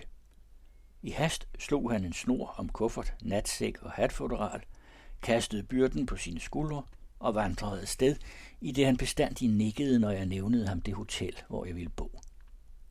Vi kom ind i en kroget gade, eller rettere i kringelkroge, hvor hvert hus var en butik med urter, brød, kød eller klæder. Alverdens nationer mødte vi. Vejen gik igennem Galatas snævre port ind i Pera. Ingen spurgte om pas. Gaden løb stejlt opad og var lige så smal og med lige så slet en brolægning som den i Galata. Vi kom forbi en vagt. Nogle unge guldbrune knøse i snæverblå blå bukser og trøjer med hvide bandolerer og rød fes lå så godt som på maven hen ad gaden og læste deres bønd. Et timeglas stod ved siden af dem. Under Peras tårn i voldgraven lå flåede blodige heste. Vi kom forbi tyrkiske caféer. Springvandet plaskede ind i den åbne stue. De drejende dervishers kloster, med gyldne indskrifter af Alkoranen, anbragte i muren over porten, lå på vores vej gennem hovedgaden, der er meget smal. Husene har to-tre etager, og på alle findes kanapper. Sidegaderne er endnu mere snævre. Bygningerne synes for oven aldeles at mødes. I regnvejr behøver man næppe her paraply. Hvilken vrimmel! Og midt i vrimlen dansede en bulgarisk bonde med rød kalot på hovedet, usle sandaler om fødderne og i øvrigt i forskens pels. Han dansede som en bjørn, der springer op på bagbenen. En anden bulgar blæste sækkepipe dertil. Lastdrager slæbte store marmorblokke, der hang på stænger. Seks til otte brune, muskelstærke kale havde fat. De skreg bestandt i deres varsko. Arminianske præster med flagrende sørgeflor for hatten mødte os. Nu lød en mumlende sang. En ung græsk pige blev begravet. Hun lå i sine sædvanlige klæder og med ubedækket ansigt i den åbne kiste, der var pyntet med blomster. Tre græske præster og to små drenge med tændte lys gik foran. Hvilken trængsel! Hvilken tummel! Brogede vogne, der så ud som små alkover, gjort af kortpapir, forgyldte for og bag, og med lange flagrende gardiner, fra hvilke beslørede kvinder tittede ud, skrumplede over den ujævne stenbro. Heste og æsler, belæssede med bjælker og planker, der slæbte efter dem hen ad gaden, banede sig vej i trængslen. Endelig var vi ved Hotel de la France hos herr Blondel, og straks inden for døren tydede alt på europæisk indretning og bekvemmelighed. Franske og italienske opvartere sprang op og ned ad trapperne, hyggelige værelser åbnede sig, og ved table d'hôte spiste man som i et hvert godt hotel i Europas store steder. Selskabet var meget broget. De fleste franker, der kom fra rejser i Lilleasien, havde beholdt den asiatiske dragt, under hvilken de var mest sikre. Et par preussiske officerer, der var ansat ved sultanens armé, var i tyrkiske militære frakker og med den højpullede fæs. Larmen fra gaden susede op til os. Bulgarernes sækkepiber lød. En snøvlende sang af fattige, ubeslørede kvinder ude for bjergene overskreg igen disse toner. Og så brusede den larmende janishar-musik af tyrkiske soldater, der kom hjem fra manøvre. Jeg kendte den melodi. Det var galopaden af Auberts opera, Gustav den 3. Bazaren Den fremmede bør først af alt i Konstantinopel besøge bazaren. Det er da med et at træde ind i den uhyre stad. Man overvældes ved skue, pragten og tumlen. Det er en bistade, man kommer ind i, men hver bi er en perser, en armenianer, en ægypter, en græker. Orient og Occident holder her stort marked. En sådan trængsel, en sådan forskellighed af kostymer, en sådan grupperende af handelsartikler opviser ingen anden sted. Når man fra Pera i en båd er sat over bugten til Konstantinopel, går gaden, der fører til bazaren, bestandig opad. Snev, kroget og bugtet, stueetagen i husene på hver side ligner træbutikker på vores markeder. Man ser lige ind i værksteder til skummer og sneker. Man tror at gå midt igennem køkken og bageri, Således koger, bager, damper og dufter det fra skorstener og ovne i de åbne huse. Brød og alle slags madvarer er udstillet.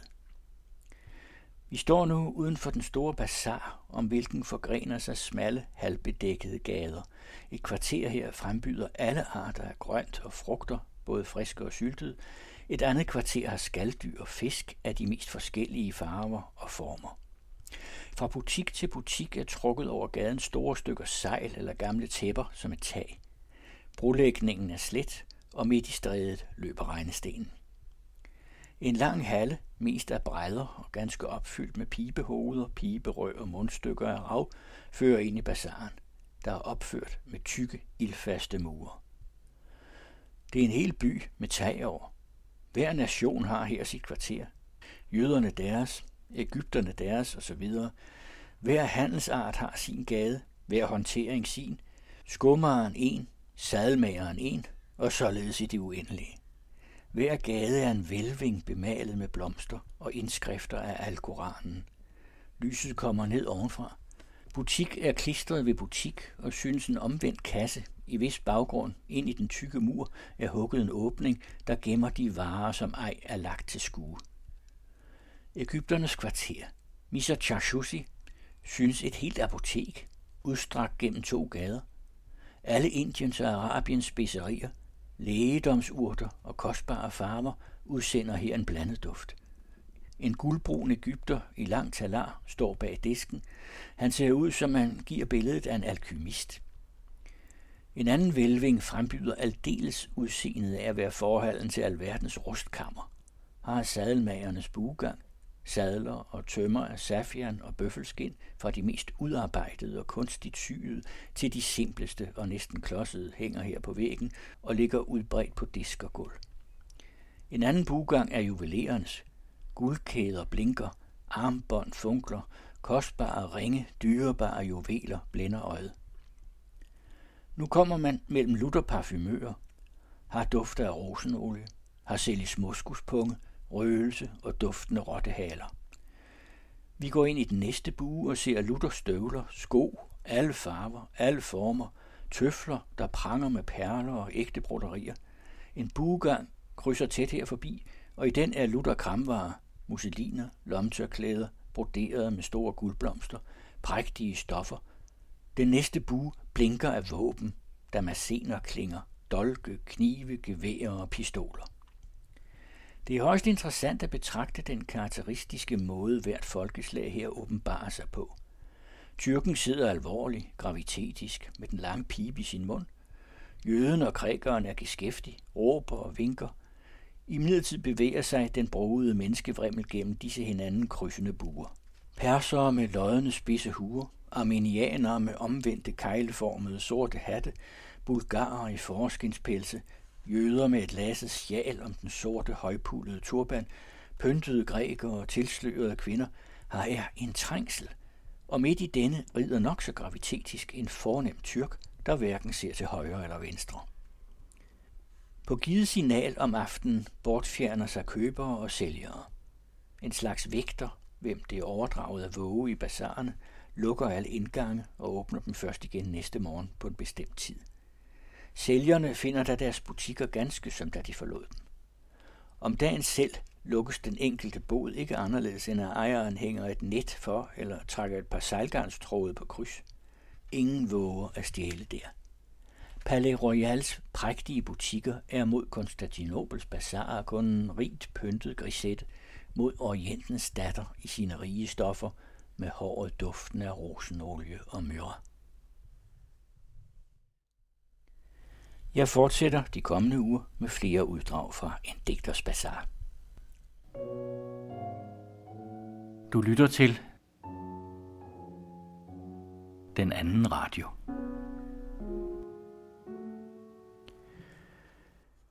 I den femte og sidste udsendelse i serien om essays fortæller litteraten Torkild Borup Jensen om Susanne Bryggers Min Indre Posedame og Claus Rifbjergs Glæden ved Vin.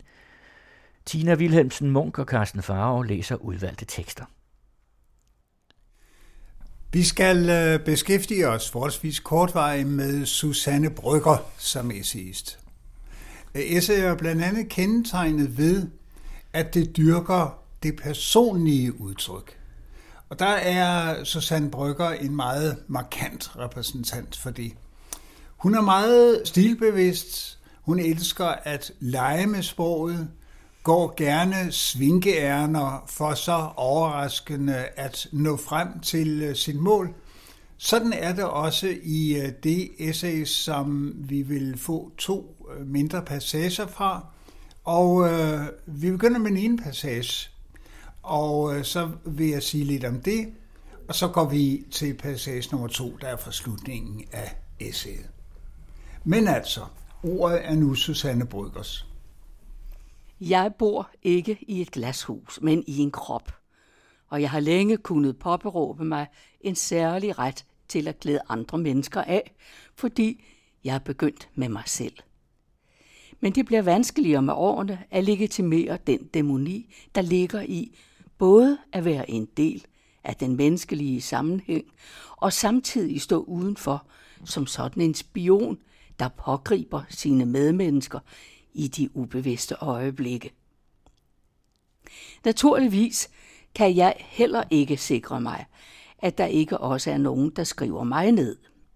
Måske bliver jeg hele tiden selv skrevet, ligesom Tuangtses sommerfugl, der drømte, at den var Tuangtse, som drømte, han var en sommerfugl. Vi kan aldrig vide, hvem der drømmer hvem. Og jeg tror ikke, at vi som kultur kan undvære denne skrevne drøm, kunsten repræsenterer, og som gør det muligt for et samfund at se sig selv med det tredje øje. Ja, det er jo en ret, hvad skal vi sige, raffineret sprogbrug, hvor hun, øh, uden at sige det direkte, kredser om dels, hvad der er seriens for hende selv som menneske og som skribent, og øh, dels er Øh, enartet for kunsten. Hvis vi tager det sidste først, så siger hun altså, jeg tror ikke, at vi som kultur kan undvære den skrevne drøm. Og det er øh, for hende for en stor del, hvad kunst og øh, litteratur er. Det vil sige, at det er noget, som på sin vis er svært at holde fast, som appellerer til fantasi og til øh, flygtighed, som øh, bygger på, kunne man måske sige, det usædvanlige og eventyrlige. Som menneske, der siger hun, at det er vanskeligt både at være en del af den menneskelige sammenhæng og samtidig stå udenfor som sådan en spion, der pågriber sine medmennesker i de ubevidste øjeblikke. Det vil sige, at hun øh, som kunstner mener, at hun indtager en dobbeltrolle, hvor hun dels er uden for den større menneskelige sammenhæng, dels er en del af den. Hun er både part i, og hun er tilskuer til. Og øh, sådan en øh, dobbeltrolle er også karakteristisk for hende. Men hvad der her er, skal vi sige, typisk essayistisk, er altså, at hun indkredser to afgørende størrelser, sig selv som individ og øh, kunsten som øh, fænomen, uden at sige direkte, hvad det drejer sig om, men prøver elegant at indkredse det af kroge og sideveje. Øh, man kunne sige, at øh, et af hendes kendetegn som essayist er iscenesættelsens kunst. Og det vil vi lytte lidt mere til, når vi nu så vender os mod slutningen af dette essay, som hedder Den indre posedame. Og øh, det er jo en noget ejendomlig titel. Det er karakteristisk for essayet, at det gerne vil netop have læseren med på det overraskende, det usædvanlige. Og det vil, øh, øh, det vil Susanne Brygger også med sådan en titel. Men øh, hun prøver også at, man kan sige, at titlens krogvej sidespor, at indkredse, hvad der er karakteristisk for hende selv, som individ, posedamen som den, der provokerer os. Men lad os lytte til slutningen af essayet om den indre posedame. Vi tror, hun bare er sølle og ynkelig, og at vi kan bedømme hendes situation. Men det er hende, der dømmer os.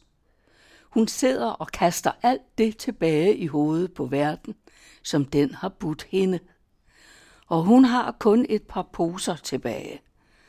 Hoverende og afmægtigt. Når man går hen til hende, fordi hun beder om penge til en kop kaffe, sætter hun sin indre plade på, om verden, der smed hende ud til fordel for lægesekretæren, der ikke kunne føde børn, og som ikke engang var smuk, og som nu serverer i en nyhavn, til trods for, at hun slet ikke må, og en katolsk pater vil tage sig af det. Er det ikke vanvid? slutter hun altid sin beretning, hvis hun mærker, man er på vej væk, hvad man altid er. Hver gang vi møder en posedame, siger vi automatisk, den slags burde ikke være her. Nogen burde tage sig af det. Man må da gøre noget. Men der er ikke noget at gøre for det er en rest. Det er en rest, ingen kan gøre noget ved, men som hører livet til. Det er denne rest, jeg tilhører.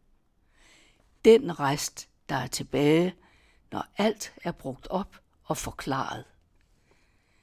Tit bliver jeg spurgt, hvem der er mit forbillede, mit ideal, min inspiration. Om det er Karen Bliksen eller Buddha, Søren Kierkegaard eller Marilyn Monroe, Jesus eller Henry Miller, mystikerne eller gnostikerne. Og der må jeg svare, at det er i posedamen, jeg finder min lige. Det er ikke hende, jeg ønskede at blive, men det er hende, jeg inderst inde føler, jeg er. Og der er ingen undskyldning for det. Hun kan ikke indoptages og blive salonfæhig, for hun inkarnerer det uacceptable, det urovækkende, det forarvelige og det forvirrende. Kort sagt, det spejl, som måske er uundværligt, og hvorom vi siger, det burde ikke være. Ja, det er så Susanne Bryggers elegant, svævende måde at sige noget om noget mere, kunne vi sige, om øh, sig selv på. Hun sammenligner sig altså med posedamen for det første, fordi posedamen ligesom er uden for alt, hvad der har med normen, Øh, alt det øh, øh ligefremt acceptable øh, at gøre. Den, der øh, skiller sig ud på flere leder og kanter, blandt andet ved ligesom at være sig selv så langt ud, at hun også kan forekomme afvisende over for, øh, over for andre. Hun øh, smider, siger Susanne Brygger, en masse i hovedet på, på os, sådan at der kun tilbage hos hende selv er lutterposer. Øh, og det øh, kan man sige, at det er en humoristisk måde at forstå sig selv på, og det er rigtigt nok. Man kan sige, at essayet er en overskudsgenre i den forstand, at essayisten skal helst boble af i hvert fald sproglig veloplagthed, for at essayet øh, bliver til noget, som vi gider beskæftige os med. Og øh, der synes jeg, at øh, Susanne Brygger er et øh, godt eksempel. Den øh, indkredsning, øh, øh den overraskende måde, øh, hvorpå hun giver øh, et øh, fyldigt signalement af poststemme, og dermed indirekte karakteriserer sig selv, det er, er, er noget, man tror jeg næsten ikke kan undgå at øh, lytte til. Så usædvanligt er det. Susanne Brygger siger hen mod slutningen af sit essay, hun inkarnerer, hun kropsliggør det uacceptable, det usynes afvisende, som er provokerende, som er uden for normen. Ja, det er øh, hendes øh, signalement af sig selv i essays form. Claus Rigsberg, har boldet sig inden for næsten alle genrer. Øh, en af de genrer, som han øh, dyrker flittigt, er essayet.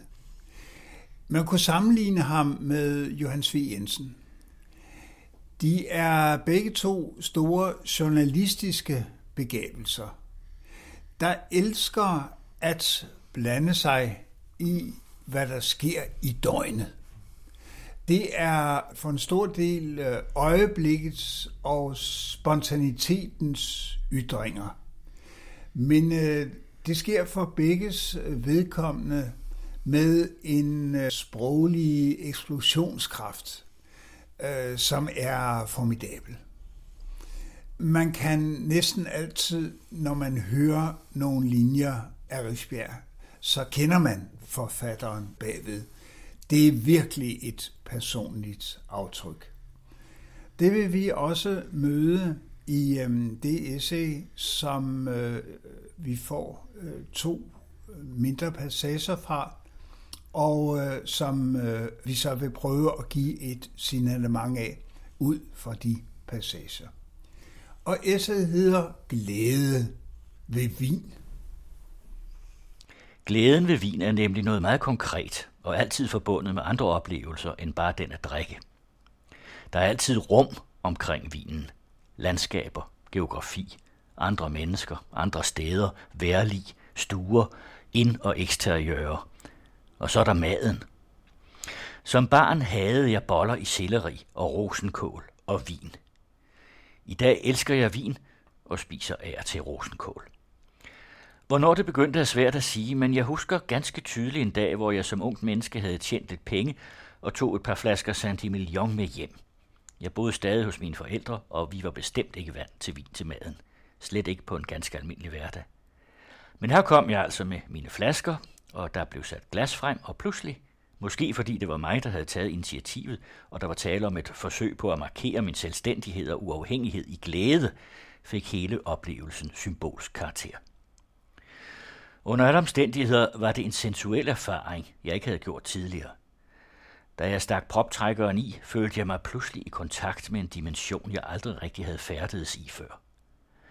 Det var som om min hånd og arm, i selve den drejende bevægelse, der samtidig gik nedad, lå en bekræftelse eller mulighed for kontakt, jeg ikke tidligere havde kendt. Og den blev endnu stærkere, da proptrækkeren fik rigtig fat og gik i bund, og jeg langsomt begyndte at hale proppen op, som til sidst forlod flaskehalsen med et blødt svup, der kan sammenlignes med hvad som helst, men altid vil være det samme. En prop, der trækkes op. Prøver man at betragte scenen på afstand og ser personen, bliver det forløsningstematiske næsten overvældende. Har en mand bøjet over sig selv med en hånd mellem benene, et vældigt foster, hvis skygge falder dramatisk op over væggen. Hans far og mor betragter ham, der lyder et blødt svup, så retter han sig op, står der fuld færdig, velskabt, uden smerter, helt bøjelig og vital, og lidt efter breder der sig en vidunderlig duft af blomster i hele stuen. Ja, det synes jeg jo nok er en øh, formidabel salve af sætninger, der kæder et helt liv, en fødsel og en tilblivelse sammen med den ganske hverdagsagtige situation at øh, trække proppen af en flaske vin. Der kan jo synes at være mangel på sammenhæng mellem de to ting, at man altså skal åbne flasken og at øh, mennesket bliver født og bliver sig selv og bliver stor og voksen lige pludselig. Men øh, det spring, det øh, foretager Rifbjerg ubesværet. Han følger en øh, strøm af fornemmelser og øh, forestillinger, og øh, som så ofte bygger sproget en overraskende bro mellem ting, der ikke synes at være sammenhæng imellem. Han begynder ellers med øh, selve forholdet til vinen. Det er jo nok karakteristisk for ham som skribent i al almindelighed, og ikke mindst som essayist, at han kriser om øh, sin egen fortid. Kun ved at være på sporet af den, bliver man sig selv og forstår sig selv. Altså, dengang og nu det er to dimensioner sammen, og øh, i essayet bliver kædet sammen. Han øh, siger, at glæden ved vin er mange ting på én gang. Det er noget med landskab, geografi, andre mennesker, værlig, stuer, yderverden og inderverden og gøre. Det vil sige, at han, når han øh, beskæftiger sig med sådan et fænomen, som vin, så både gør han det øh, sanseligt, håndgribeligt, ja nær sagt, til at smage på og nyde.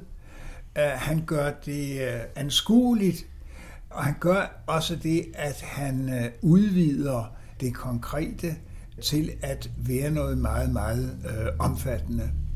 Essayet forbinder ofte det uendeligt små med det virkelig store. Og der er Rifbjerg et godt eksempel på det.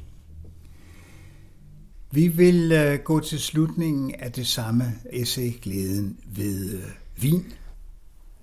Måske er det også derfor, nogle af mine stærkeste smagsoplevelser med vin har været der, hvor vinene lagres. Der, hvor den kommer fra. De store mørke kældre dybt under jorden, hvor temperaturen i snit ligger på 13 grader. Stod en gang med sådan et 13 graders glas vin i hånden i en bodega i Rioja mellem spindelvæv og muk, da et vindue på servis blev åbnet og lys faldt ind over gulvet. Der må have siddet en lue højt op. Og lyset ramte vinene, et genskær. Og igen var det, som om forbindelsen til alle mulige områder, man ellers ikke er i kontakt med, åbnede sig. Jeg drak og følte helt plastisk, hvordan væsken bredte sig i mundhulen, gled ned i halsen, forsvandt i buen, bredte sig ud i kroppen, så jeg selv forvandledes, måske ligesom den, der modtager nadveren og bliver et med frelserens blod. Men snarere som om jeg indgik en pagt med alt det, der omgiver os og kommer af jord, af vækster, af det, der afhænger af himlens regn, af vindene, af årstiderne, af alt det, der gror og er i live. I øvrigt afskyer jeg halve flasker. Det kan man så kalde tilståelse. Men på en eller anden måde er der altid for lidt i en halv flaske. Der er noget nærigt over den, noget udsigtsløst og fantasiforladt. Hvis man nu nøjes med en halv flaske, ja, så nøjes man nemlig og afskærer sig derved fra en række muligheder. For tænk, hvis der nu kom nogen, man kunne dele med, eller man fik lyst til et glas til, eller to. Der er aldrig nok i en halv flaske. Dermed er vi tilbage ved grundtemaet, som egentlig handler om fylde og gavmildhed. Først kommer man på prøve og frastødes, så åbner verden sig med alle mulighederne, og vinen byder sig til med sin vidunderlige ekspansivitet, sin fyldes udgrundelighed og sin klare, kompromilløse gennemskinnelighed. Det er der alt sammen, og det er der igen og igen, annonceret af proppens blide svup og ophældningens melodiske kluk-kluk, aromaens ophidselse og den lette beruselse, der indfinder sig i rette tid, det vil sige, når der er fuld overensstemmelse mellem kulissen og de optrædende.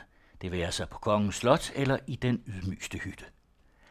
Hvilket sagt på en anden måde betyder, at glæden ved vin er synonym med glæden ved alting. Men det hjælper tit med et par glas. Det sidste viser jo, hvad Rigsbjerg jo også får demonstreret for inden, at øh, vinen for ham er vital i jords bogstaveligste øh, forstand. Den er en del af selve livet. Den er en fornem smagsprøve på, hvad livet er. Og også her gør han det, i den passage, vi øh, hørte her sidst, at han hele tiden udvider de konkrete ting, han beskæftiger sig med, til at blive et helt rum, der igen bliver, så at sige, hele verden. Han øh, skildrer her sin øh, oplevelse af vinen som en øh, åbenbaring, som en guddommelig indvielse, der skaber, som det hedder, forbindelse til alle mulige områder. Det er ligesom at modtage nadvåren, eller at indgå en pagt med alt det, der omgiver os. Altså, ja, vinen som en øh, indvielse, en fornem måde at møde tilværelsen på. Og der, jeg ved ikke, om man kan sige, at han hæver pegefingeren, det er jo igen af overskud og af, af humor, han så fraråder, at man, som han siger, nøjes med en halv flaske. Fordi det gælder her virkelig om at være rundhåndet og ikke nøjeregnende, navnlig ikke være påholdende, tænke på, hvad det nu koster. Fordi selve overskuddet af den situation at have overskud og at føle overskud, den er livsvigtig. Den er simpelthen en, en betingelse for at øh, have det godt i livet. Og det øh, prøver han jo så på sin overskudsmaner at argumentere for, for man afskærer sig fra en række muligheder ved at nøjes med en halv flaske. Tænk, hvis der nu kom nogen, man kunne dele med, eller man fik lyst til et glas til, eller to. Disse spontane indskud og tilføjelser, disse øh, strø-tanker og øh, løst tilknyttede forestillingsrækker er en del af essayets kunst, som øh, Rifbjerg altså håndterer meget fint i bedste forstand overlegent. Og øh, han vender så tilbage også her til sidst til det, som vi tidligere var inde på. Han øh, erindrer sig det at åbne for flasken med et svup. Så åbner verden sig med alle mulighederne, siger han. Det er vinens vidunderlige ekspansivitet, det vil sige vinens evne til at ja, udvide sig er, er måske ikke et rigtigt udtryk, men vinens evne til at skabe rum omkring sig og gøre en selv og ens verden større, end den sådan er i hverdagsagtig forstand. Dette at hengive sig til øh, livet, at øh, skildre tilværelsens forunderlighed, det er en vigtig side af SS kunst, hos øh, Rifbjerg, ligesom det var det hos Johannes V. Jensen. I hørte Torgild Borup Jensen fortælle om essayisterne Susanne Brygger og Claus Rifbjerg, og det var Tina Wilhelmsen Munk og Carsten Farhav, der læste teksterne. Karl Johan Mikkelsen havde tilrettelagt. Journalistik på den klassiske måde. Den anden radio.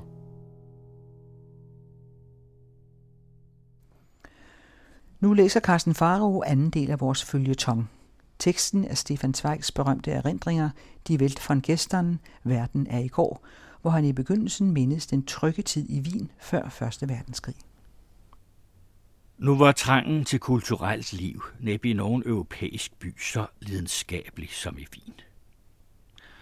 Netop fordi monarkiet og fordi Østrig århundreder igennem hverken havde haft særlige politiske ambitioner eller haft særlige strålende resultater i sine militære aktioner, havde den nationale stolthed koncentreret sig i ønsket om kunstnerisk førestilling.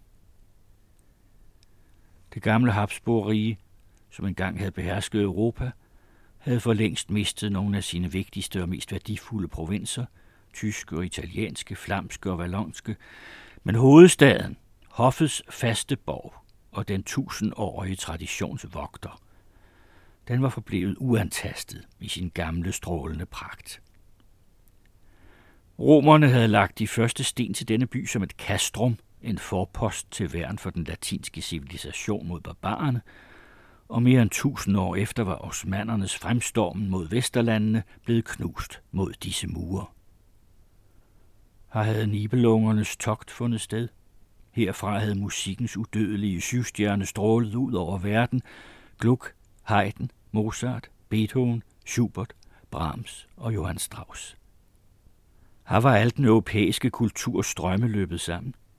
Ved hoffet, i adelen og i folket var det tyske blodsforbundet med det slaviske, det ungarske, det spanske, det italienske, det franske og det flamske, og det egentlig geniale ved denne musikkens by bestod deri, at den formåede at opløse alle disse kontraster harmonisk i noget nyt og enartet. Det østriske, det vinske.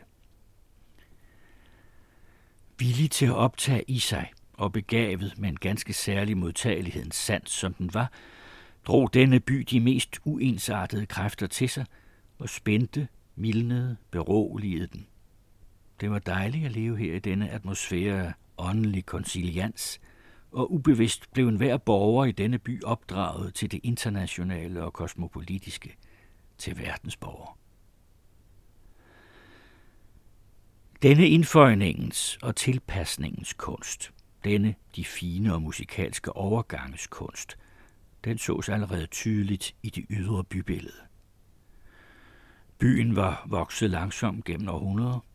Den havde organisk udviklet sig fra den indre kerne ud efter – den var nu med sine to millioner folkerig nok til at yde al en stor bys luksus og mangfoldighed, og dog var den ikke så overdimensional, at den blev revet løs fra naturen som London eller New York. Byens sidste huse spejlede sig i Donaus mægtige strøm, eller så ud over den brede slette, eller opløstes i marker eller haver, eller de klatrede over blide højdedrag op ad albernes sidste grønne skovbevoksede udløbere. Man mærkede næppe, hvor naturen holdt op og hvor byen begyndte. Det ene gik over i det andet uden modstand og modsigelse. Inden for murene kunne man fornemme, hvordan byen var vokset ligesom et træ, der sætter ringe. Til erstatning for de gamle fæstningsvolde omsluttede Ringstrasse med dens festlige bygninger byens inderste kostbare kerne.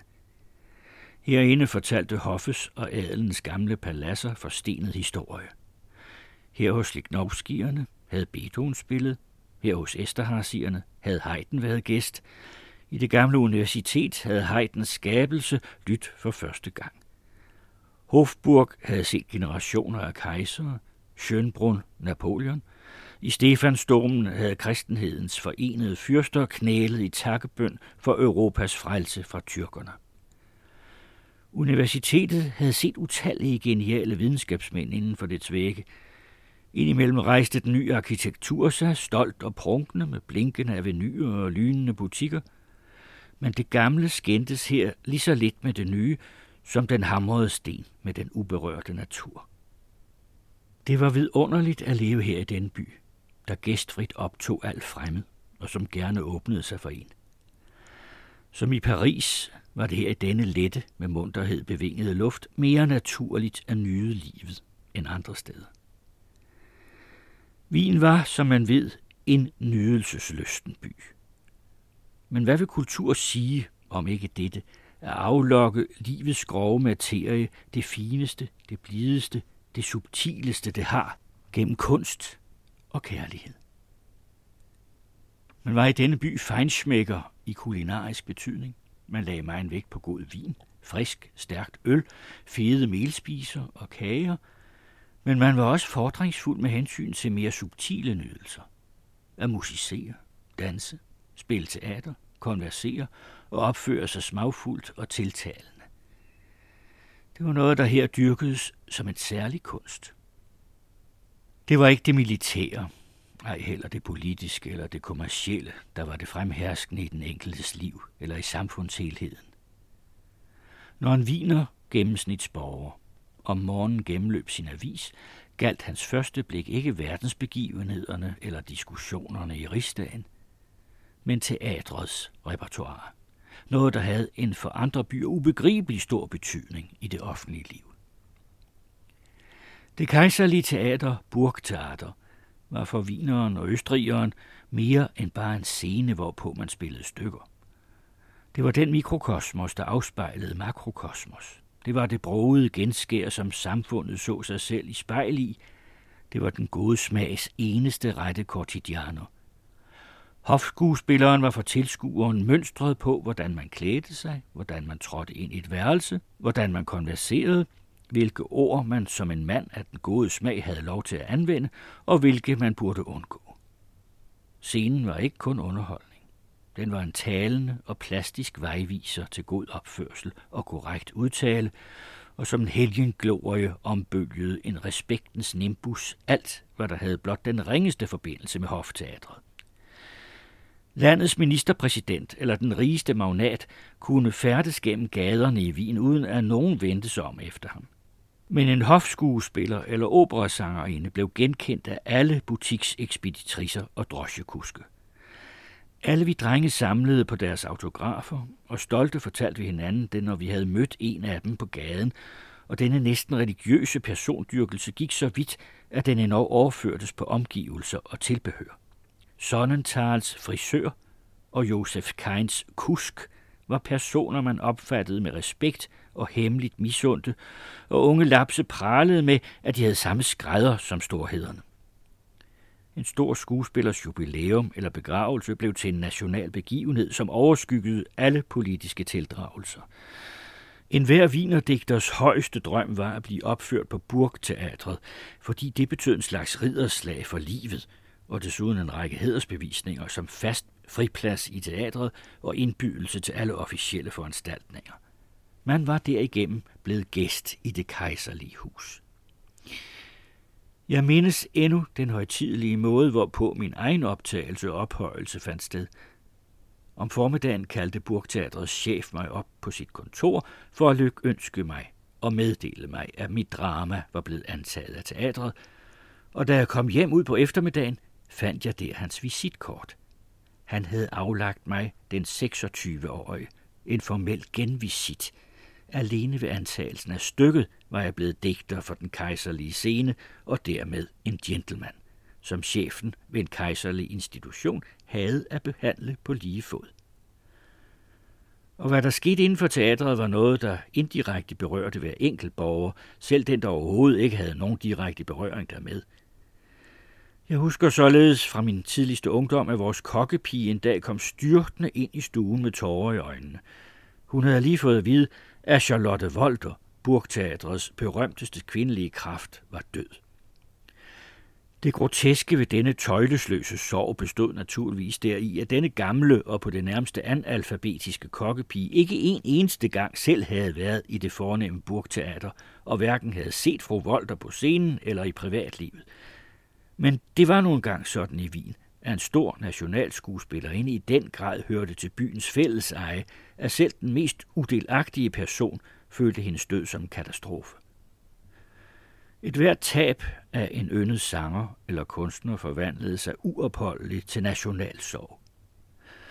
Da det gamle burgteater, hvor Mozarts Figaros bryllup havde lyttet for første gang, demoleredes, var alle vins honoratiorer højtideligt og grebne som til en begravelse forsamlet i lokalerne.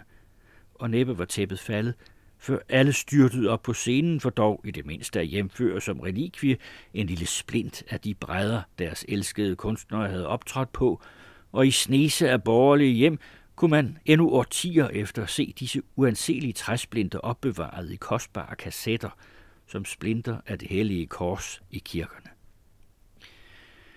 Vi unge opførte os ikke stort fornuftigere, dengang den såkaldte Bøsendorfers sal blev reddet ned – i og for sig var den lille koncertsal, der udelukkende var forbeholdt kammermusik, et ganske ubetydeligt og ukunstnerisk bygningsværk. Det havde tidligere været Fyrst Liechtensteins rideskole, og det var uden nogen form for pragt, blot ved en træbeklædning tilpasset til musikalske formål. Men denne sal havde en gammel violins resonans, og den var et helligt sted for musikkens elskere, fordi Chopin og Brahms, Liszt og Rubinstein havde givet koncerter der – og fordi mange af de berømte kvartetter havde lyttet der for første gang. Og nu skulle den vige for en ny og værslig bygning. Det var ufatteligt for os, der der havde oplevet uforglemmelige timer. Rosé-kvartetten spillede Beethoven herligere nogensinde, og da de sidste toner døde hen, var der ikke en, der forlod sin plads. Vi larmede og applauderede, og kvinder hulkede af bevægelse. Ingen ville begribe, at der her var tale om en sin farvel – man slukkede lysene i salen for at få jaget os ud. Ikke en af de 400-500 fanatikere ved fra sin plads. Vi blev siddende en halv, ja en hel time, som om vi ved vor forbliven kunne trumfe igennem, at det gamle erhverdige rum blev reddet. Og hvor kæmpede vi studenter igennem demonstrationer og petitioner og artikler for, at Beethovens dødshus ikke skulle demoleres. Hvert enkelt af disse historiske huse i Wien var som et stykke sjæl man rev ud af livet på os.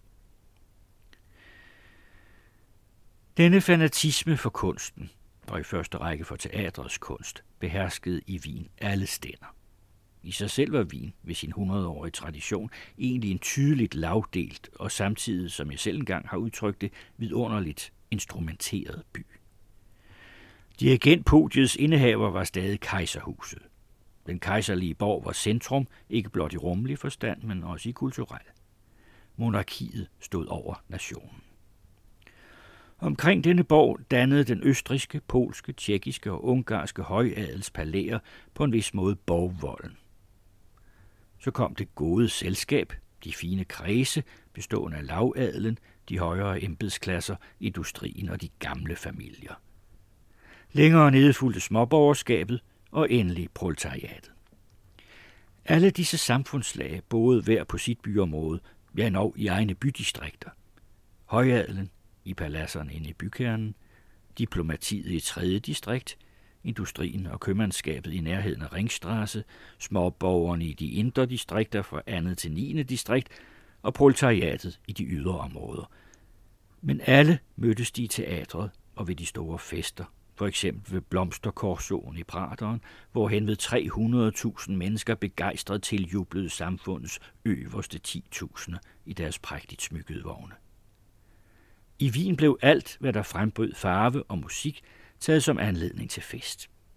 Religiøse optog som Kronleichnamsfesten og militærparaderne og burgmusikken, selv begravelser fik begejstret tilstrømning, og en hver ægte viner satte en ære i en gang i livet at blive et smukt lig med pragtfuldt udstyr og stort følge.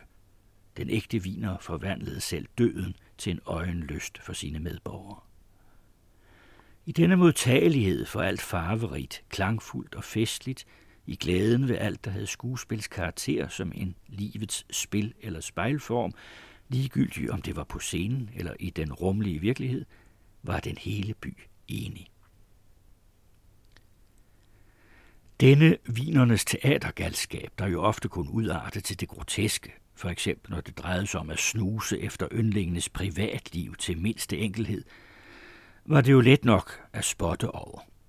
Og for en del må man vel faktisk tilskrive denne overdrivelse af den æstetiske nydelse, hvor kendte østriske indolence i politisk henseende, og hvor underlegenhed i det samfundsøkonomiske over for det resolute tyske naborige.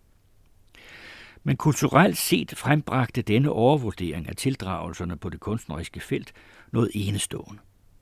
Først en ganske usædvanlig erbødighed for enhver kunstnerisk ydelse, derpå gennem århundreder lang træning, en indsigt og smagssikkerhed uden lige, og derfor igen til sidst et enestående højt niveau på alle kulturelle felter. En kunstner føler sig altid bedst tilpas og mest inspireret der, hvor han skattes og måske nok overvurderes.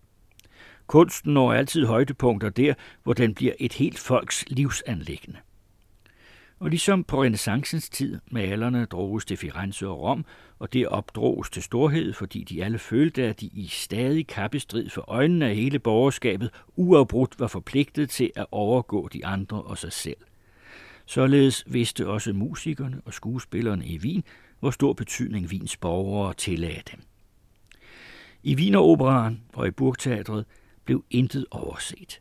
Forekom en falsk tone, blev den øjeblikkeligt bemærket og enhver forkert indsats og enhver forkortelse blev dadlet, og denne kontrol udøvedes ikke bare ved premiererne og af de professionelle anmeldere, men dag for dag af det samlede publikum, hvis ører var skærpet og forfinet gennem vågen og vedvarende kritisk sammenligning. Mens alt det, der vedrørte det politiske, det administrative og det moralske, gik så temmelig gemytligt til, og man på godmodig vis var ret ligegyldig over for alle former for sløseri og eftergivenhed og tolerant over for mindre anstød, gaves der ingen pardon, når talen var om det æstetiske. Her drejede det sig om stadens ære. Det forlangtes af enhver sanger eller skuespiller, at han gjorde sit yderste, ellers var han fortabt. Det var dejligt at være en vinernes yndling, men det var ikke så let at blive ved med at være det. Faldt man af på det, blev det ikke tilgivet.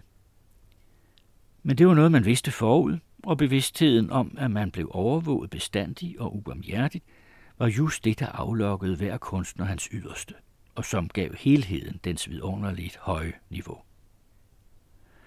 Hver eneste af os tog en streng og ubenhørlig målestok for kunstnerisk fremstilling med sig ud i livet som en ungdommens arv og skat. Den, der engang har fornemmet jernhård disciplin indtil mindste detalje i operan under Gustav Mahlers ledelse, og patetisk kraft med akribi, som noget, der er ganske selvfølgelig forbundet, han bliver senere kun sjældent helt tilfredsstillet af en musikalsk eller scenisk fremstilling. Men derigennem har vi også lært at være strenge over for os selv ved frembringelsen af et hvert kunstnerisk produkt. Vi holdt og holder os endnu et kunstnerisk niveau og ideal for øje som et mønster, hvis lige opdragelsen kun skænker de færreste steder i verden. Men denne viden besked med den rigtige rytme og det rigtige svung gik dybt ned i folket. Selv den jævne borger, der sad og nød sin højrigger vin, for langt af kapellets musik skulle være lige så god som verdens vin, og i Prateren vidste det brede folk præcis, hvilket militærkapel, der havde mest appel over sig, om det var Deutschmeisterne eller Ungarerne, og når man boede i Wien, fik man nogle gange følelsen for rytme i sig, ligesom gennem luften. Og på samme måde som musikaliteten, for vi forfatteres vedkommende gav sig udtryk i en særlig omhyggelig udformet prosastil, trængte hos borgerne taktfølelsen ind i selskabslivet og det daglige liv. En viner uden kunstsans og formglæde var utænkelig i det såkaldt gode selskab. Men selv i de lavere klasser tog den ringeste et vist instinkt for skønhed med sig ind i sit liv, bare fra landskabet alene og den menneskeligt mundre luft omkring ham. Uden denne på en gang nydende og kritiske sans for denne livets helligste luksus, var man ingen rigtig viner. Nu er for jøderne tilpasning til det folk eller lands miljø, i hvilket de lever, ikke blot en sikkerhedsforanstaltning, men et dybt indre behov. Deres længsel efter en hjemstavn, efter ro, hvile, tryghed og ufremmedhed, driver dem til lidenskabelig forbindelse med deres omgivelsers kultur. Og bortset fra Spanien i det 15. århundrede, var der næppe noget land, hvor en sådan tilknytning fandt sted på mere lykkelig og frugtbar vis end i Østrig. De havde været bosat i kejserstaden i over 200 år, og de mødte her et sovløst og stort set fordrageligt folk, der nedenunder den tilsyneladende overfladiske form besad det samme instinkt for de åndelige og æstetiske værdier, der var dem selv så vigtige. Og de mødte i Wien mere endnu. De fandt en personlig opgave, der ventede dem. I løbet af det sidste århundrede havde omsorgen for kunsten i Østrig mistet de gamle traditionelle vogtere med scener. Kejserhuset og aristokratiet. I det 18. århundrede havde Maria Theresia lavet sine døtre undervise af Gluck i musik. Josef den anden havde som kender diskuteret Mozarts opera med mesteren selv, og Leopold den 3. havde selv komponeret – men de senere kejsere, Frans den anden og Ferdinand, havde ingen som helst interesse for det kunstneriske. Og vor egen kejser, Frans Josef, der i sine 80 leveår aldrig havde læst eller så meget som taget en bog i hånden, med undtagelse af herranglisten, afslørede sågar udtalt antipati imod musikken. Også højadelen havde opgivet sin fordoms protektorstilling. De glorværdige tider var forbi, da Esterhersierne så en hejden som gæst i deres hjem, og da familierne Lobkowitz og Kinski og Waldstein kappedes om at foranstalte første opførelse af Beethoven i deres palæer, og da en grevinde Thun kastede sig på knæ for det store geni med bøn om, at han dog ikke ville trække sin Fidelio tilbage fra operan. Allerede Wagner, Brahms, Johann Strauss og Hugo Wolf fandt ikke den ringeste støtte hos højadelens folk. Borgerskabet at gå i bræschen for at holde de filharmoniske koncerter op på den gamle højde og for at muliggøre en eksistens for malerne og billedhuggerne. Og det var netop det jødiske borgerskabs stolthed og ægærighed. At det her kunne virke med i første række til at opretholde vinerkulturens gamle, strålende ry. Jøderne havde altid elsket denne by, og havde af deres inderste sjæl fundet sig til rette i den – men først gennem deres kærlighed til vinerkunsten følte de, at de var blevet helt ud hjemstavnsberettigede og sande vinere. Ellers udøvede de i grunden kun ringe indflydelse i det offentlige liv. Det kejserlige hus Glans stillede enhver privat rigdom i skygge. I statsledelsen var de høje stillinger på arvede hænder. Diplomatiet var forbeholdt aristokratiet, hæren og de højeste embedsstillinger, de gamle familier, og jøderne prøvede heller slet ikke på ergærigt at trænge ind i disse privilegerede kredse. Med taktfølelse respekterede de disse traditionelle forrettigheder som noget selvfølgeligt. Jeg kan for eksempel huske, at min far hele sit liv igennem undgik at spise på sakker, og det var ikke af sparsomlighed. Til økonomisk set var forskellen mellem Sacher og de andre store hoteller latterlig ring, men ud fra omtalte naturlige fornemmelse af distance. Det ville have været ham pinligt og have forekommet ham utilbørligt, om han var kommet til at sidde bord om bord med prins Schwarzenberg eller en Lobkowitz. Alene over for kunsten følte alle vinere, at de havde samme rettigheder, fordi kærlighed til kunst i Wien galt for at være borgerpligt, og umålelig er den andel, det jødiske borgerskab har haft i vinerkulturen ved at understøtte og fremme den. Jøderne var det egentlige publikum. De fyldte teatrene og koncertlokalerne. Det var dem, der købte bøgerne og billederne og besøgte udstillingerne, og med deres mere bevægelige og af tradition mindre tyngede forstand blev de først og fremmest alt nyt fødselshjælpere og forkæmpere. Næsten alle store kunstsamlinger i det 19. århundrede havde de givet skikkelse. Næsten alle kunstneriske eksperimenter muliggjordes kun gennem dem. Takket være den indolence, der udviste sig hoffet, aristokratiet og de kristne millionærer, som hellere dyrkede hestestalle og jagter end kunsten, ville Wien uden det jødiske bourgeoisi stadig stimulerende interesse kunstnerisk set have stået tilbage for Berlin i samme grad som Østrig politisk set var bagud for det tyske rige. Den, der i Wien ville sætte noget nyt igennem, og den, der som gæst udefra søgte forståelse og et publikum i Wien, var henvist til det jødiske borgerskab. Da det en eneste uigenkaldelig gang i den antisemitiske tid blev forsøgt at grundlægge et såkaldt nationalt teater, indfandt der sig hverken forfattere eller skuespillere eller et publikum. Efter få måneders forløb brød det nationale teater ynkeligt sammen, og just dette eksempel viste for første gang klart og tydeligt, at ni tiende del af det, verden hyldede som det 19. århundredes vinerkultur, var en kultur, som fremmedes og næredes af vins jøder, om det der ikke lige frem var dem, der havde skabt den. Til netop i de senere år var dens jøder blevet kunstnerisk produktive, i lighed med Spanien i sin tid før dets lige så tragiske undergang. Det er dog ingenlunde på nogen specifik jødisk måde, men derved, at de ved en slags mirakuløs indlevelse gav det østriske, det vinske, det mest intensive udtryk.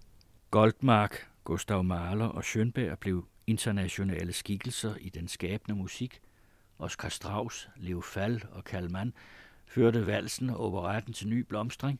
Hofmannsthal, Arthur Schnitzler, Beer Hofmann og Peter Altenberg gav vinerlitteraturen en europæisk rang, som den ikke engang havde haft under Grillparzer og Stifter. Sonnenthal og Max Reinhardt fornyede teaterbyens ry over hele jorden – og Freud og videnskabens store kapaciteter drog blikkene mod det fra gammel tid så berømte universitet.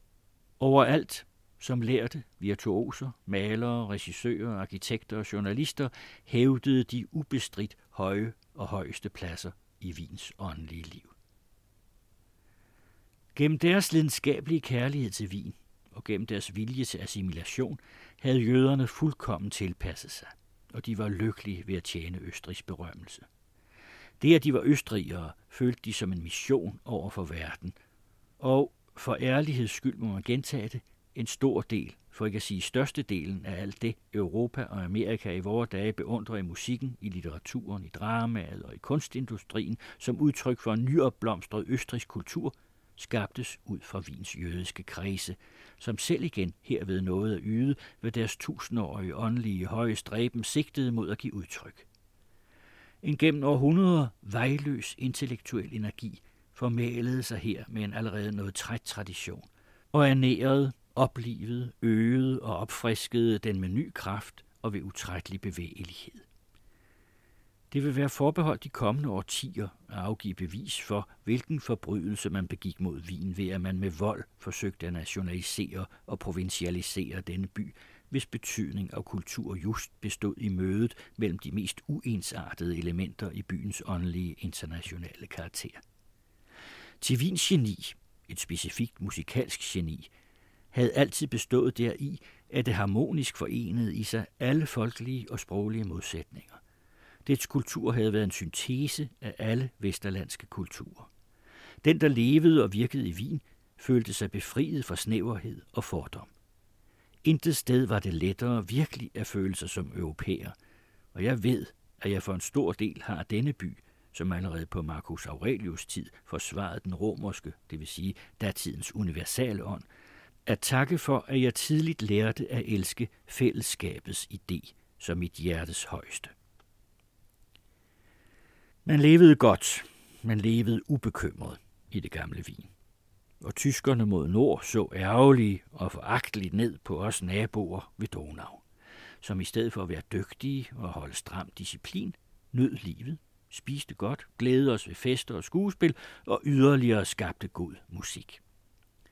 I stedet for den tyske dygtighed, der endte med at forbedre og ødelægge tilværelsen for alle andre folk, i stedet for denne forpustede fremstormen og grådige vilden være forud for alle andre, elskede man i Wien en gemytlig samtale og et hyggeligt samvær, og med en vis godmodig og måske lidt lad fordragelighed, lod man uden nid en hver være god for sig.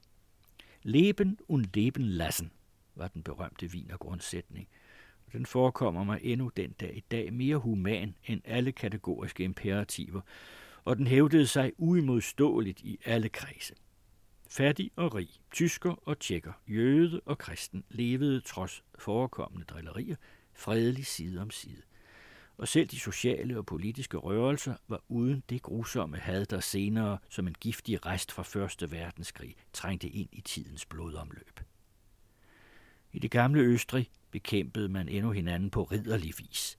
Vel skilte man hinanden ud i aviserne og i rigsdagen, men når de ciceronianske tirader var afleveret, sad de samme rigsdagsmænd og drak øl eller kaffe sammen og duttede hinanden.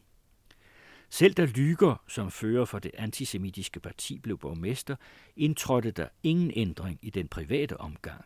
Og ved min egen person angår, må jeg bekende, at jeg aldrig kvæg jøde har mærket noget til noget tryk eller nogen ringeagt, hverken i skolen eller på universitetet eller i litteraturen. Det nu grasserende had fra land til land, fra folk til folk, fra bord til bord, sprang dengang endnu ikke løs på en fra avisens side. Det skilte ikke mennesker fra mennesker og nationer fra nationer. Nutidens hjort og massepsykose var ikke så modbydeligt dominerende i det offentlige liv dengang. Frihed til at gøre og lade, som man ville i det private liv, galt for en nu næb forståelig selvfølgelighed – man så ikke som nu ned på tolerance som svaghed eller blødagtighed. Dengang priste man fordragelighed som etisk styrke. For det var ikke noget lidenskabernes århundrede, jeg blev født og opdraget i. Det var en ordnet verden med klare lavdelinger og jævne overgange. Det var en verden uden ja. Det nye hasttempos rytme var endnu ikke gået over i menneskene fra biler, telefoner, flyvemaskiner og radio. Tid og alder havde en anden målestok dengang. Man levede mere sat og maligt, og når jeg nu forsøger at læmeliggøre i erindringen de voksne mennesker, der spillede en rolle for mig i min barndom, slår det mig, at mange af dem var tidligt korpulente. Min far, min onkel, mine lærere, købmændene i deres butikker og filharmonikerne på deres podier, alle var de allerede i 50-årsalderen værdige herrer med embonpoint. De havde en langsom gangart, de talte distinkt, og under talen strøg de sig hen over de velplejede, tit allerede lidt grundende skæg. De grå hår var kun et ekstra tegn på værdighed, og en sat herre undgik bevidst ungdommens kodede gestus som noget upassende. Jeg mindes ikke, at min far selv i min tidligste barndom, da han ikke var fyldt 40, nogensinde er løbet hurtigt op eller ned ad en trappe, eller overhovedet har foretaget sig noget i synlig form ildfærdigt. Hast galt ikke blot som noget ufint, det var noget faktisk overflødigt. Til denne borgerlige stabiliserede verden med dens utallige små garantier og rygdækninger, skete der aldrig noget pludseligt. Hvad der muligvis tildrog sig af katastrofer ude i verdensperiferien, trængte ikke gennem det betrykkede livs velpolstrede vægge. Boerkrigen, den japansk-russiske krig, ja selv Balkankrigen, trængte ikke så meget som en tomme ind i mine forældres tilværelse. Når de læste avisen, gik de lige så ligegyldigt hen over krigsberetningerne som over sportsrubrikken. Og sandt at sige, hvad kom det dem ved, hvad der skete uden for Østrig? Hvad ændrede det i deres liv? I deres Østrig var der i hin vindstille periode ingen statsomvæltninger og ingen brætte værdiødelæggelser. Skete det engang, at papirerne gik 4-5 procent ned på børsen, talte man straks om et krak og udlod sig med rynket pande alvorligt om katastrofen mere af gammel vane end ud fra virkelig overbevisning, klagede man over de høje skatter, som faktisk i forhold til efterkrigstidens kun betød en slags beskedende drikkepenge til staten. I sit testamente stipulerede man endnu på det mest nøjagtige, hvordan man kunne beskytte børnebørn og børnebørns børn mod et hvert formuetab, som om man havde skaffet sig garanti fra de evige magter gennem et usynligt gældsbevis, og alt imens levede man vel tilpas og kælede for sine små bekymringer, som var de gode og lydige husdyr, man ikke var bange for. Derfor må jeg uvilkårligt smile, når tilfældet giver mig en gammel avis fra hende tider i hende, og jeg så læser de ophissede beretninger om et lille kommunevalg, eller når jeg mindes bogteaterstykkerne med deres bittesmå problemer, eller jeg kommer til at huske på vores ungdomlige diskussioner og den lidenskab, vi i dem kunne udfolde over for i grunden ganske ubetydelige ting. Hvor lilliputansk var ikke alle de bekymringer, hvor vindstille var ikke hin tid. Ja, de valgte den bedre del, mine forældre og bedsteforældre og deres generationer. De levede deres liv stille, rangt og klart fra begyndelsen til enden. Og dog, jeg ved alligevel ikke, om jeg misunder dem. For hvor har de ikke netop derved blundet sig bort fra alle skæbnens bitre elementer, onde luner og mægtige kræfter? Hvor har de ikke levet forbi alle de problemer og kriser, som vel kan trykke hjertet ned, men samtidig styrker det og får det til at svulme? Hvor lidet har de ikke deres trygge, besiddende og malige indkapslethed forstået, at livet også kan være overskud og spænding, en evig overraskelse og væren ude af sig selv. Hvor lidet har de i deres rørende liberalisme og optimisme anet, at hver ny dag, der gryer derude, kan slå vort liv i kvæg. Selv i deres mørkeste nætter kunne de ikke drømme om, hvor farligt mennesket kan blive. Men lige så lidt, hvor meget styrke mennesket besidder til at udstå fare og besejre prøvelser. Vi som er blevet jaget gennem alle livets strømvirvler, vi der har været ofre og samtidig villige tjenere for ukendte mystiske magter, vi for hvem hygge er blevet et savn og tryghed en barnlig drøm, vi har følt spændingen fra pol til pol og gyset ved det evige og altid nye ind i hver eneste fiber i vor krop. Hver eneste af vores års timer var tæt knyttet sammen med hele verdens skæbne. Mens vores forgængere hegnede sig ind i sig selv, måtte vi, i lyst og lidelse, langt ud over vores egen snævre eksistens, leve vor tid og dens historie med. Derfor ved hver enkelt af os, selv den ringeste af generationen, tusind gange mere om alle virkeligheder, end de viseste blandt vores aner. Men vi fik intet foræret. Vi måtte betale den fulde og hele pris derfor. Carsten Faro læste fra Stefan Zweigs Verden er i går, der er oversat af Helge Kærgaard. Næste uges afsnit kommer til at handle om Zweigs skolegang i Wien.